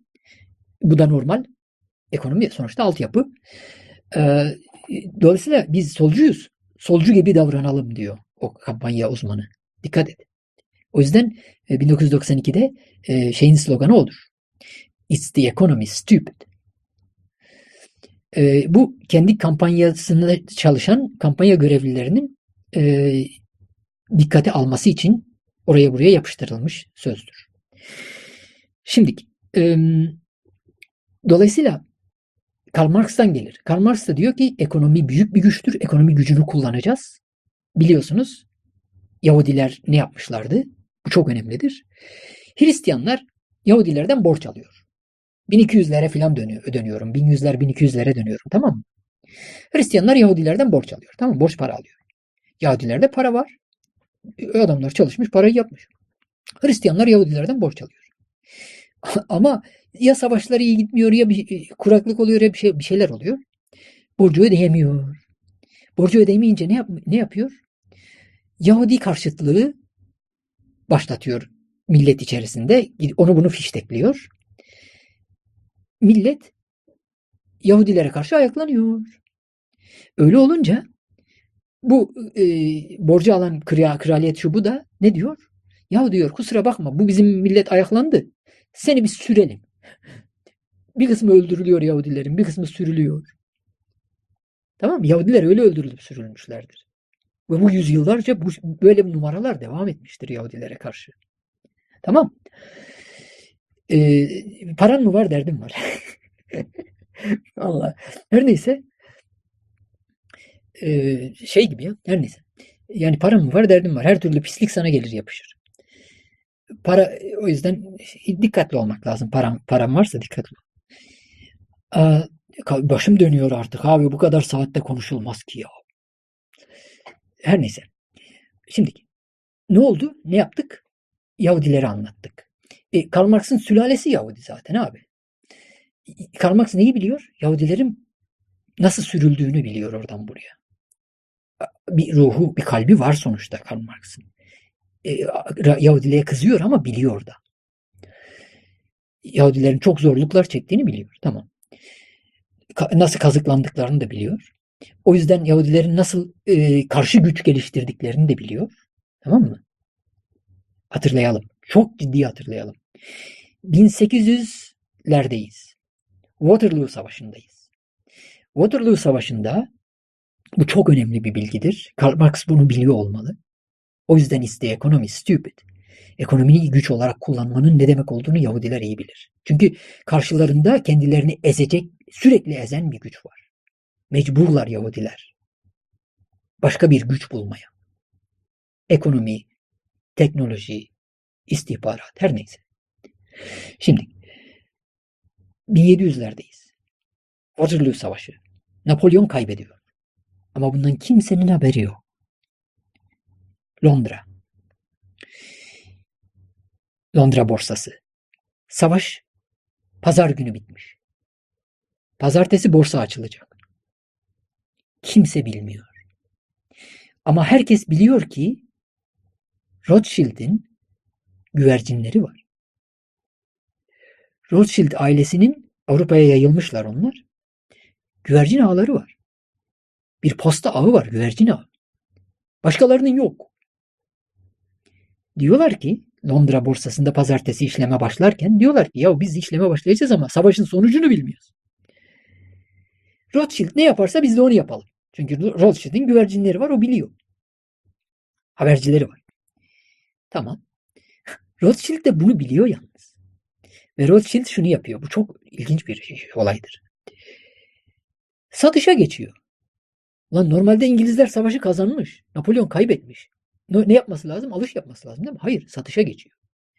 Sabah Rothschild satmaya başlayınca vay bu sattı demek ki biz bu savaşı kaybetmişiz diyorlar ve herkes satışa geçiyor. Borsa çöküyor. Borsa çökünce Rothschild hafiften hafiften alımlara başlıyor. Rothschild o gün büyük para kazanıyor. Büyük para kazanıyor. Gördün mü? Şimdi al sana kara pazartesi. Şimdi tabii ki Rothschild için kara pazartesi değil, ak pazartesi. Güvercinler kadar ak. Ah güvercinim benim. yani Yahudilerin komünizmde ve solculukta büyük önemi vardır. Çok büyük önemi vardır. Çok büyük yeri vardır. Ah güvercinim benim. Şimdi ah güvercin geliyor. Her neyse tabi espri bu. Bülent Ecevit'te bizim şeyimiz yok. Benim bizim alka, şeyde duvarda şey asılıdır hala. Ah güvercin. Bizim İsmet abinin şeyi bir şey arkadaşı yapmış asker arkadaşı herhalde yapmış. E, biz onu aldık. Çünkü çok kıymetli bir, çok büyük zahmetle yapılmış bir şeydir. Biz onu hala asılı tutarız. E, ben öyle şeylere şey veriyorum. Onun kaybolup gitme. Çünkü bir yere atıyorlar. Kaybolup gidiyor filan. Hoş değil. Şimdi bendedir yani. Ee, şimdi o ak güvercin bizde durur. Mavi üzerine beyaz bir güvercindir. Ee, her neyse ee, benim ak güvercinim Ruhi Sun'un bir şarkısı değil mi? Aa, bunun kökü derinde, Kumran Irmağı'nda öyle bir şeyler mi yazıyor diyor Karaburun'da e, falan filan ekmek, ak güvercin o şarkı. Aha Ruhi Sun'un o şarkısı. O bir marş filan mı ne öyle bir şey. Ekmek de var, ak güvercin de var maşallah. Karaburun da girmiş için içine. İşin içine her şey var. Ee, güzel şarkıdır. Tavsiye ederim. E, solcu değiliz abi ama solcuların da edebiyatı güzeldir. Şeyi, e, sanatı iyidir. Şimdi e, sağcılar daha kalas kalıyorlar. Tamam mı? Biraz daha kalas kalıyorlar.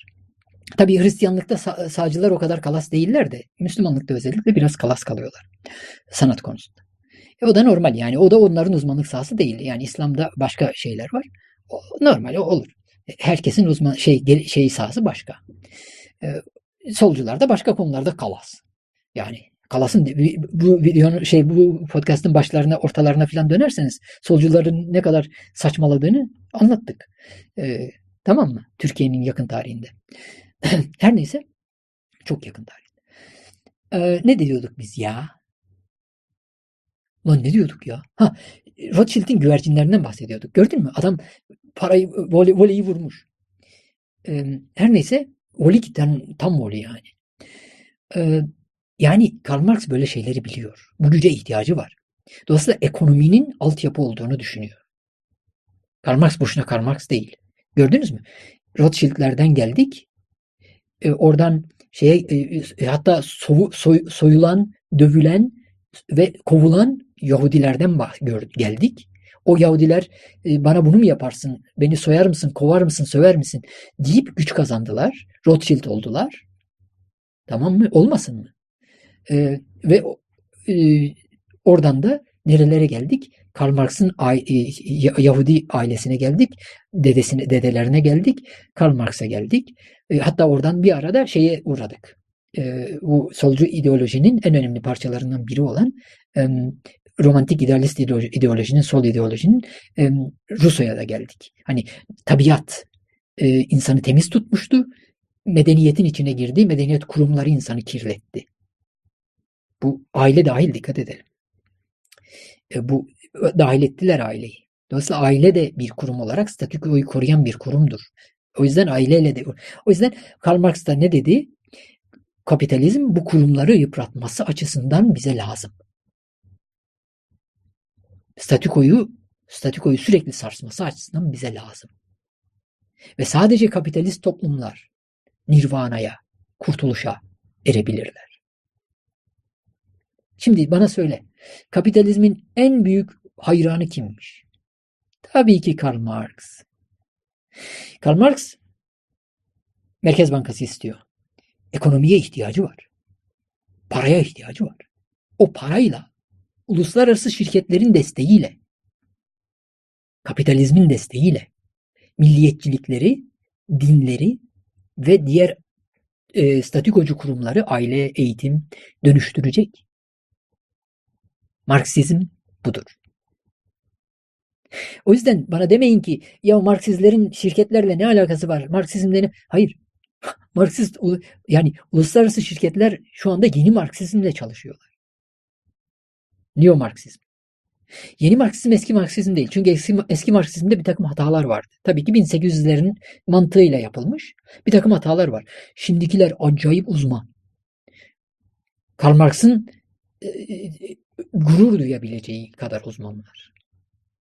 Tamam mı? Dolayısıyla bu The Great Reset var ya o yeni de, ben onu e, bir yazımda suyun ısındı pis insan yazımda çok önemli. Bülent Zeki Info bölü TR'ye girin. Oradan bulacaksınız. Suyun ısındı pis insan diye bir yazım vardır. O yazıda bunun bütün Türkçeleştirilmiş, kendi Türkçemle Türkçeleştirilmiş çevirilerimle beraber bu şeyler vardır. The Great Reset'ler, şeyler, e, Build Back Better'lar, bütün bunlar ve şeylerle beraber. Son derece kıymetli olan Charlie Munger'ın bir sözüyle bitirmişimdir. Charlie Munger orada doğru söylüyor. Bütün türler sonra bir gün biteceklerdir. İnsan da bir türdür. İnsan da sonuçta bir gün e, bitecektir. Bu doğru. Ama bu doğru da bunu kullanarak bazıları e, bunu yani sağlamaya falan neredeyse çalışıyor diyelim. Yani o kadar değil de hani e, insanlık neslini bitirmeye çalışıyorlar diyemem. Ama sonuçta hani insanlığı çok abartmayın. İnsanlık bazı e, zararlar görebilir. Biz mecburuz bunları yapmaya. Bu sırada insanlık biraz zarar görebilir. E, mazur görün. İnsanlığın ilerlemesi için yani yumurta kırmadan omlet yapamazsın. Bizim derdimiz insanlığı bitirmek değil ama insanlık ilerlerken bazen insanlığın sayısının azalması da gerekebilir ya da insanlığın bazen problem yaşaması da gerekebilir. Bunu öyle istiyoruz diye düşünmeyin ama mecburen olabiliyor. Belki olur belki olmaz. Ama biz bunu hedeflemiyoruz filan diyorlar bazıları. Tamam Onu söyleyelim. Yani e, insanlığın soyunu tüketmeye çalışıyorlar filan diye değil. Ama onu biliyorlar. Bir gün gelecek insanlık da bitecek abi. Ama yani her neyse. Ee, bu şu, şu demek yani şu demek. Siz insanlığa bu çok önemli bak. Marksizmdeki hani kurumlar bahsettik ya kurumlar. İnsanlık da bir kurum oldu. Dikkat edelim. Gelenekçi bir insan anlayışı var. Bu dinlere filan dayanıyor. Bu dinlere filan dayanan ve natural law tabi hukuka dayanan şimdi hukuk da böyle bir şey vardır e, e, bir e, yaşayan hukuk anlayışı vardır bir de tabi hukuk anlayışı vardır yaşayan hukuk anlayışı şudur hukuk sürekli değişir. Sürekli değişir ve biz her şeyi değiştirmek zorundayız. Hukuku da değiştirmek zorundayız. Tabi hukuk öyle değildir. Tabi hukuk Amerika Birleşik Devletleri'nin kurulmasını sağlayan hukuktur. Ne diyor? Ee, insan Tanrı'nın kendine verdiği e, devredilemez haklarla doğar. Yani insan denen şey o devredilemez hakları içeren bir şeydir. O hakları devrettiğin zaman insan olmaktan çıkarsın. Dolayısıyla o haklar tabii hukuktur. Yani Tanrı'nın tabii olarak insanı tanımlarken oluşturduğu hukuktur. O Tanrı tarafından oluşturmuştur. Yani bir insanın kolunu kesemez. O insanın kolunun olması ve kesilememesi Tanrı'nın insana verdiği bir haktır. Tamam?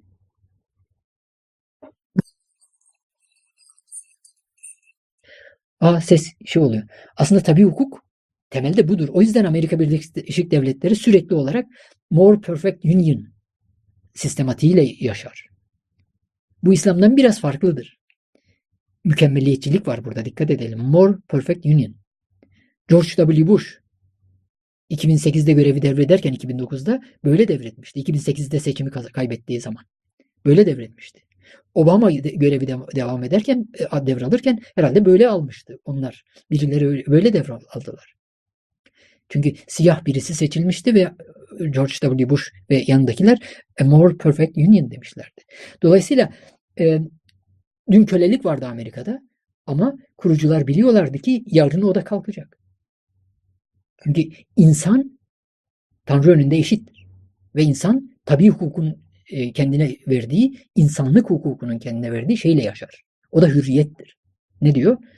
E, life, liberty, pursuit of happiness. Life nedir? Fiziksel ve ruhsal yapının e, bütünlüğü. Yani bir insanın kolunu bacağını kesemez. Bir insanın ruhunu işkenceyle mahvedemez. Life budur, hayat. Liberty, hürriyettir. Yani e, ben ni bir şeye zorlayamazsın. İstemediğin bir şeye zorlayamazsın. Hep, pursuit of happiness nedir? Ben gidip bir tarla kurmak istiyorsam yapabilmem lazım abi. Zengin olmak istiyorsam eğer dürüstsem doğru dürüst yap, yapabilmem lazım. Sen sırf herhangi bir babandan dedenden gelmiş bilmem ne olmuş diye beni engelleyemezsin. Senin nasıl hakkınsa zengin olabilmek benim de hakkım. Senin hakkın nasıl iş, iş kurabilmek senin nasıl hakkınsa benim de hakkım. Pursuit of Happiness. Dolayısıyla bunlar tabii hukuktur diyor. Amerika Birleşik Devletleri bunun üzerine kuruldu. Ama Marksistler bundan yana değiller. Çünkü Marksistler çok tuhaftır. Tabii hukuktan kasıt gelen hukuktur. Dikkat et. Yani burada e, Rousseau'nun ta- tabiatından bahsetmiyoruz. Burada o tabiatı yaratan Tanrı'dan bahsediyoruz. Dolayısıyla aslında tanrısal hukuktur. Kur'an hukuk. Ee, tamam mı? Ee, ama şeyler öyle değil. Ateistler falan öyle değil. Solcular şöyle e, davranıyorlar. Her, her şey evrimleşir, her şey devrimleşir. Her şey değişmeyen tek şey değişimdir gibi saçma sapan bir şey var. Ee, o zaman o kendi kendini bitiriyor. Ee, dolayısıyla e, o bir tanrı yapısı şeyidir. Değişmeyen tek şey tanrı, şey değişimdir şeyi bir tanrı tarifidir. Onu da söyleyelim. Değişim onların tanrısı. Bunu daha sonra gerekirse açıklarız, anlatırız. Dikkat edin. Eğer bu podcastleri desteklerseniz çok ciddi, sizin daha önce pek duymadığınız ayrıntılar anlatacağım. Hiçbir yerde size anlatmazlar. Ben anlatmazsam size hiç kimse onları anlatmayacak. Bunu bilin. Bunu bilin. Şimdi her neyse dolayısıyla şeyler solcular, demokratlar cumhuriyetçilere karşı bugün şey, şey diyor. Cumhuriyetçilerin bir kısmı da şey, o, şeycidir. Rhino Republican falan diyorlar. Onlar da solcu sayılır. Onu da söyleyelim yani. Su katı, işte sulandırılmış sosyal demokrat var diye Türkiye'de. Sulandırılmış şey e, sulandırılmış sağcı. Onlar sağcı bile sayılmaz. Onlar hani sağcı diyoruz. Cumhuriyetçi. Onlar cumhuriyetçi bile sayılmaz. Tamam mı? Cumhuriyetçilerin içinde Cumhuriyetçiler Cumhuriyetçi Parti işgal edilmiş bir partidir. Bugün nasıl diyoruz CHP, yeni CHP, işgal edilmiş CHP. Aynı. Aynı. Türkiye'nin Cumhuriyetçi CHP'si nasıl işgal edildiyse Amerika'nın Cumhuriyetçi Partisi de öyle işgal edildi. Ne? Anlayamıyor musun? Her neyse de ee, şöyle bir duruma gelelim. Ha bu arada o parantezi daha kapatmadık. Kapatacağım mı? Bak oraya geliyorum.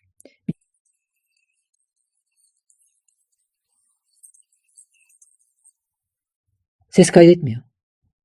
Sesi kaydetmiyordu. Her neyse ya da bana öyle geldi. Şimdi o parantezi kapatmam lazım. O çok uzundu. Ama oraya doğru geliyoruz. Bak saat 3 saat 33 dakika olmuş. Daha gelemedim. Bu, bu 5 saat de sürer onu söyleyeyim. Sürdüreceğim gerekirse. Şimdi bunu bölebilirim belli şeylerde bölebilirim. E, ve e, ha o zaman montaj yapmam gerek. Her neyse. Bakalım ne yapacağım. Bütün 5 saat halinde yayınlayabilirim. 5 saat sürerse. Şimdi ben sürmeyecektir herhalde. Bilmiyorum. Ee, şöyle bir şey söyleyeyim. Ee, e, Amerika'da böyle bir tartışma oldu. Yaşayan e, hukuk. Yani değişmeyen tek şey değişimdir. Dolayısıyla hukukta her şey değişir. Bu ne demek biliyor musun? Her şey değişir demek. Amerika Birleşik Devletleri'nde öyle bir anayasa da değişir demek. Anayasa da değişir demek. Tarih de değişir demek. Her şey değişir demek. 1776'ya karşı 1619 hareketini başlattılar. Çünkü 1776'da Amerika Birleşik Devletleri'nin kuruluş ilanıdır. O ilan oldu. Oysa 1619 Amerika'da ya ilk kölenin geldiği zamandır. Dikkat edelim. Ha şimdi. Amerika'nın tarihini değiştirdiler. Değiştiriyorlar. New York Times'ın filan işidir bu 1619 herhalde. Bir topluma toplumu ezmek, bir toplumun statükosunu, kendine gururunu, kendine bilmem ne, gurur kelimesi hoş değil ben hiç sevmem. Ama hiç olmazsa bir toplumun bir kültürü olur. O kültürü ezmeye çalışıyorlar. 1776'ya karşı 1619. Ve e, Thomas Jefferson'ın şunun bunun kölesi var diyor. Heykelini kaldırtıyor. Geçen gün oldu. Geçen gün o yapıldı. Heykel kaldırıldı. O karar alındı. O da bu da haberlerden bir tanesi. Yakın zamandan size bir haber. Şey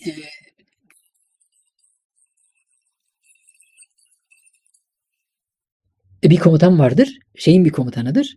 E, bu şeyin komutanı. E, mikrofonun önüne elimi koyduğum için ses biraz bazen şey gelebiliyor. Problemli olabilir. Yakınına bir elimi. Her neyse. E, sonuçta Lee Soy isimli bir tane general vardır. Güneylilerin generali. Dört tane falan kızı vardır. Kızlarını okutmuştur. Kızlarına çok derece şey yapmıştır. Hatta evlilik makam bak evlilik denen şeye çok şey olmamıştır. O yüzden kızları evlenmemiştir herhalde bildiğim kadarıyla. Hiçbir kızla evlenmedi. Ve kölelerini de azat etmiştir. Buna rağmen bu Güneyli diye onun heykelini kaldırtmışlardı. Bazıları sevinmişti. Gün geldi Thomas Jefferson'ın heykelini kaldırdılar. Dikkat et. Yani senin hoşuna gidebilecek bir şeyle başlıyorlar. Güneylilerin bayraklarını kaldırmak şu bu gibi. Sonra senin kıymetli gördüğün şeylere de sıra geliyor. Tamam? E, kölesi var diye Thomas Jefferson'ın plan heykelini kaldırdılar geçen gün herhalde. Kaldırma kararı alındı. Bilmiyorum kaldırıldı mı. Yerine herhalde şey koyarlar. E, başka bir şey, neyse söylemeyelim onu. Oraya girmeyeceğim. Ona şey olursa girer. Kısa, kısaltacağım şimdi. Çok.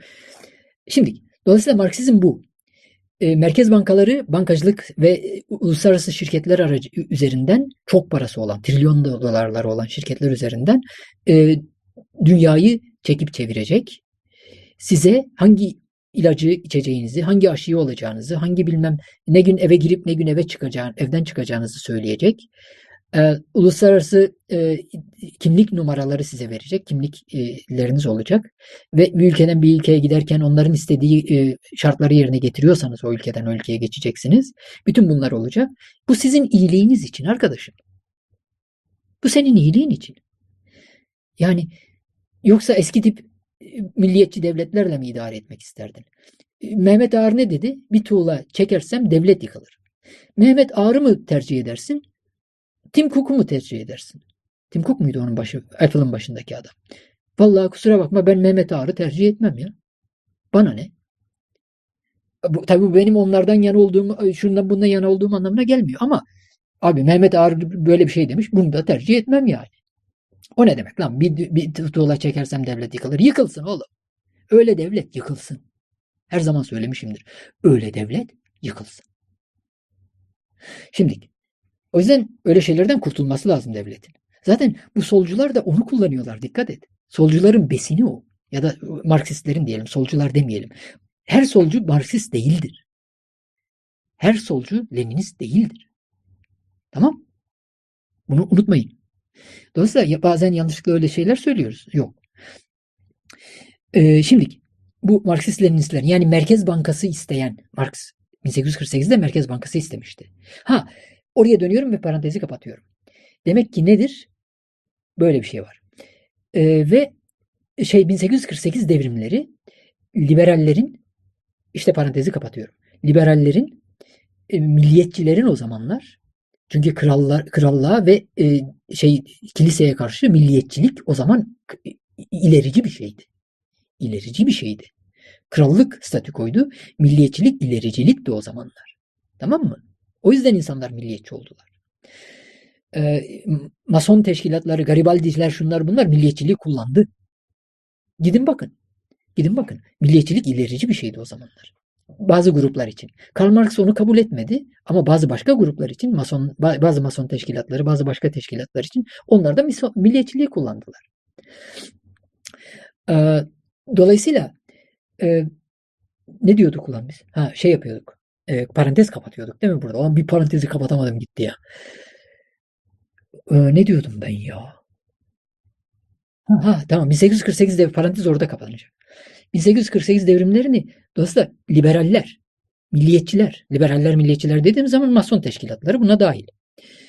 Ee, ve bir takım sosyalistler. Dikkat edin sosyalistler diyorum. Marksizm daha yok. Hatta Marks'ın dalga geçtiği tip, tip sosyalizmler var. Marksizm onlarla dalga geçiyor. Ya faydalı olabilirler ama saçma sapan şeyler deyip duruyor.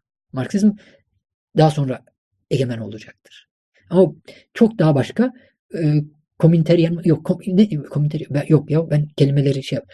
E, komünist küçük küçük e, komünler komünler e, oluşacak. O, oluştu 1830'larda. Daha Marx çocukken. Daha Marx ne ki? E, bir takım sosyalist denemeler yapıldı. Küçük komünler, küçük topluluklar. Ama Marx daha sonra onlarla dalga geçecek.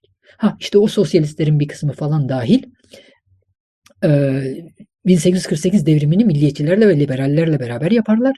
Bütün Avrupa'da yayılır. Avusturya'sına, Macaristan'ına yayılır.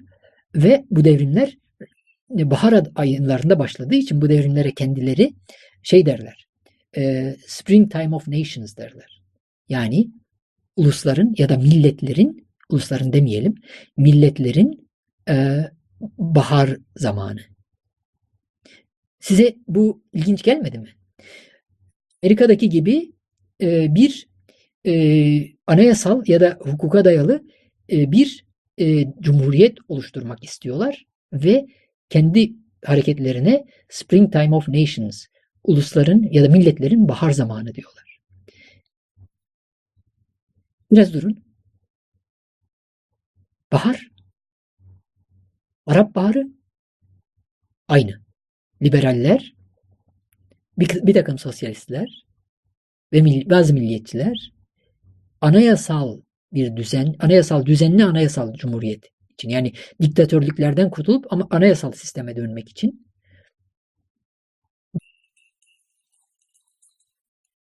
daha doğrusu daha doğrusu Arap Baharı e, bu şeylerle desteklenmişti. Soros filan gibi gruplar herhalde bilmiyorum tarafından. Bütün dünyanın bir takım şeyleri tarafından. O yüzden adı Arap Baharı. Tamam. Şimdi e, parantezi öyle kapatalım. E, yani onun e, Karl Marx'la alakası yok.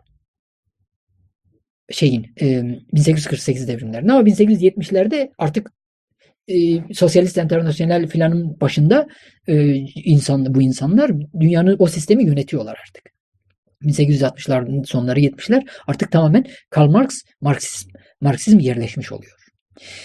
Şimdiki ikinci haberim ne? Parantezi kapattım. İkinci haberimle ona geri döneceğim. İkinci haberim şu. Ee, bu, bu yüzden dönüyorum. Ne dedim ben ta başlarda? Kasım'ın başlarında tamam mı? 5'i 7'si öyle bir zamanda e, sessiz sedasız Kaliforniya insan şoför olmaksızın robotaksilere mevzuatında yer verdi. Ve e, pardon Eylül sonunda yer verdi. Mevzuata Eylül sonunda Kaliforniya'da girdi bildiğim kadarıyla. Kasım başlarında General Motors'ın, General Electric değil, General Motors'ın bir Cruise diye bir şirketi ilk robotaksiyi piyasaya çıkardı, dolaşıma çıkardı. Yani işe çıkardı. Kaliforniya'da ilk ticari işini yapmaya başladı robotaksi. İlk müşterisi Cruise'ün başındaki adamdı e, Chief CTO'su herhalde Chief Technology Officer, teknoloji dikkat et. Buydu ve e, bu bir Ekim devrimidir. 1917'deki Ekim devriminin yıl dönümü. Çünkü dedim ya e, Rus takvimine göre Ekim'in 25'i filandır ama 10 gün ekleyeceksin bizim takvimimize çevirmek için. Kasım başlarına denk gelir. Ben öyle biliyorum. Öyle olmasa da çok yakın. Tamam mı? Ben öyle biliyorum. Dolayısıyla bu da bizim dikkat bu da bizim yüzyılın Ekim, Ekim devrimi. Herhalde sesim gitmedi oraya. Yani Marksizm yaşıyor. Yeni Marksizm yaşıyor. Yeni Marksistler eski Marksistlerin hatalarını düzelttiler. Bir takım hatalarını ve yeni dönem için yeni Marksizm oluşturdular. Bir dünya düzeni. Bu da onların yeni dünya düzeni. Tamam Ve e, sessiz sedasız robotaksi piyasada. Dikkat edin insan şoföre ihtiyacı yok. İnsan şoför yani insan şoför mecburiyeti kaldırıldı. Bu çok önemli. Çünkü başında bir insan durması gerekir diye bir mecburiyet eskiden vardı. O mecburiyet kazandı, kaldırıldı. O, o taksilerde. Böyle böyle böyle CNBC böyle duyurdu. Ve bu şahsın e, YouTube'da, Twitter'daki şeylerinden bahsettiler. Bu gerçek oldu tamam mı? CNBC'nin duyurduğu şekliyle ben anlattım o kısmı. Adam övündü. Çünkü teknoloji e, şefi şirketin. Dolayısıyla o taksiyle, taksinin ilk yolcusu da o. Bu neye benziyor biliyor musunuz? Eskiden komutanlar ordularının başında sefere çıkarlardı. Tamam. Şimdi ne oldu? Jeff Bezos kardeşiyle beraber uzaya çıktı. İlk yolculuğunun ilk müşterisi oldu. Yani dikkat edin. Savaşa ordusunun başında çıkıyor. Artık yeni savaş bu. Üçüncü Dünya Savaşı, Dördüncü Dünya Savaşı falan gibi saçma sapan şeyler arıyorsunuz. Savaş zaten var. Adamlar ordularının başında, onun ordusu teknolojidir, onun ordusu ekonomidir. Ordularının başında sefere çıkıyor. Adam ilk uzay yolculuğunun ilk seferinde kendisi kardeşiyle beraber o, o müşteri, yolcu. Jeff Bezos ve kardeşi veya robotaksi ilk piyasaya şey, yolculuğa çıktığında onun teknoloji şefi o şirketin ilk yolcu. Mu? Ordusunun başında sefere çıkıyor. Savaş. Savaşın komutanları bunlar. Tamam Bu yeni savaş. E, bu haberi de tamamladık. E, böylece bugünün dünyasıyla ilgili ilginç bir şeyler duymuş oldunuz. Dediğim gibi bunların ayrıntıları daha sonraki podcastlarda e, karşınıza çıkacak. Ve ha bu arada şimdi diyebilirsiniz ki bugün 10 Kasım niye Atatürk'ten bahsetmedin? Ee, ben her zaman söylerim. Hadi diyorsunuz ya Cumhuriyet sizden fikri hür, irfanı hür, vicdanı hür nesiller ister. Ben Atatürk'ten hiç haz etmem kişi olarak. Ama ben Atatürk'e de şey yani sonuçta o bir külttür kült yapısıdır. Tarihte yaşamış bir insandı ama onu aldılar, sömürdüler ve külte dönüştürdüler.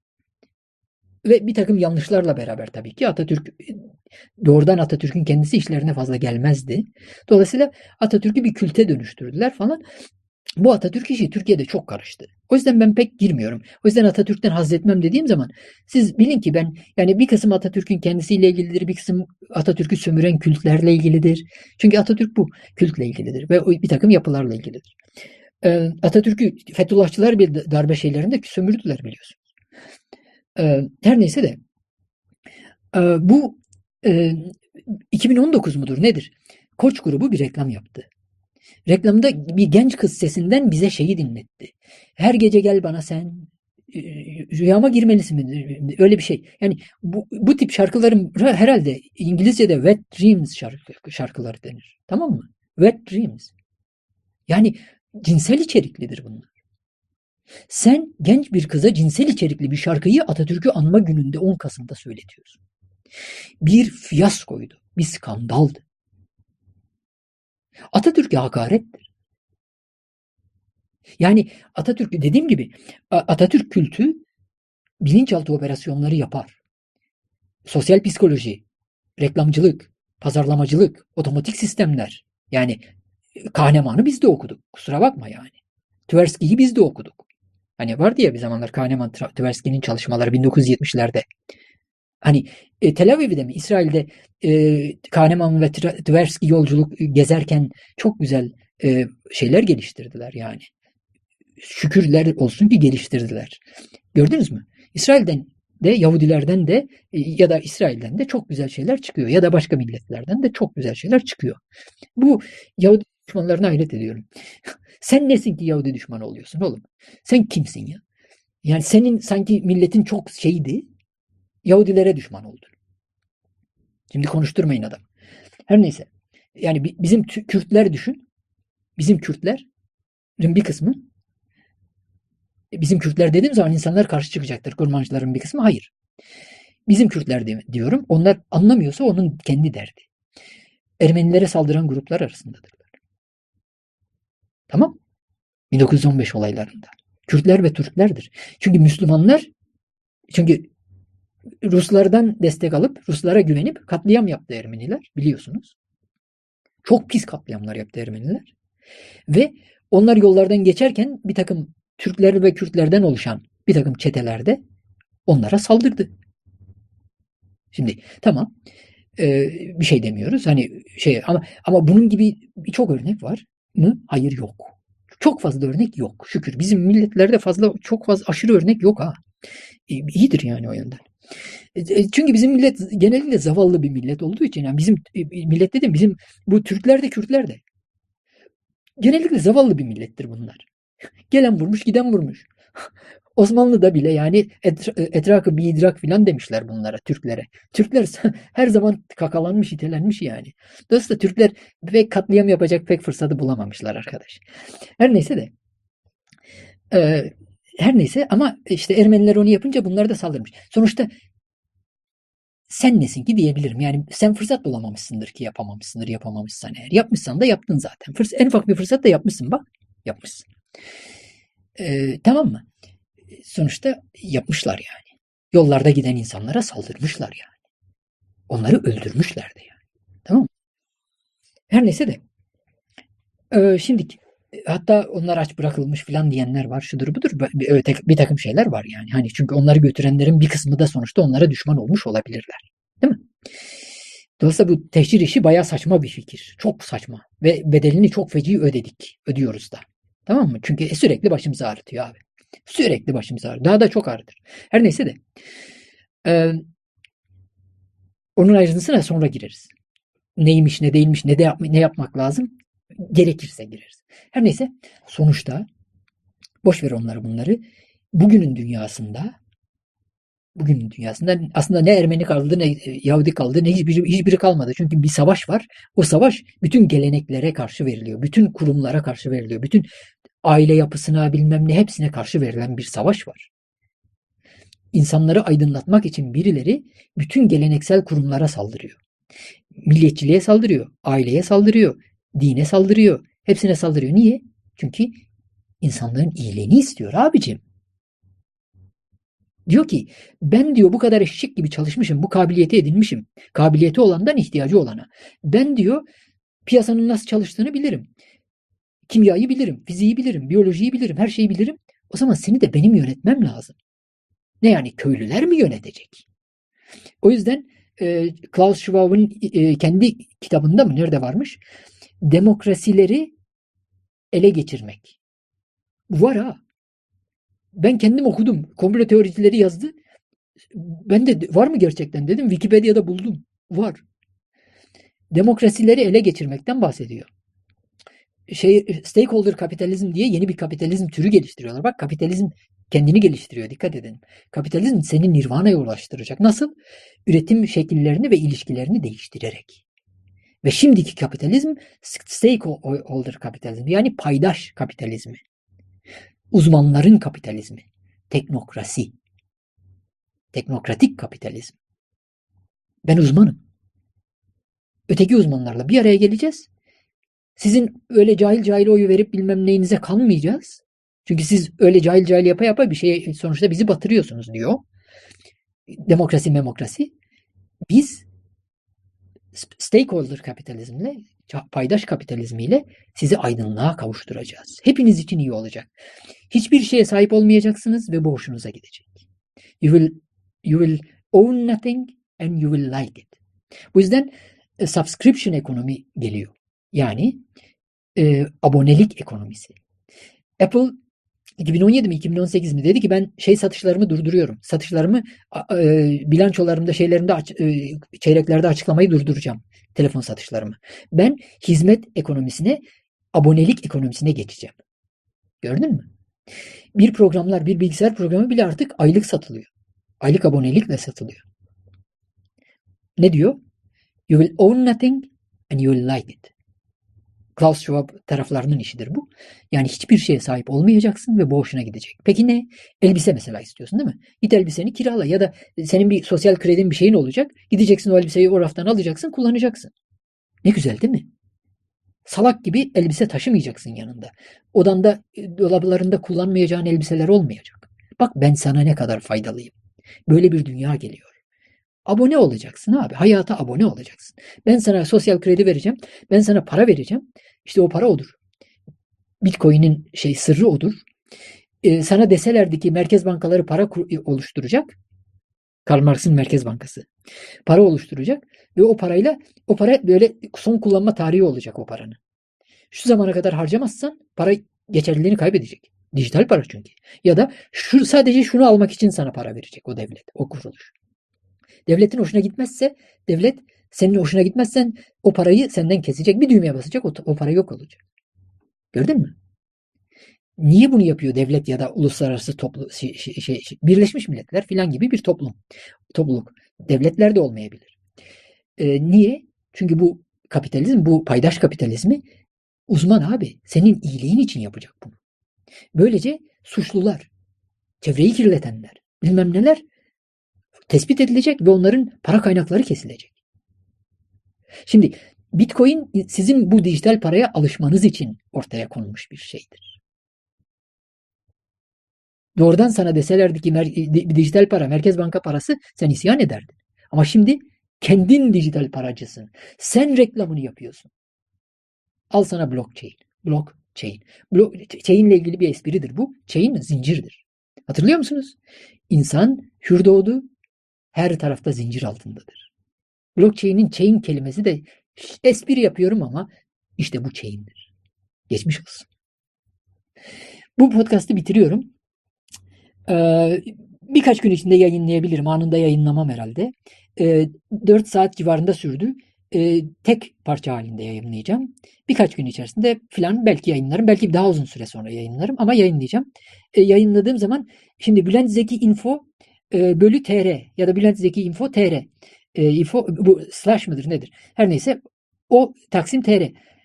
Oradan e, bana e, eğer de, destekleriniz varsa nasıl destek vereceğinizi, nasıl beğendiğinizi ya da devam et Bülent daha iyisini yap e, mesajlarınızı nasıl ileteceğinizi ben oradan size duyururum bir süre sonra. Oradan duyurur. E, ben bunu yayınladıktan sonra hemen sonra duyururum. O sırada duyururum hatta. Siz o zaman bana nasıl destek vereceğinizi, beni nasıl e, destek şey yapacağınızı yani e, cesaretlendireceğinizi öğrenmiş, görmüş olursunuz ve ona göre eğer e, yeterince cesaretlenebilirsem bundan çok daha profesyonel işleri yaparım. Hatta e, ciddi yayın olur ve hatta ne olur? E, şey de olur e, hatta konuk uluslararası konuk alabilirim. Sizin hiç duymadığınız ve duymayacağınız uluslararası uzmanlığı olan al sana Karl Marx, al sana uzmanlık, al sana teknokrasi, al, sana stakeholder kapitalizm. Karşı değilim abi. Sadece şunu hatırlatalım. E, karşı değilim dediğim zaman taraftarı da değilim. Şunu hatırlatalım. Bilgi Allah katındadır. Doğruyu sadece Allah bilir. Her kim ki bütün dünyayı yönetmeye çalışır, bütün dünyayı ben doğruyu biliyorum diye bütün insanlığı e, bir tek e, şeye koyar, sepete koyar yumurtalarını. O bütün dünyayı mahvedebilir, bütün insanlığı mahvedebilir. Rica ediyoruz buna bilimciler de e, Bill Gates gibi insanlar da dikkat etsinler. Ben hiçbirine düşman değilim, beni ilgilendirmez. Karım yok, çocuklarım yok. Ve bunun bir sebebi var. Türkiye hak etmiyor demişsem dünya da hak etmiyor. Hak etmiyorsanız yok olun abi. Bana ne? Kur'an'da kurtaran da yalnız ve ancak Allah'tır. Ya da Tanrı'dır artık hangi dindenseniz. Tamam? Ben böyle bilirim. Sen, seni kurtarmaya çalışmam ben. Tamam? Öyle bir dünya yok. Ama bana cesaretlendiriyorsan, bana destek veriyorsan, ben bundan gelir de elde edebileceksem ya da herhangi o zaman belki ben bu işi yaparım. Sen ekmeği parasız alabiliyor musun? Yok. Ekmek kötü bir şey mi para veriyorsun? Hayır. Para veriyorsun, iyi bir şey satın alıyorsun, yiyorsun. Bu da öyle bir şey. Benim ne kadar çok param olursa sana o kadar çok faydam olur. Dinciler de böyle reklam yapmışlardır onu da söyleyeyim. Herkes böyle reklam yapmıştır. Herkes. Ne kadar çok param olursa sana o kadar. Ama bu böyle. Herkes böyle demek zorunda. Ama hiç olmazsa bırak çok parayı. Bana, bana bir kuruş vermediler 2013'te. Bir kuruş. Ya Allah için ya da şey için bir kuruş ya. O yüzden siz beni bırak parayı, bırak parayı izlemek, dinlemek açısından desteklemezseniz bırak parayı. Parayı ben bulurum. Siz beni dinle, para, para olmasa da dinlemek açısından destekleme. Aa 4 saat olmuş. Bitiyor. Bay bay.